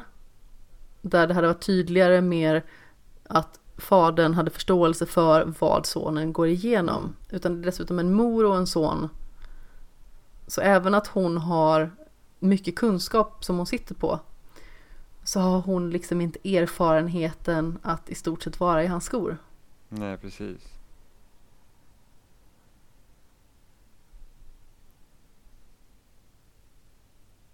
Och det är väl det som kan liksom bli problematiskt såklart.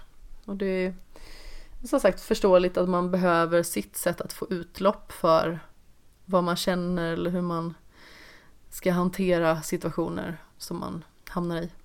Mm. Det är nog första gången jag ser ska- Gillian Anderson i en mer, eh, ska säga, en roligare roll. Jag har bara sett henne Ja. i drama förut. Hon gör det väldigt, väldigt bra. Hon är ju otroligt rolig. Jätterolig verkligen. Hon är så, hon är så Ja. roligt nonchalant också, liksom så här, när hon pratar. Liksom. Så här, Ja, Det är sådär. hon känns ju lite överlägsen. Ja, men inte liksom på ett elakt sätt. Nej, utan det är mer så här att ja, jag vet faktiskt mer än vad ni Ja. gör. Så ni kan lika gärna bara rätta er. Men det är ju för övrigt jätteroligt med när hon liksom när hon får en grej för Mikael Persbrandts karaktär och hon liksom tar sönder saker i huset för att han är ju rörmokare för att han ska komma Exakt. dit eh, och Ja. sen så går ju faktiskt hennes kran sönder och så Ja. ringer hon till honom och han bara, nej men alltså du kan inte ha sönder saker i ditt hus bara för att du vill ligga med mig, säg bara att du vill ligga med mig då, och så lägger han på. Och hon har så här värsta krisen så här för att det bara läcker ju vatten överallt. Det var en sån rolig Ja. grej liksom. Speciellt Ja, med tanke på hur verkligen. sansad karaktären är genom hela serien.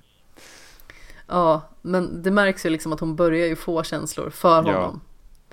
Eh, och att det är det som liksom styr henne För när det kommer en man i början av serien som, eh, som hon har eh, legat med. Och han liksom så här, ja men jag tänkte vi kunde äta frukost ihop. Och så ska han liksom ge henne blommor.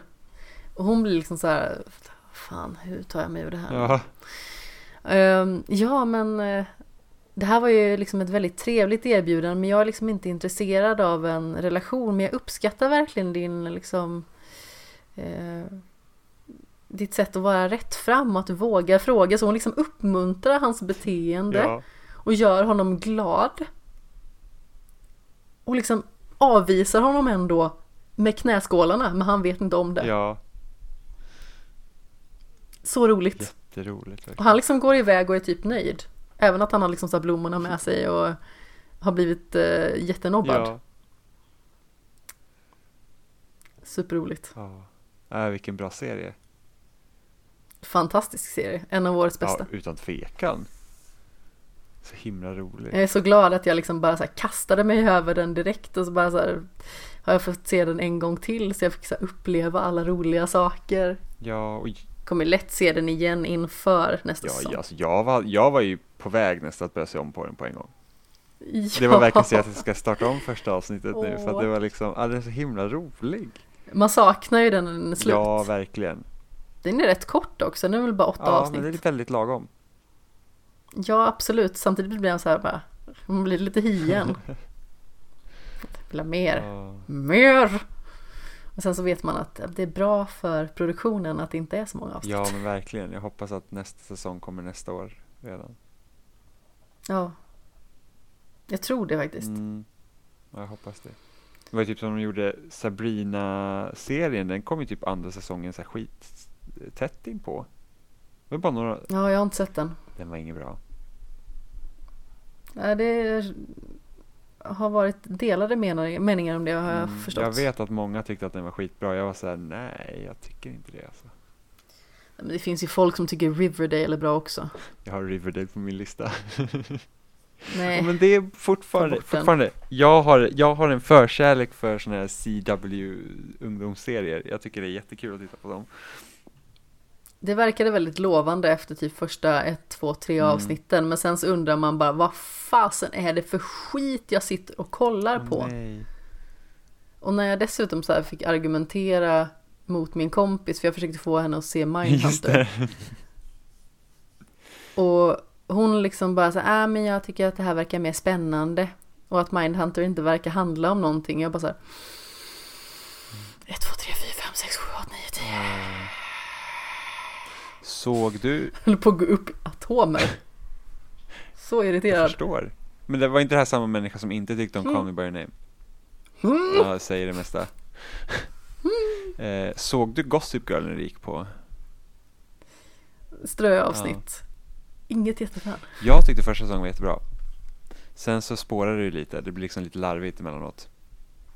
Ja men oftast blir det så här, man försöker att uppfinna hjulet en gång Mm. till. Men jag har ju också läst böckerna, Uh, har jag faktiskt gjort. De är väldigt annorlunda mot tv-serien. Karaktärerna är jättemärkliga i böckerna. Det är liksom väldigt så här typ På vilket Ja sätt? men alltså typ så här, ta bara typ Serena är liksom, hon är jättes, alltså bara svävande, liksom helt märklig. Eh, liksom man, får, man får inget riktigt grepp om hur hon är som person i böckerna medan i serien så är hon väldigt sympatisk. Eh, och Dan i böckerna är, han har så här stripigt, flottigt hår, han är typ som en Snape. Mm. Fast Snape är ju liksom, ja det är någonting med honom som man så här, jo, man blir lite glad Jo, av i Ja men byxan. det, har, det hade inte Dan i böckerna. Eh, och så här, alltid så här kaffefläckar på sin skjorta och väldigt så här, han var ju liksom, ville ju vara poet så att han märklig på det sättet. Liksom. Så det, det, böckerna är jättekonstiga. Eh, men de läste jag, var det väl en fem, sex böcker tror jag läste. Oj, Sen fanns det ju många fler. Så ja. Vet du vad? det är dags att sluta. Vi har suttit här i fyra timmar. Jesus Christ. Jag trodde inte det skulle bli så här långt idag. Du säger det Jag varje vet, gång! jag säger det varje gång. Nu blir det exceptionellt långt. Jimmy! Jag jinxade oss inte innan, jag sa ingenting.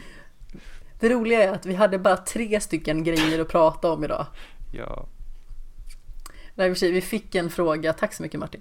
Eh, Martin. Och vi hade ju liksom själva avslutningen också. Mm. Men Klockan är halv två. ja, jag är också liksom så här. Jag skulle behöva sträcka på mig. Jag skulle behöva hämta en telefonladdare. Jag kommer förmodligen behöva en eh, liten slurk Pepsi Max för att eh, ta mig igenom det här klippandet. Slurk Pepsi Max. I vinglas. I den. ja. Fancy. Det är sån jag är. Kändes väldigt, lite så här trailer trash. Hörru du. Säger jag? Jag dricker Pepsi Max i vinglas. I, jag jag Ja. dömer inte. Okej, Okej, förlåt. du gjorde just Jag, jag, jag dömer inte, men det, det var så kul. Pepsi Max i vinglas. Nu har vi fest. Ja. Ja. Vart hittar man dig någonstans? Man hittar mig på spelsnack.com. Vi poddar om spel. Och Ja, det gör det vi. gör vi, Amanda. Nybliven Ja. poddkollega. Du infiltrerade min podd. Yes, det gjorde jag. Part of my master plan. Sen kidnappade du Det gjorde jag också. Välvillig kidnappning. Ja, jag kom ju ganska så frivilligt. Nu, nu Efter, ni, efter nio efter månader. Nu kändes det typ som jag var den här gamla gubben som åker Stockholmssyndrom. Ja, precis! Jag tänkte dra en parallell med den här gubben som åker runt i en van med godis och lurar på sig barn. ja. Och jag var så himla lättlurad. Ja, verkligen. Eller ja, kanske inte så lätt. Du har jagat mig i Ja, nio månader precis. kanske Jag- då med den här bilen. Så. Man får så här, bli bara bättre och bättre Någon godis. gång ska man väl falla in. Ja. Eh, och sen skriver jag på loading också. .se. Ja, det gör jag också. Precis! Det. Men det har jag faktiskt gjort ganska så länge så det, det kan du faktiskt inte ta cred för. Men Nej, det eh, kan jag faktiskt inte göra. det gjorde jag innan vi pratade första gången för två år sedan faktiskt. Det är ganska exakt två år sedan nästan, skulle jag tro. Jag tror det Mm. också. Jag har skrivit på loading i två och ett halvt år. Jag har skrivit på loading i Kommer Fem värstingen. fem och ett halvt, snart. Oj, Är det så länge? Jag har ju sammanlagt skrivit tre och ett halvt. Ja, det är inte länge. Då med IGN. Ja. Ja, och skämshögen kan man naturligtvis hitta på Twitter och Instagram på snabel av skamshogen. Finns på Facebook och finns där poddar finns. Och nu ska vi gå och lägga oss. ja, sa jag medan jag kvävde en gäspning. Nej, jag ska träna. Du ska gå och träna, jag ska gå och lägga mig. Eller nej, det ska jag inte alls för jag ska klippa den här podden. Men jag ska lägga mig efter att jag har klippt podden. Och jag ska också dricka Pepsi Max i vinglas. För att det är sån jag är. Jag blir också sugen på, inte Pepsi Max för att jag är en kolajan. Så att Åh, Cola gud. Zero, nej! Vad har jag gett mig in på? Tycker inte du om Cola? Jo, men jag föredrar vanlig cola i så fall. Men det dricker jag aldrig. Mm, jag kan inte dricka vanlig Cola. Så jag är förpassad Nej, jag till Zero. förstår. Men jag tycker Zero är godare. Faktiskt. För att, Jag tycker att vanlig cola är godare än light och zero. Light smakar som eh, cola fast med lite damm i. ja det är en konstig bismak där. Och eh, zero, alltså den funkar. Den är helt okej men det är liksom ingen Pepsi Max. Pepsi Max som trumfar eh, den vanliga Pepsin så otroligt hårt. Ja, Mycket godare. jag tycker Pepsi Max smakar som ful Cola. Hörde du? Nu tycker jag att du ska hålla dina hästar här. Eh, Men Cola Zero den är inte lika söt som den vanliga kolan. Den smakar inte lika sött. Kanske inte, fast alla lightprodukter, eller så här, innehåller det till exempel aspartam så är det ju tusen gånger sötare för hjärnan. Ja, I know. Eh, men, sma- Eller det är ju lite olika beroende på vilket typ av sötningsmedel det Ja. är. men den smakar inte, Men det är men den smakar inte lika sött. Jag ser inte Pepsi Max smaka så jättesött heller. Nej, det gör den inte. Men det är en konstig bismak. Det kan vara en konstig bismak.